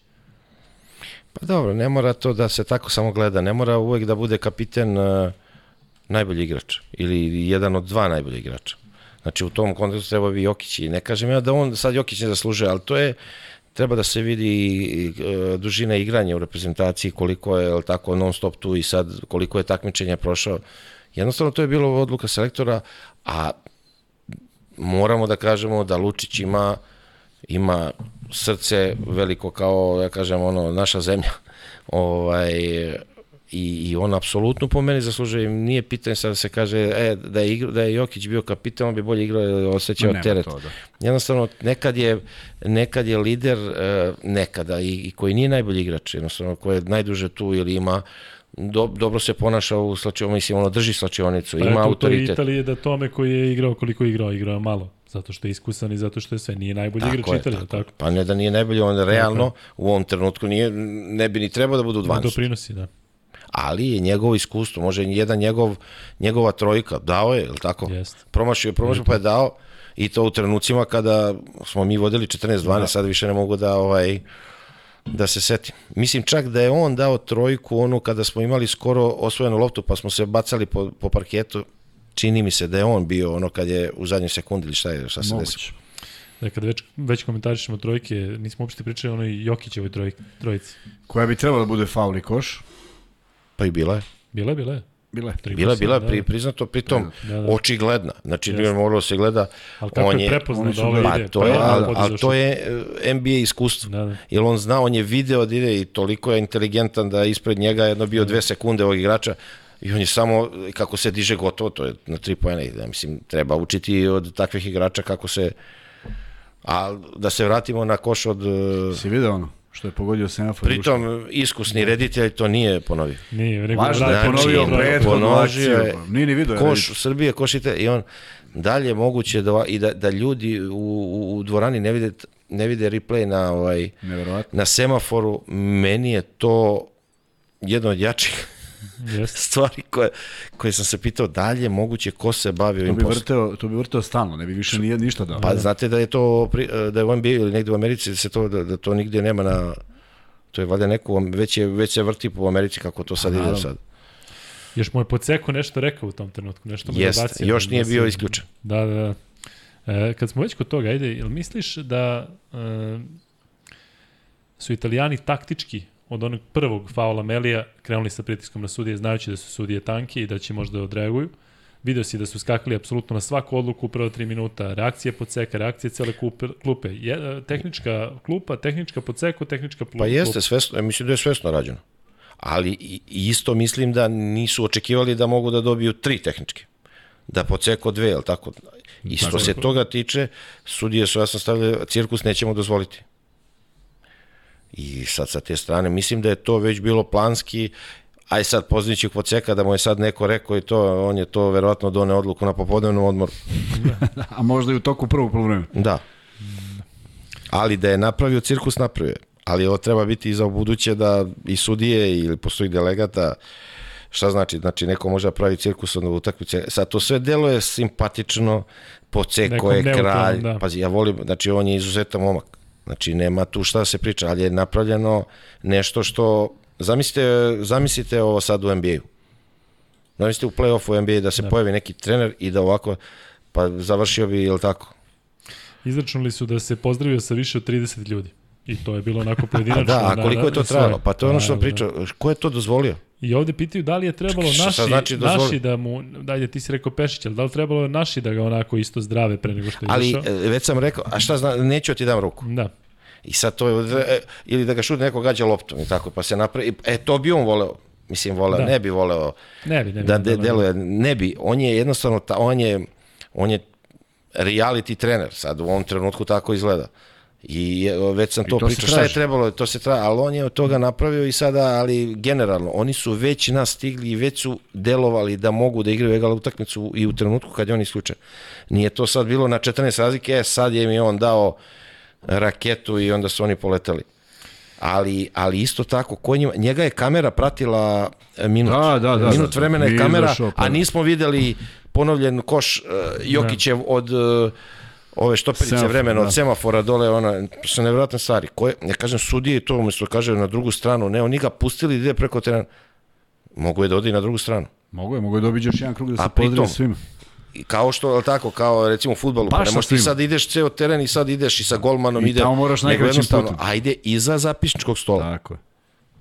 To može da se protumači kao provociranje. Provokacija, Tako, naravno. god je to bilo simpatično.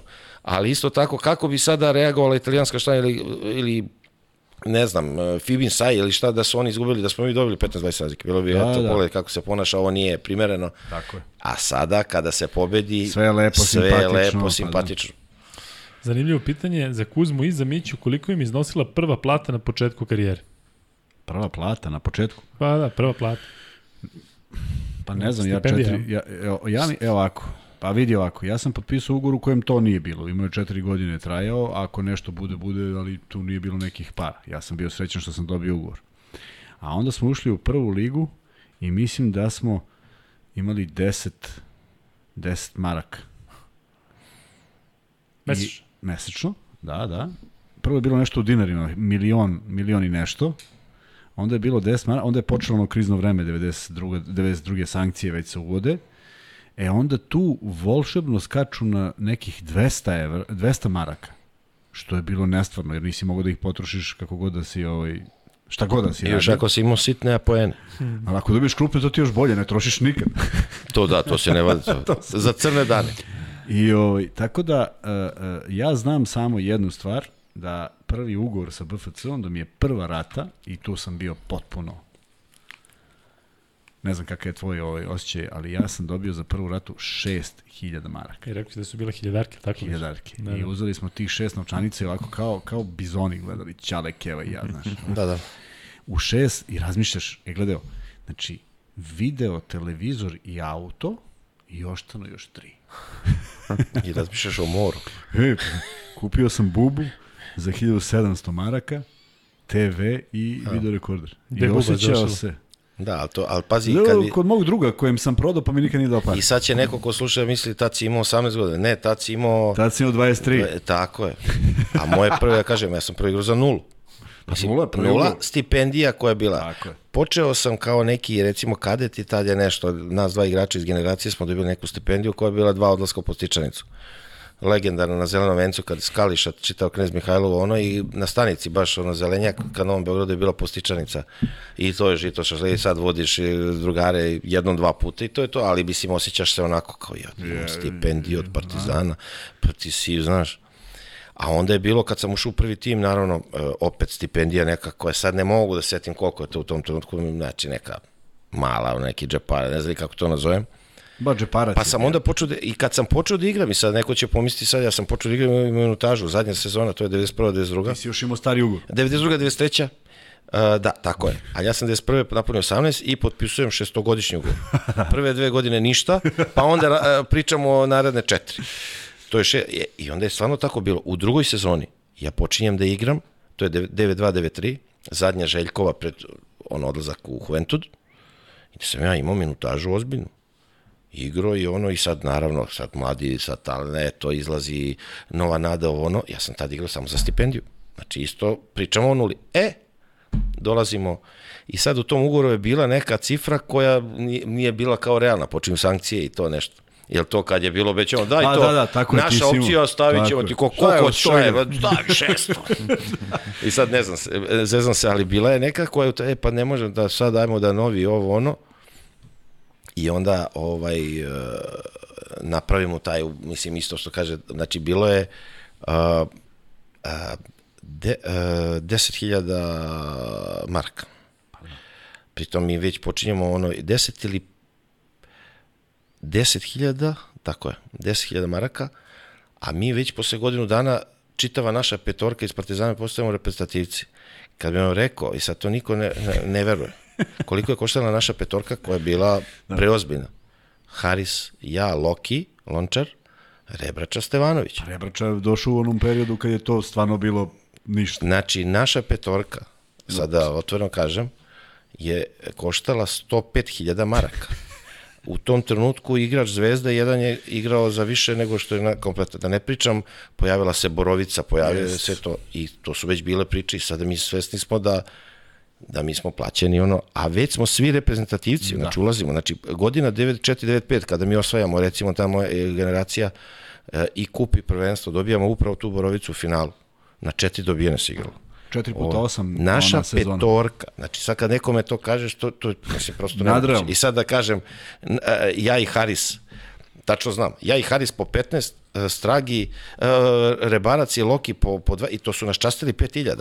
E, kao, podigli su nas i dva, e, 20 Rebarac i on, i kao Stragi najplaćeniji, kao Džabar, ovo je 35. Uuu, Jer je potpisao novi ugovor nešto. pa da. I sad neko će kaže, niko od nas nije razmišljao da kaže, ej, slušaj, pa ja dao sad, dva, ja najbolji igrač, Ma a ja, si znali smo za taj krajnji cilj, svi smo mi Tako je. znali da ćemo u jednom trenutku to naplatiti i doći, ali eto, to je ono, sad se vratimo na početku, Luka što je kako ovi današnji... O čemu si sam razmišljao? Dao Da. primjer, o ovome nisam ni pričao i znaju onako, zna neko okruženje ili sad ono neke stvari.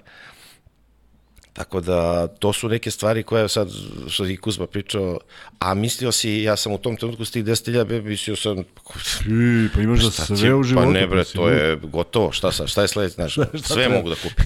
sve što, sve što hoćeš. Da, Da ovde šetaju pitanja malo ta retro, malo ova aktuelna, odnosno ovo što je najsvežije. Da li po vama nedostaje neko poput večerašnjeg, odnosno jučerašnjeg nesuđenog gosta Štimare, Ako ništa drugo, makar da loži igrače i pravi atmosferu na klupi. Svi su delovali Pa da. apatično.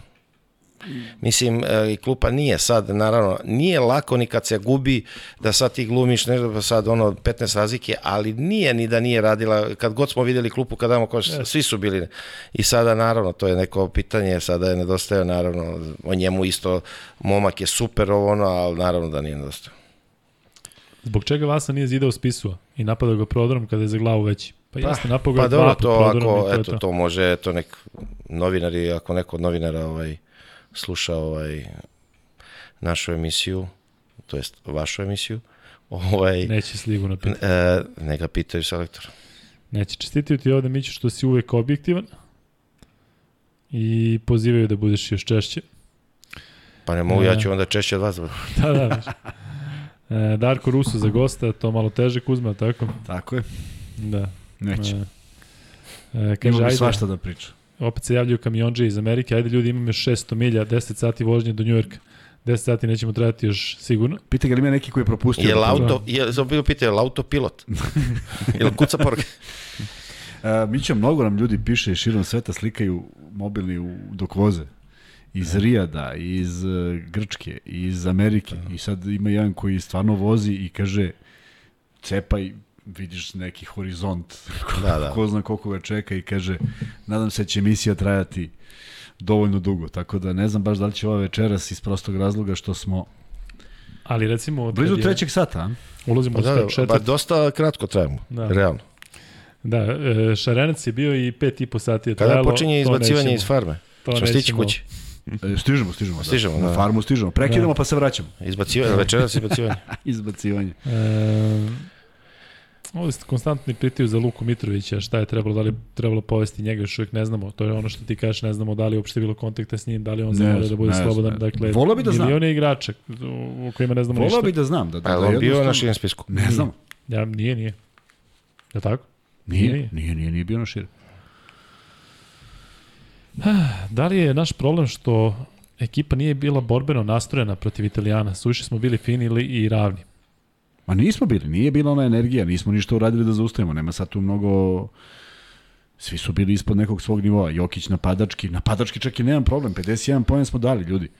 Ne možemo da damo 62 za polovreme, nije realno. Kažu da ovde ne potenciramo lošu Joki, odbranu Jokića na Meliju, meni, se, da, meni je delovalo da mu uvek stajao da, da je bilo taktički da provociraš. To je stvar nekog dogovora, tako je, ja ne mislim da je on mnogo, on, ne, da. on ne može da ide brže, da se razumemo, ne može Jokić da izlazi kao, kao metak. Ali tek ne može Mil- Milutinov da izlazi kao metak, a to je bila alternativa.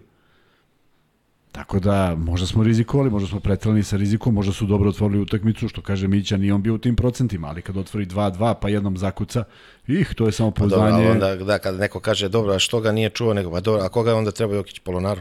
Da, koga da uzme. E, pitanje za Miću da kaže nešto o Nikoli Joviću. Pa ništa, da kažem, naš novi biser, nadam se da će da, ovaj, sada da se izbori za, mislim sad reći za minutažu, sad je sve stvar ovaj, e, volje, odnosno politike i, i kluba i trenera, da li, da li možda, može on u ovom trenutku da ima neku minutažu u tom klubu. I sad ovaj letnja ova liga uh, on je igrao letnju ligu nije sad imao neku sjajnu ovaj statistiku igrao je. Je sad jedno je letnja liga jedno je ova prava kada počne liga tako da ja se nadam da neće ovaj proći kao Pokuševski posle nekoliko utakmica da ako procene da možda u ovom trenutku još nije kadar da, da uđe u, u, u borbu sa aždajama kao što ih je u NBA-u, da ne bude NBDL ova, ova kako se zove, da bude, NBAG. da, tako da, ali naravno, radi se o mladom momku koji ima izuzetne, izuzetan potencijal i ali moje mišljenje je da je sve ovo prerano. Da. Znači da, da, da bi mu mnogo više značilo da je u Partizanu zvezdi, sad, sad ja kažem, voleo bi da i, i postojala mogućnost ovaj, za Partizan, to znam, i ovaj, da bi on kod Željka sigurno imao ovaj, određenu ulogu, Ne možeš da kažeš sad da klincu od 21 godine ili 20, ne znam, Jović je 21, je mislim. Jedno, jedno. Ovaj, da se e, da, imaćeš neku ulogu, bit ćeš lider i to, ali da, sa kojom mora, mora da se izboriš. ali drugačije nekako prebrzo se, on je dobio garantovan ugovor, sve to, Da, ali... 19 godina, da grešim IT. On, u, on je 2003. u junu. Znači 19, što sam 21, da. I meni je činilo, da- se činilo da stari. Ovaj, izvinjam se. Ja sam znao, ali nisam teo da kažem. Tako da ovaj to je nešto i onako 19 godina još on nije još ni ni ni mentalno sazreo da za, za to šta ga šta ga čeka. Jedno je to bilo što je igrao u Megi i to ovaj a sasvim je ovo druga jedna priča. A tako da nadam Vidjet se te- da neće morati ovaj da razmišlja o Ma samo nek ima sreće i zdravlja. i samo lako sreće, će on tako je, da pre se- svega zdravlja. Uh, izuzetno su se, ovaj, ja kažem, menadžment Maj- Majamija se ovaj, od njemu Ozbiljno ovaj, bavi i bavi potrudio, to. tako je. E sad, samo da vidimo da, da, da sve to na parketu deluje kako treba i pre svega ovo što je Kuzma, da, da ga zdravlje posluži i pred njim je budućnost. Pisao je Miro Bilan, koji je, koliko se ja sećam, sa podsekom radio u Sasariju pre dve godine. Pisao nama. Ne, pisao je negde. Da je podseku u zadnje dve sezone. Spisu, spisu. Spisu, spisu. Da, isključen osam puta i da je ekipa svih osam puta pobedila. Da, čita se. I da je upravo ovaj trener bio taj koji je odnapao. Kazalon, Ovaj, da.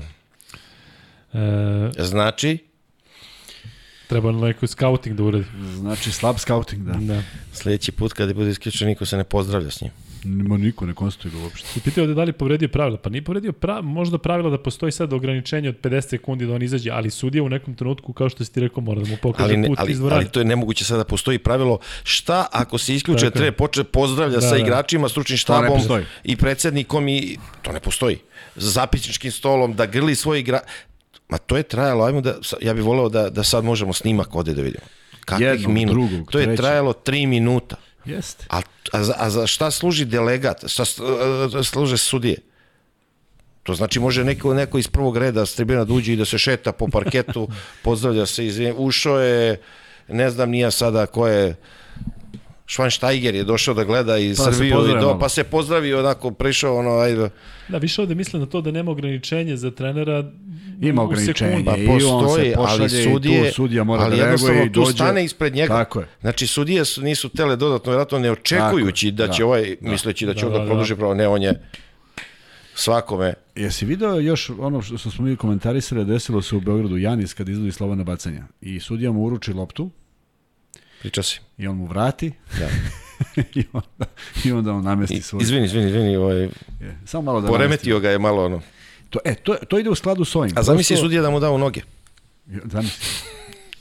Šokirao bi se, ne bi pogodio što ono bacanje. Ovo nije pitanje, ovo je moje pitanje. Kako komentarišeš uh, ovo dobacivanje Janisa sa sudijama pred bacanje? Pa to sad smo pričali. Da, to je to. Je to? To sam pitao. Gde si bio? Isključio si. Zato što ovde ima da lep komentar, kaže, zamišljam Euroligu, Zvezda, Partizan, Iriju, analiza utakmice Kuzma, Mića i Luka.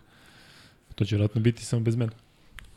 Da, bit će. Da. Kuzma i Mića. Kada Ali opletemo, sad ćemo tu gosta. Da, kada opletemo, Kuzma. I jedne i druge. Aj, ja. E, dobro. Po ceku svaki čas za ono što je digao ekipu i on se ponaša celo prvenstvo ovako, tako da nije teatralno, teatralno to je protiv nas nije izmislio. Jasno. Dobro. Prvom platom Kuzma postao milioner, kaže ovde. Tako je, posao milioner. Znači, mogu si svašta da uradiš te pa, sa tim Da. Izvinjam se, milijarder. milijarde. Tako, to je vreme. 93. Treće 4. smo imali svi smo milijarder, bili milijarderi. tako je, milijarderi. Pa to ima ona priča kao, ne znam, sin od Trumpa dobio je, osam, šta hoće meni Ćale za, za eh, 100 milijardi. 18. rođendan dao 42 milijarde. Ali kunem ti se, Mićo, ti kažeš 93. i Maksim Lipicki piše Mića bio milioner 93. Života mi E, pa pogrešio milijarder. Ne, ne, ja se izvinjam, nek doda još koju nulu. Škojnu. A vidi, vidi e, malo, malo slabo pamtimo prelazak 93. u 94. Znači, bio si milijarder 31. decembra. Ne, prvo sam bio Schwarzenegger. Švorce, dobro.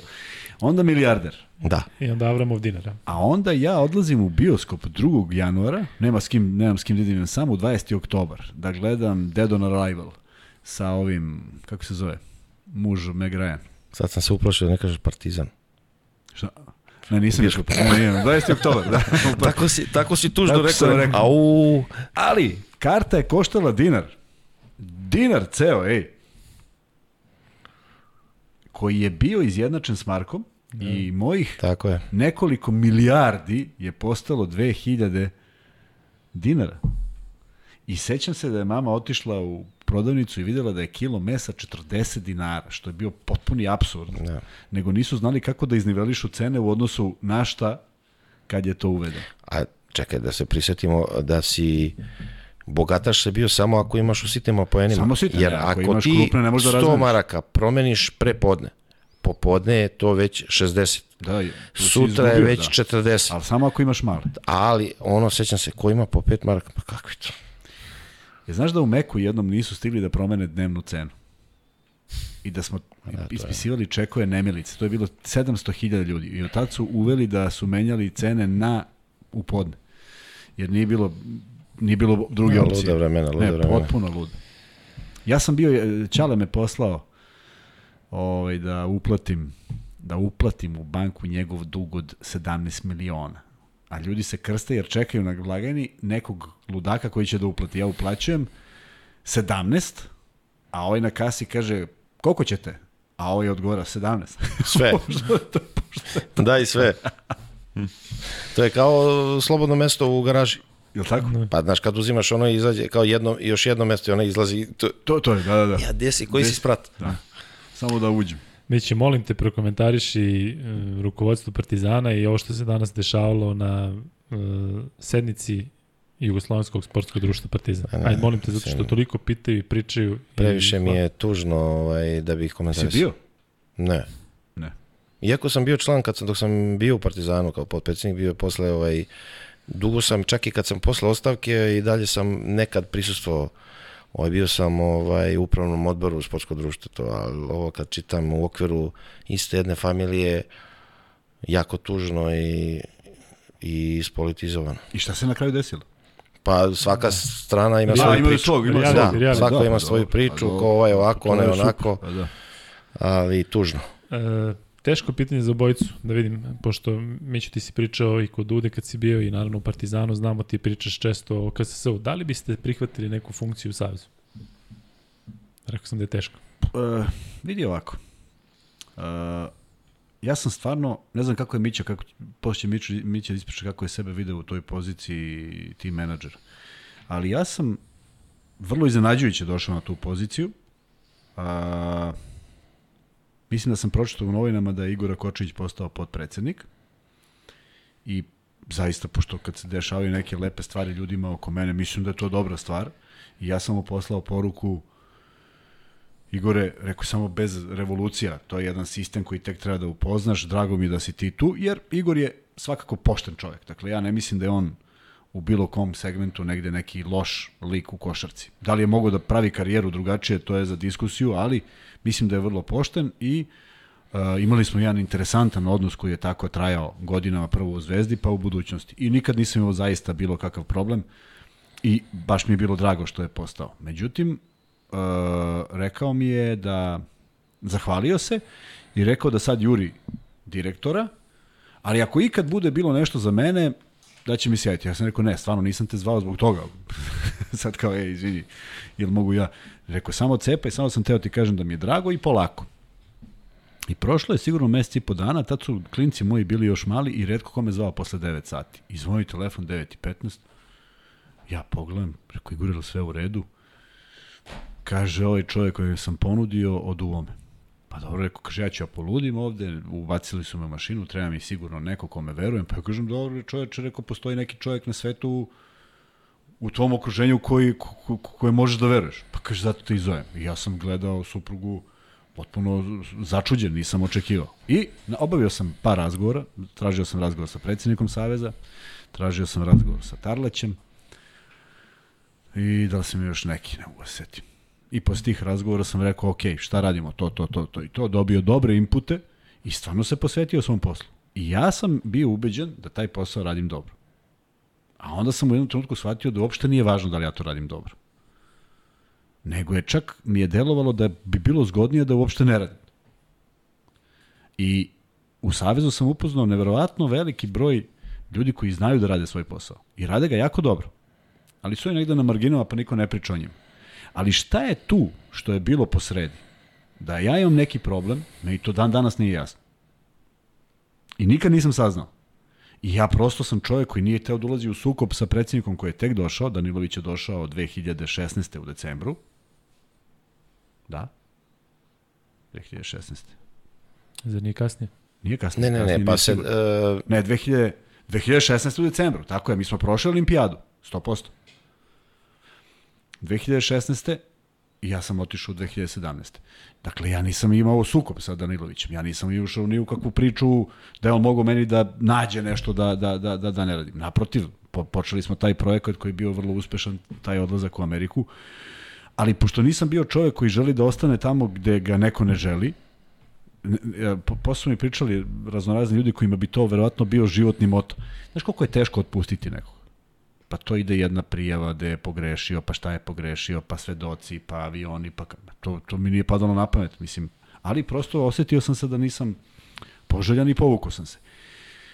Da li bih volao tako nešto da radim? Da. Da li bih radio po svaku cenu? Ne, to evidentno je da ne bih. Ali ne mogu da isključim mogućnost da negde u nekom, u nekom sazivu nekih ljudi postoji. Zato što sam imao izuzetno dobro iskustvo i sad pazi koji su to treneri. Ja ću ih samo navesti zbog toga što, što smatram da, da e, želim da ih podarim da bi ljudi shvatili koliko mi nije bila bitna podela. Bućan Partizan, Vlada Jovanović Partizan, Vlada Đokić, koji je u Valjevu, bivši igrač Partizana i Zvezde, Klipa, Zvezda. Dakle, nama nije bilo ej, ovog voliš, ovog ne. Nego su to bili ljudi koji su odvajali svoje vreme i zaista sam imao ogromno poverenje u njih. Da li su oni stalno mogli da naprave rezultat? Pa kako, to, to, nije, to nije moguće teoretski. Ali da li su bili posvećeni? Jesu. I dan danas sam u kontaktu sa, sa mnogima, ne, ne, ne vezuju nas iste stvari, ali sam vrlo a, zadovoljan za, a, kad se pristim tog perioda da smo ipak napravili sasvim pristojne rezultate. Ne vrhunske, te jedne godine, ali druge godine su bila prvo, treće, četvrto i peto mesto. Niti ja to sada kategorišem tako i kažem, u, što je bilo dobro, jer ne, ne smatram da, je, da su ti rezultati napravili dovoljno dobro, do, dovoljno veliki broj A reprezentativaca, što treba da bude cilj svih tih selekcija. Tako. A ne da li da se, e, ja sam bio prvi, pa šta, Tako je i po klubovima, isto kao što je po klubovima. šta, šta sad to znači? Šta sad, prvaci smo u juniorskoj konkurenciji na svetu i u klubskoj, ne znam, Zvezda ili Partizan, a nigde, nigde nekog novog deteta. Pa onda ništa nismo uradili. Osim što imamo tu zabeleženo da imamo titul. I ko se toga seti niko. Tih titula klubskih na tom uzrastu, a nemoj da pričam. Mićo. Pa čak, izvini, pa čak i ovih titula 16-18, 20 je za nijansu drugačiji, jer je 20 su profesionalci.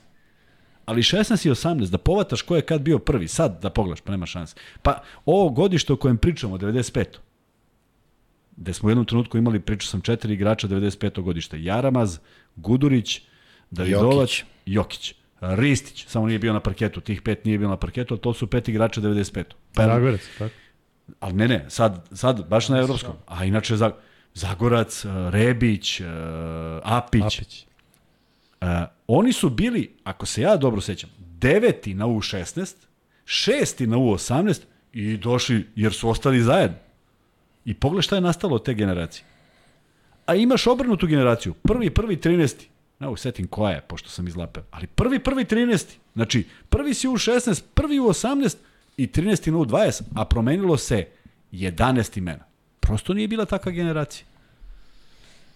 I nestali su, bili su dominantni, dominantni i onda nisu uopšte prošli u profesionalnu košarku. Da, da. Mićo, da bi se vraćao? Pa, mislim, sad trenutno, odmah kažem, teško ja mogu da se vratim i u, ili u Savez ili eventualno sad Partizan pričamo o to, pošto je previše politika uključena ovaj, u sport, ovaj, tako da ja ono što je žalosno, ali tako je, mislim, to moraju ljudi da znaju. Ovaj, a ja sam tri godine radio i to upravo u trenutku kada ja prestajem da igram, dobijam Dudin poziv kada smo krenuli, da kažemo, te neke nule od kvalifikacije 2008. Ono. I sada, ja sam tri godine bio tu i sada u trenutku kada kada ovaj baš u trenutku kada dolazi e, Dragan Đilas na mesto predsednika, to je 2011 ono. E onda je tu tu su krenula ovaj ko ko će da dobije koju funkciju, mislim tu su bila neka deljenja funkcije u jednom trenutku sada naravno da moj cilj bio ja sam uvek tako rekao, znači krećeš od neke nule, sada je to što si bio igrač, sada neku drugu i mislim da sam, ne, siguran sam da sam tu funkciju i jako i Duda ima u mene apsolutno poverenje. Ja sam sve bio osim selektor. U nekom jednom trenutku sam ob, ono što trebaju predsjednik Saveza i generalni sekretar, niko nije smeo Dudi da se obrati. Sve sam ja posle nekad izvršao. E, u trenutku kada je krenulo da možda ti u jednom trenutku, posle tri godine, gde sam bio konstantno svaki dan u Savezu, iako ja nisam svoju kancelariju. Ali u trenutku kada možda neko dođe trenutak kada neko kaže, e, pa sad bi bilo dobro, mi će tu i ono, da možda dobije neku, ajmo neko idemo drugo, da, korak drugo, ispred da. ili dva koraka, nema, da. niko ništa ne. Ja sam te 2011. se zahvalio. Rekao, ja sam prolazio kroz neki, a, u, kroz probleme u privatnom životu, a sam to iskoristio, ovaj, ne zato, nego jednostavno, mislim, ako, ja ne, ne vidim sebe čitavog života, meni da, nije da, da, da, cilj da, da ja budem ti menadžer čitavog života. Radio sam ono i, i pokazao da mogu, sad idemo tako, kao u svakom poslu, idemo napredujemo i to. I kad sam ja to provalio, ja sam se tad povukao, ali, ovaj, a sad že kažem, naravno, mislim, ko ne bi prihvatio poziv Saveza je to, ali jednostavno što se mene tiče, to je sad misija nemoguća, pošto ovaj, politika odlučuje. E, da ubrzamo malo, sa pitanjem ima ih dosta, pa da pređemo na ovo što je kraja, to je e, čet finala Eurobasketa. Pitaju vas, gde ste služili vojsku? ja sam vojsku služio uh, pa ma, malo hala sportova, malo pionir. Bio sam top, top G. Nisam išao. E, Neverovatan splet, splet okolnosti. Ovde podsjećaju na to Deda Avrame, a tebi kažu da nije Kuzma 1. januar, nego 24. januar. Ma dobro, ja sad karikiram. E, onda 24. januara smo da. postali dinarderi. E... Ja, lako je kad ukuca na Google. Jeste, da. baš on pamti šta je bilo 24 dana. Kako zove taj? Ne mogu da nađem, znaš koliko ide. I, e, Odgovori ozbiljno. Koji lik je bio na najvećoj novčanici? Znam da je Đure Jakšić bio na 20. Đure Jakšić bio na 20, ne sjećam se. Ne sjećam se uopšte. Da se zato kada neko da vidim. Verovatno će stigne odgovor. Verovatno, da. Ko odgovori? to je za free bet. Evo ga drugi free bet. E, hoće ima neko nešto da predloži da pucam ja? Koliko je bila ta velika prva Kuzmina plata u BFC-u kad je kupio Bubu? Prva rata. Da, prva rata, dakle rekao je malo pre da vidimo vi koliko pratite zaista. E, Da. E, Kuzma, pitaju te konkretno, pošto ovde pričamo... Obično ali... pitaju nešto nekonkretno. Koga bi postavio u Savezu na rukovodeći poziciji? Ne mogu ja o tome da razmišljam. Ne ide to tako, kako neko zamisli sad. Ali vidiš ovo što kažeš, ne Rakočević na... tebi veruje. Ne, ali ne možemo baš na svako pitanje da odgovorimo. Ne, ne, ne, ne zbog toga, nego prosto sistem funkcioniše drugačije. Nema tako sad kao tu nekog predložiš, pa se tu neki sad konkurs napravi, pa ovaj doda gde je radio i šta, nego jednostavno tako ide. I posle pitanje... A što Rakočević, da li mi veruje? Šta? Nisam razumeo. Ne, nego verovatno, apropo onoga što si rekao da Rakočević tebi veruje, pa koji su ljudi koje ti veruješ za koje si siguran da bi mogli da prinesu u Savezu? A, ne, mislim, nisam razmišljao na tu temu. Ne, ne može, ne može svako. Znaš, Naravno, ne može svako. Da, teško je, ali pitaju ljudi, pa ajde. E, da. Poslednje pitanje je vezano za smenu generacije. Ovde kažu da nam je najmlađi igrač 26 godina, da li je sada moment da se posvetimo mlađima? Pa uvek je trenutak da se posjetimo mladim, znači nema trenutka kaže, e sad, aj za dve godine ćemo tek.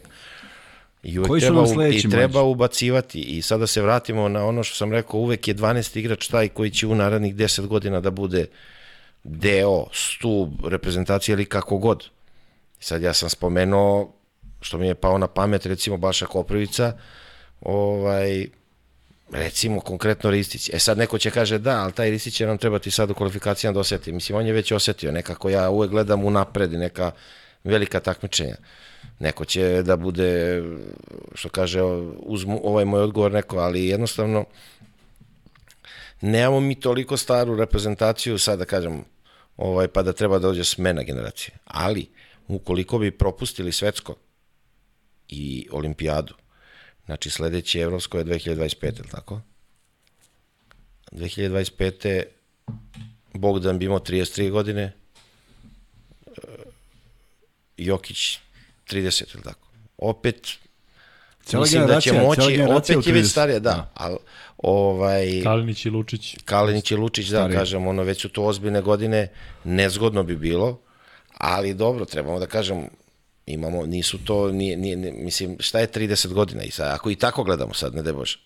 Ne daj Bože da to bude 2025. prvo takmičenje. I, i, i ovaj, kako se zove, Jarama, znači smo re, pričali sad, Jokić, 30, da, 30, 30. godina, mislim, 30 godina su sad u za današnje vreme su najbolje godine. Tako je. Ali ko nam dolazi? Ajde, jel imate u glavi? Ti si rekao Koprivicu? Pa evo, recimo, Jović, evo. Jović, ja kažem, ali sve to, sad ćemo Mi vidjeti. Ne, ne, ne, ne, ne, ne, tražim sad 19, 19, 19-godišnjake, nego tražim nekoga koji je, ako su nam 26 najmlađi, ajmo tražimo 22. Ajmo Pa tražimo igrača. 22 trenutno mi pada, pošto to znam sad po godištima tačno da pogodim, je Balša je 2000, to znam. Petrušev je 2000. Smajlegić je 2000. Tako je, to je sve... A recimo da kažemo, nije to sada, mi nemamo sad neke igrače. Bekova, Bekova nije bilo 2000. Bekova Dobro, mi smo malo. u oskudaciji sa playmakerima, pogotovo Tako playmakeri, tako da kažem. Tako je, imao si Pecarskog 2000. Tako je. To sve 2000, to sve momci koji su osvojili zlato sa Vladom Jovanovićem. I tu smo kuburili sa playmakerima. Uskoković mislim da je bio Uskoković je playmaker 2000 to. On je igrao Koje tada. godište je Aleksa Avramović? Ne, ne, Aleksa Avramović je stariji. Stariji, da, da. Stariji. On je igrao Univerzijadu 2015. Znači ima već, ima već Četvrta. 23. 94. 94. tako je, Ja, 94. sad ćemo da imamo, mislim da 94. Ja mislim. nije ni 94. sad, mislim, Kako bi nije 28? pa 20, pa dobro, 28 godina. Pa ne, 94, govorimo za da. 3 godine. Pa dobro i za 3, 31, ne kažem, nije znaš, nije to Ovo, ne. 35, 6, Naravno, ali... nego ti kažem ko je sad to Da. koga smo A izbacili. pričaš da ovo, recimo, 22, Tako 3 je. godine. Ali ne pričam sad da mi ubacimo, ne, ne da ubacimo Jovića, jer on je, on je 7 godina mlađi. Gde su ti igrači nestali? To je problem. Jer ne, nema ih. Dobro, sam znaš, nekada se poklopi tako da generacija nema Da, nikoga, Poklopilo nekada se, se poklopio sve. se, slažem se, 95. je specifično jer ih ima 14. Ali, ali a, a, svi su oni u nekom momentu ranije nego sad ovi dobili šansu. Svi oni. Ne bi bili tu da jesu. I Zagorac, i Davidovac, i ovaj, i onaj, svi su imali neku priliku. A ja sad pitam, gde su nam ti, makar u Zvezdi i Partizanu, 20-godišnjaci? Ja mislim da ih ima u FNP-u, verovatno. I ima ih sigurno u Megi, mada Mega kako prerastu, tako odlaze. Gde još? To je problem. Ovde su pitali da li bi trebalo eksperimentisati, eksperimentisati sa Tristanom Vukčevićem u reprezentaciji. Kratko da li ne. Pa i on je mlad, koliko on ima godina? Devet. Devet, Devet, uh, dveh, 2003. Ja mislim da je prošle godine imao 18. Ili 2002. Ma ej, 19-20 godina. Kako pa treba? On je, on je neku utakmicu sad ovog pripremnog perioda odigrao fenomenalno. Da. Naravno da 19, treba, 2003. naravno da treba, ali ta, sad je to pa preno, sad je to pa veliki jaz. Ne, nego generalno, on znaš da ima 7 Generalno pasoša. mora. Znači, on mora. se, on se rodio, e, koliko pamtim, uh, Dule je igrao Evropsko prvenstvo u 2003. u Švedskoj. Znači, Eto, upravo eto. se rodio u trenutku kada je on igrao za prvi put za reprezentaciju Jugoslavije. Vuk Tadašnje Grbić, SRJ. izvini, molim te, Mići ovde će mi pobeći. Vuk Grbić je odgovorio tačno 6000, odgovorili ste i vi. On je u stvari prvi. E, Vuk Grbić da pošalje MaxBet ID na Instagram Luka i Kuzma. E, da pređemo na ovo što nas čeka sutra, dakle prvi meč četvrtfinala od 17.15, Španija i Finska. Mićo, e, prvo Kuzma, ćemo da pravimo pool za, za free bet humanitarni? Ne, ne, ne, ne mogu, zato što je jako komplikovano. Ovaj, kad si igra prva utakmica? Sutra u 5.15. A, onda može. Ali Sad imamo dve, dve imamo dve, sutra imamo dve preko sutra. Da, onda možda i može, zato što je bilo jako komplikovano za vikend, e, smanjuje se broj ljudi u max betu, jako je bilo komplikovano doći Da, do... za vikend, Da. da. da, da moment je bio, ali evo ćemo da sad free Ajde, bet za, sa ove dve, zato što nemo, ne možemo četiri, da ćemo imati sutra za preko sutra drugi dve. Što ne možemo, stavit ćemo četiri na tiket pa čekamo one dve. A Već šta je ćemo zarada. sutra? Ništa, sutra gledamo. Sutra ne moramo da... Treći free bet sutra. Dobro. Ajde, onda ćemo da Vanja pusti pool za prvi meč Finska-Španija. Miće. Pa ja sam ovaj prognozirao i ja kažem uglavnom pogađao, pogodio sve osim Litvani i Španije. Ja sam bio rekao da će sve ekipe iz eh, B grupe da, da eliminišu o, sve četiri ekipe iz A grupe. Prenao sam ja to ovde, tako da Da, gledalci znaju. ali eto, eto, ja, u jednom trenutku izgledalo stvarno tako, Jeste, je Litvan jeste. imala gotovo pobedu Jeste. sad, zbog čega, kako su oni to ispustili, to je skoro neshvatljivo, ono ka, na plus 11-12, na nekih 6-7 minuta do kraja 8, zadnje četvrtine izgledalo stvarno da nema Španija ni teoretski. Ovaj, I sad svedoci smo da ni jedna ekipa nije lako dobila. Sad kad mi kaže, e, sad Španija ima Finsku da nije više Španija reprezentacija koja će da igra egal sa Litvanijom, a može da igra i egal sa Finskom.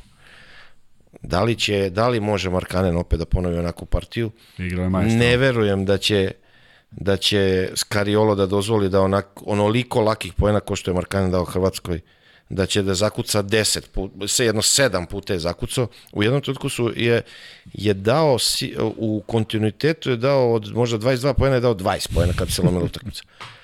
Da, li, ni ovde Četiri puta je da zakucao čuva, znaš. 1 na 0. LA ono, Da, da, da, da, da, da, da. ti proda blok u leđa tri puta. Mislim, to se stvarno sad u I savremenoj onaj košarci 0,1 Da. do kraja. Neverovatno. e, izuzetno priprema, mislim, bio mi i trener Skardović, znam sigurno to će biti taktika na njemu i svestan je da ovi preostali igrači ne mogu da, da po- bez njegovih poena. On će dati svoje poene, pogotovo kad igra licem, teško je zaustavljiv, on može da šutne, ima, imaće svojih poena, ali ne verujem da može da ponovi. Tako da vidim Španiju kao favorita apsolutnog, ali iz nekog respekta zbog ovih rezultata iz svih osam utakmica je bilo neizvesno. Da, da, da. To je neverovatno da ni jedna nije bila lagana, kaže ovo je toliko lagano. Izgleda kao kad neko kaže pogleda rezultat Slovenija, Belgija, plus 15, 16, 14. Da. A Belgija vodila početkom 65, 52 64. minuta, da. I sad neko kad pogleda, pa čekaj, šta je, šta je 9-10 minuta ono pre kraja? Tako da, da naravno, ovaj, e, po meni favorit Španija. E, je li to možda ključno, ta prednost Kariolo u odnosu na selektora Finski i na Maksvitisa u odnosu na Litvaniju? Ovde pita jedan momak da li je to Pa možda dobro, u tim mislim, momentima kada velika razlika u, u iskustvu tolike godine i ono što je najvažnije, Skariolo je, znači ovo mu je, više ne mogu da izračunam koje je prvenstvo od veliko sa, 2015. tako je. A, a bio je, pa bio i ranije, on je imao pauzu, tako godinu, dve godine. Jeste. On je, ja kada sam bio u reprezentaciji, kada smo uh, 2009. Uh, bili u finalu, Skariolo bio trener prvi. 2010. kad smo i kad je Teo dao trojku, bio je Skariolo. Da, pa Tako ima pauzu, pa se Tako je da. napravio pauzu, tako da sad kad bi, ne znam tačno, ali verovatno 10 velikih takmičenja ima u zadnjih 15 godina, možda i više. Da. I jeste, to upravo je, mislim, e, igrači su ti koji donose prednost, koji daju koševe, ali mislim da će ta priprema biti daleko iskusnija ovaj, sa strane Španije. A gde ti beše on bio trener? U Skavolini? U ta u keramici. Da, u keramici.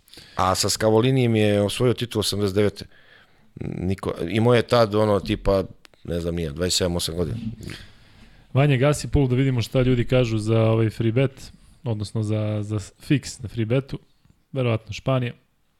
60% Španija, 39% Finska, dakle Opa. Kuzma, fix nam je Španija. Da ja meč, kažem Finska da bude interesantniji. drugi meč Da ne koji bude je posle, šta sam rekao? Ovo me zanima šta će, kako će biti pul ovde, možda ga pustiš odmah Vanja. Dakle, Nemačka, Grčka.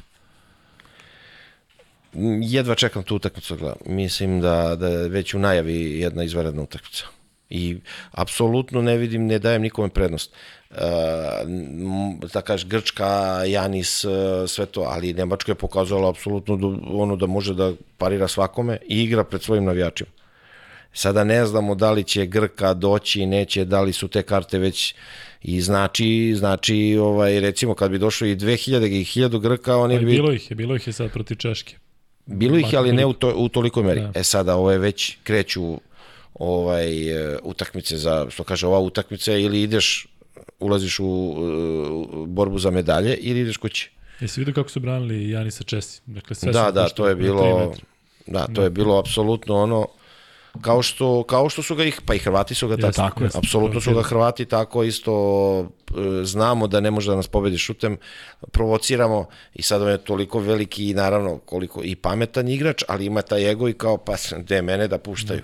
I na kraju je dao onu trojku koja je kao bila Sada, zadnja. pošto je, ali tako, ono je Amerikanac ili Kanadjanin na klupi Nemačke? Gordon Herbert, Kanadjan. Kanadjani. Kanadjanin. Ne verujem da će tako baš da ovaj da postupi, ali da će znati sigurno da će da sigurno mu neće prići i, i čuvati mu šut za tri poena. On ne može da Grčka ne može da pobedi šu, sa, sa tim šutem. Ali da ja kažem 50 50 apsolutno meni je to totalno ovaj ujednačena utakmica. Da, kao on ima nemačko državljanstvo, pošto vodi Skyliner se tipa 10 godina, tako da on je Tako je, zvančan da. Nemac, samo je, Ali- samo je Ali koji dalje, koji dalje da. da. drži ovaj time out na engleskom. Kuzma, Grčka, a Španija, Finska. Finska. Finska, Pa malo da bude zanimljiviji.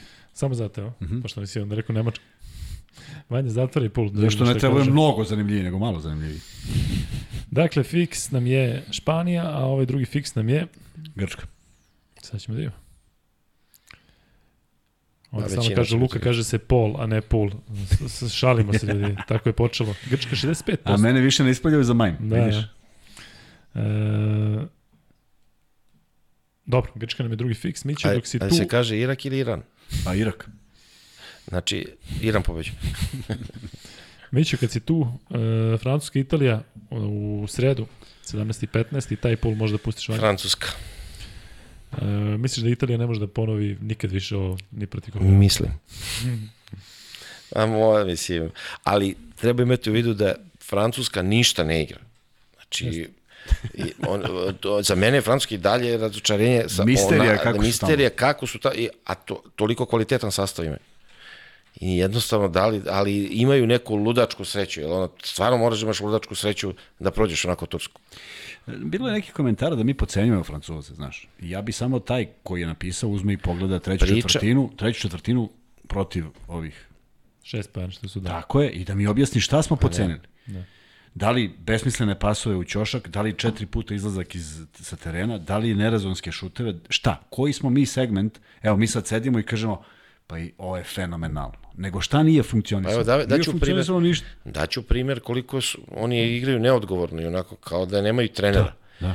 Kao, da kažem, ono, pile tu glavu kad, ono, A i njihov trener je Vincent Ne, koji je tamo za pa jeste, godinu. ali apsolutno, znači, nemam neko mišljenje, ovaj, da kažem sad, to je, ne, ne znam, da ulivam i poverenje. Dobro, fali, Daću ali- primjer, fra, u trenutku gotova utakmica u produžetku, plus sedam i lopta.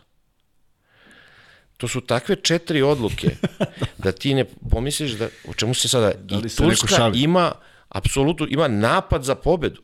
Na plus sedam imaš loptu. Odnosno, na plus sedam si imao dodatno bacanje, promaši ga i imaš loptu. I ti dođeš u situaciju da Turska drži u svojim rukama pobedu Tako je. s njemu o, ispadne lopta oni i kao i sad kao wow, kao super smo. I šta bi bilo kad bi bilo? Ono je nemoguće da ti onako olako. Tako Prvo, srećeno dođeš do produžetka, A onda u... a onda upr... i onda imaš plus 7 pa opet dođe. Znači, kažem, toliko su nepredvidiva ekipa, ali sada pretpostavljam i previše su iskreno da će oni polako dizati u formu i to još uvek nisu na nekom bog zna kakvom nivou, a eto, bilo je dovoljno i po meni su favoriti.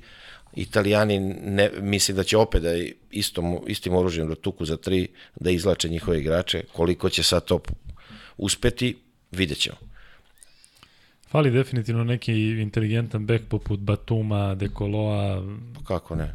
pa čak i Prikom, meni, Dio. meni je, meni je ono RTL Kozer. da ti bude volje, koji zadnje tri, ne, ne postoji zadnjih pet godina. I da on bude, mislim, i zadnje dva kluba isteran i zbog nediscipline i zbog lop, pritom igra totalno neodgovorno. Ne, ja ne, ne znam da li ne, oni nemaju više pleja, mislim, možda i oni kubure. Ima ovih klinaca, onaj... Pa znam, ali recimo šta je sa Maledon. Maledonom? Ali moram da mi neko objasni zašto ne igra Maledon. E, mislim da je postalo nešto, neka povreda ili nešto možda sa Oklahoma, Dobro, neka to. priča da, ili nešto sa NBA ligom, Pri- pričalo se šta i kako, ali i oni Strazel mali, mada Dobro, a gde je Tony Parker? sa braćom drži Čekaj, ali jasno. moguće da Tony Parker ne igra za Francusku? Svi su u šoku i dalje, zato ne mogu da se nađu. Kuzma, Molim, Francuska, Italija. Francuska. Vanja, Slovenija, ovo ide prvo da Čisto zatvorimo pol. emotivno, e, čisto, bez ikakvog rezona. Francuska. E, 68% Francuska, to nam je treći fiks i poslednji meč koji ćemo komentarisati gde ćemo staviti pol je Slovenija, Poljska, 20-30 sreda. Sad trebam ko Kuzma da kažem. Da bude interesantnije. Po, slove, po slo. A dobro, mislim, apsolutno. Slovenija je favorit. Slovet je veliki a, favorit. Glupo zvuči, ali ovo što su Poljaci odigrali protiv Ukrajinaca, gledao sam celu utakmicu, nije me mrzalo. Uopšte, uopšte, uopšte to nije bilo loše. Ne mogu da ulazim sad koliko su im dozvolili, ali stvarno su bili van svih onih utakmica, naročito utakmica protiv nas, a, ako su malo pogledali Belgiju i ako budu rešili da zaista žrtvuju sve, ovo će biti samo još jedna teška utakmica za Sloveniju. Ne očekujem da, da izgleda drugačije. Prvo, mislim da će malo i oni ne kalkulisati, nego će štedeti energiju da malo utakmicu privedu u nekom mirnijem ritmu, a mislim da će ovo iskoristiti sve što imaju, jer jesu snažni i, i očigledno su im dobili, dobili veliki podstrek ovom pobedom nad Ukrajinom, tako da očekujem ne toliko izvesnu utakmicu. Vanja, hoćemo odmah da zatvoramo pol zato što je jasno ko će tu da... Zato što je 22 do 1. Da. A između ostalog i to. E, 89% Slovenije, 11 Poljska. Imamo i ovde ljudi koji ne vole Sloveniju, nešto smo Pa stalno tih ratovali. 11%. Pa da ima šta kažeš. da bude više. E, inače, samo kratko da je završen Ameri Cup, koji je naravno pandan evropskom prvenstvu, odnosno igra se na tom kontinentu, i da je Argentina osvojila sa sastavom gde su Delfino, znaš ko? Delfino Da. koji stari meni. Da. Da. Delfino, Dek, Campazzo, Oni su igrali. La Provitola, Delfino Brusino, ima Polmara. 37 ili 38, 37 Ne. Delfino I dobili su, mislim, dva koša, tako? 40, Dva. da, 75-73. Delfino ima 40 godina, minimum. Dakle, on je 82. On je Ili 12 godina 83. stariji od trenera Finske. Da, da. I ti Argentinci i dalje igraju, evo taj Campazzo traži klub, nikada se ne postavlja pitanje ko će da igra, još samo Skola da je igrao. Nije, sad sam, sad sam lupio, zezam se. Ali tako nešto je bilo da je Kari bio više nego duplo stariji od trenera Finske. Kako je ona bila neka priča? Da, Jeste, moguće. Da, da. Ovog, kako se beše zove? Saviolu, ajde Saviolu. Da. Dobro, e, 85% Slovenija, dakle to nam je četvrti fiks. E, šta si rekao? 4%. Biće Ja sam rekao 89%. 89-11. Pa hoćeš da vratimo pa da ovi glasuju još malo Aj, više za ponovo. Poljsku, da. Imamo vreme. Kuzma, za kraj, šta imamo da kažemo? A, da se zahvalimo Mići što je došao, što smo malo ovu diskusiju skinuli sa naših pleća, iako smo imali izuzetne sagovornike. Juče, Mićo, toliko nekih normalnih rezona, toliko dobrih poruka, toliko svega da, da, da ne pravimo od ovoga cirkus, pa ti hvala što si došao i, i nastavio u tom smeru iz prostog razloga što si prošao šta si prošao i, i sam znaš da cirkus nikad nije dobrodošao, ali su zaista neka pitanja koja nekako svi želimo da da budu odgovorena. I stvarno se nadam da ćeš biti naš gost i u narednim nekim momentima kada bude bilo nešto interesantno, ako si raspoložen. Biće oko Partizana mnogo interesantno i danas je bilo mnogo pitanja o Partizanu, u top 8. Da, će samo nije bude? moment, samo nije moment da pričamo o Apsolutno. Da, pored ovoga, da, pogotovo pripremim period, iako Jasno. nije, eto, mogu da kažem, nije mi baš ni prijalo da pročitam da ovaj, u moru ovih, lo- da smo izgubili 30 Da, od da, da, Juventusa, ipak jeste nevjerovatno. pa da. i, ne znam, Furna Bradana se nešto 15. Jel dobro, jeste? 15, da. 93-82. Pa, da. Mislim da je bilo tako, a Jeste, sve to pripremim period, ali opet, i prošle godine je bilo, ako sećaš se protiv Cibone, Partizan je dao 50 pojena da se igralo u Splitu ili u Zadru. Pa su svi, ne znam, pa je prvi meč pa protiv dobro, Cibone naravno, bio e, 40 više razlika. kažem, Da. samo, samo ne volim Neprijatno, da, da, naravno. da čujem Jasno. i to. Ja, Posebno zato tako što da, Partizan bio manje više kompletan, tu su bili i pojačanja pa, i tu, tu vrlo malo igrači fali. Tako je, da. E, ovo što je Kuzma rekao da smo juče imali zaista mnogo dobrih e, poruka, mnogo pozdrava, mnogo onako konkretnih, iako su ljudi naravno bili e, smoreni, bio je jedan momak koji je konstantno provocirao i to prilično neprijatno. I evo danas se izvinio i kaže, izvini, molim te, bilo je ovaj, Koga, vruće mene? A, u- Nas. bilo je svega. i Uvek je jutro pametnije od večera. Da, da, sveći da sam se odmah izvinio, na početku sam rekao daj. Pa da, da, Daj da da, nisi gasimo. mi pročeo samo šta je. Nenad KG kaže Luka prvi free bet nisi proglasio. Jesam Nenade, sam rekao sam Nenad da KG vagabundu šalješ na, na, na Luka i Kuzma Instagram. Drugi free bet je dobio uh, Vuk Grbić, a treći smo formili svi zajedno kao tiket koji ćemo platiti u humanitarne svrhe kao što smo platili pre nekoliko dana, tako da to je to. Skoro evo 4 plati sata. ti sutra, Mićo. E, ne, samo, ne, sad sam teo te pitam, je li ti nešto ostalo od maraka? Jeste, imam još ovih 6000. Strava. Bubu, A, mi, a Bubu treba da milijarde? naplati, čuo. Bubu. Bubu treba da Imam naplati. i one stare, imam još ja stare. ne, u one milijarde Pretekle mi, pretekle mi, imam ih. Zamisli kad bi izvedeli Znaš milijarde. kako pokazujem deci, gledaju one nule kao, kao blesavi. Javio ti se čovjek, Ko? Ne mogu sad da ga nađem. Vagabundo? Pitao, ne, nego je pitao, uh, kada si pitao ko je to rekao, neće mi sad zameriti zato što ne mogu sada baš da ga nađem, ali da li Branislav Đurić ili nešto slično i rekao je, nije Google, nego sam numizmat, nu, Mizmatičar. Da, Bravo. tako da eto, da, da znaš da je Dobro, zato... da, stvarno, nego- sećam se, nije baš prvog, nije ni moglo bude izvodljivo prvog, ali vrlo brzo. Ne, ja, ja sam onda rekao, je lako je kad imaš Google. Jeste. Ali mo... E, e. Mića je u stvari. Ja sam taj, izvinjam se, Kuzma, moram preuzmem odgovornost. Eto vidiš kako se preuzima odgovornost. Evo Tako da vidite za ovim stolom kako se Kako se odgovornost preuzima preuzima. odgovornost. E, mislim da je bilo duže nego prvi put kad si bio Mićo, ali daleko smo od rekorda, tako da ćemo da završamo. Za sutra ne znamo, ja prenosim sva četiri ova četvrt finala, ja, mi završamo u pola 11 taj U- meč, ali Vanja igra, Šta, odnosno, kako sva četiri meča? pa sva četiri meč četvrt finala, sutra radim i prvi i drugi, pa treći i četvrti. Ne, ne hvališ se, a? Pa ne, hvalim se, ne. Ali ovaj, kad Lab 76 završava, Vanja? Mi svejedno nećemo moći pre 23.59 realno, a? Mićo ćeš sutra s nama u 23.59. Da te podsjetimo u 11, da? Zovemo te oko 12. Da. 12 i 10. Tad ćeš imati da parkiraš, ne brini, tad ima fora. Da, da, tako da ne brineš. E, dobro, e, Miću, hvala ti još jednom, vidimo se uskoro, Hvala Kuzma, mi se vidimo sutra, Vanja, vidimo se sutra, ljudi, vidimo I nemoj sutra. se stidite me zovete. Nećemo. To je to.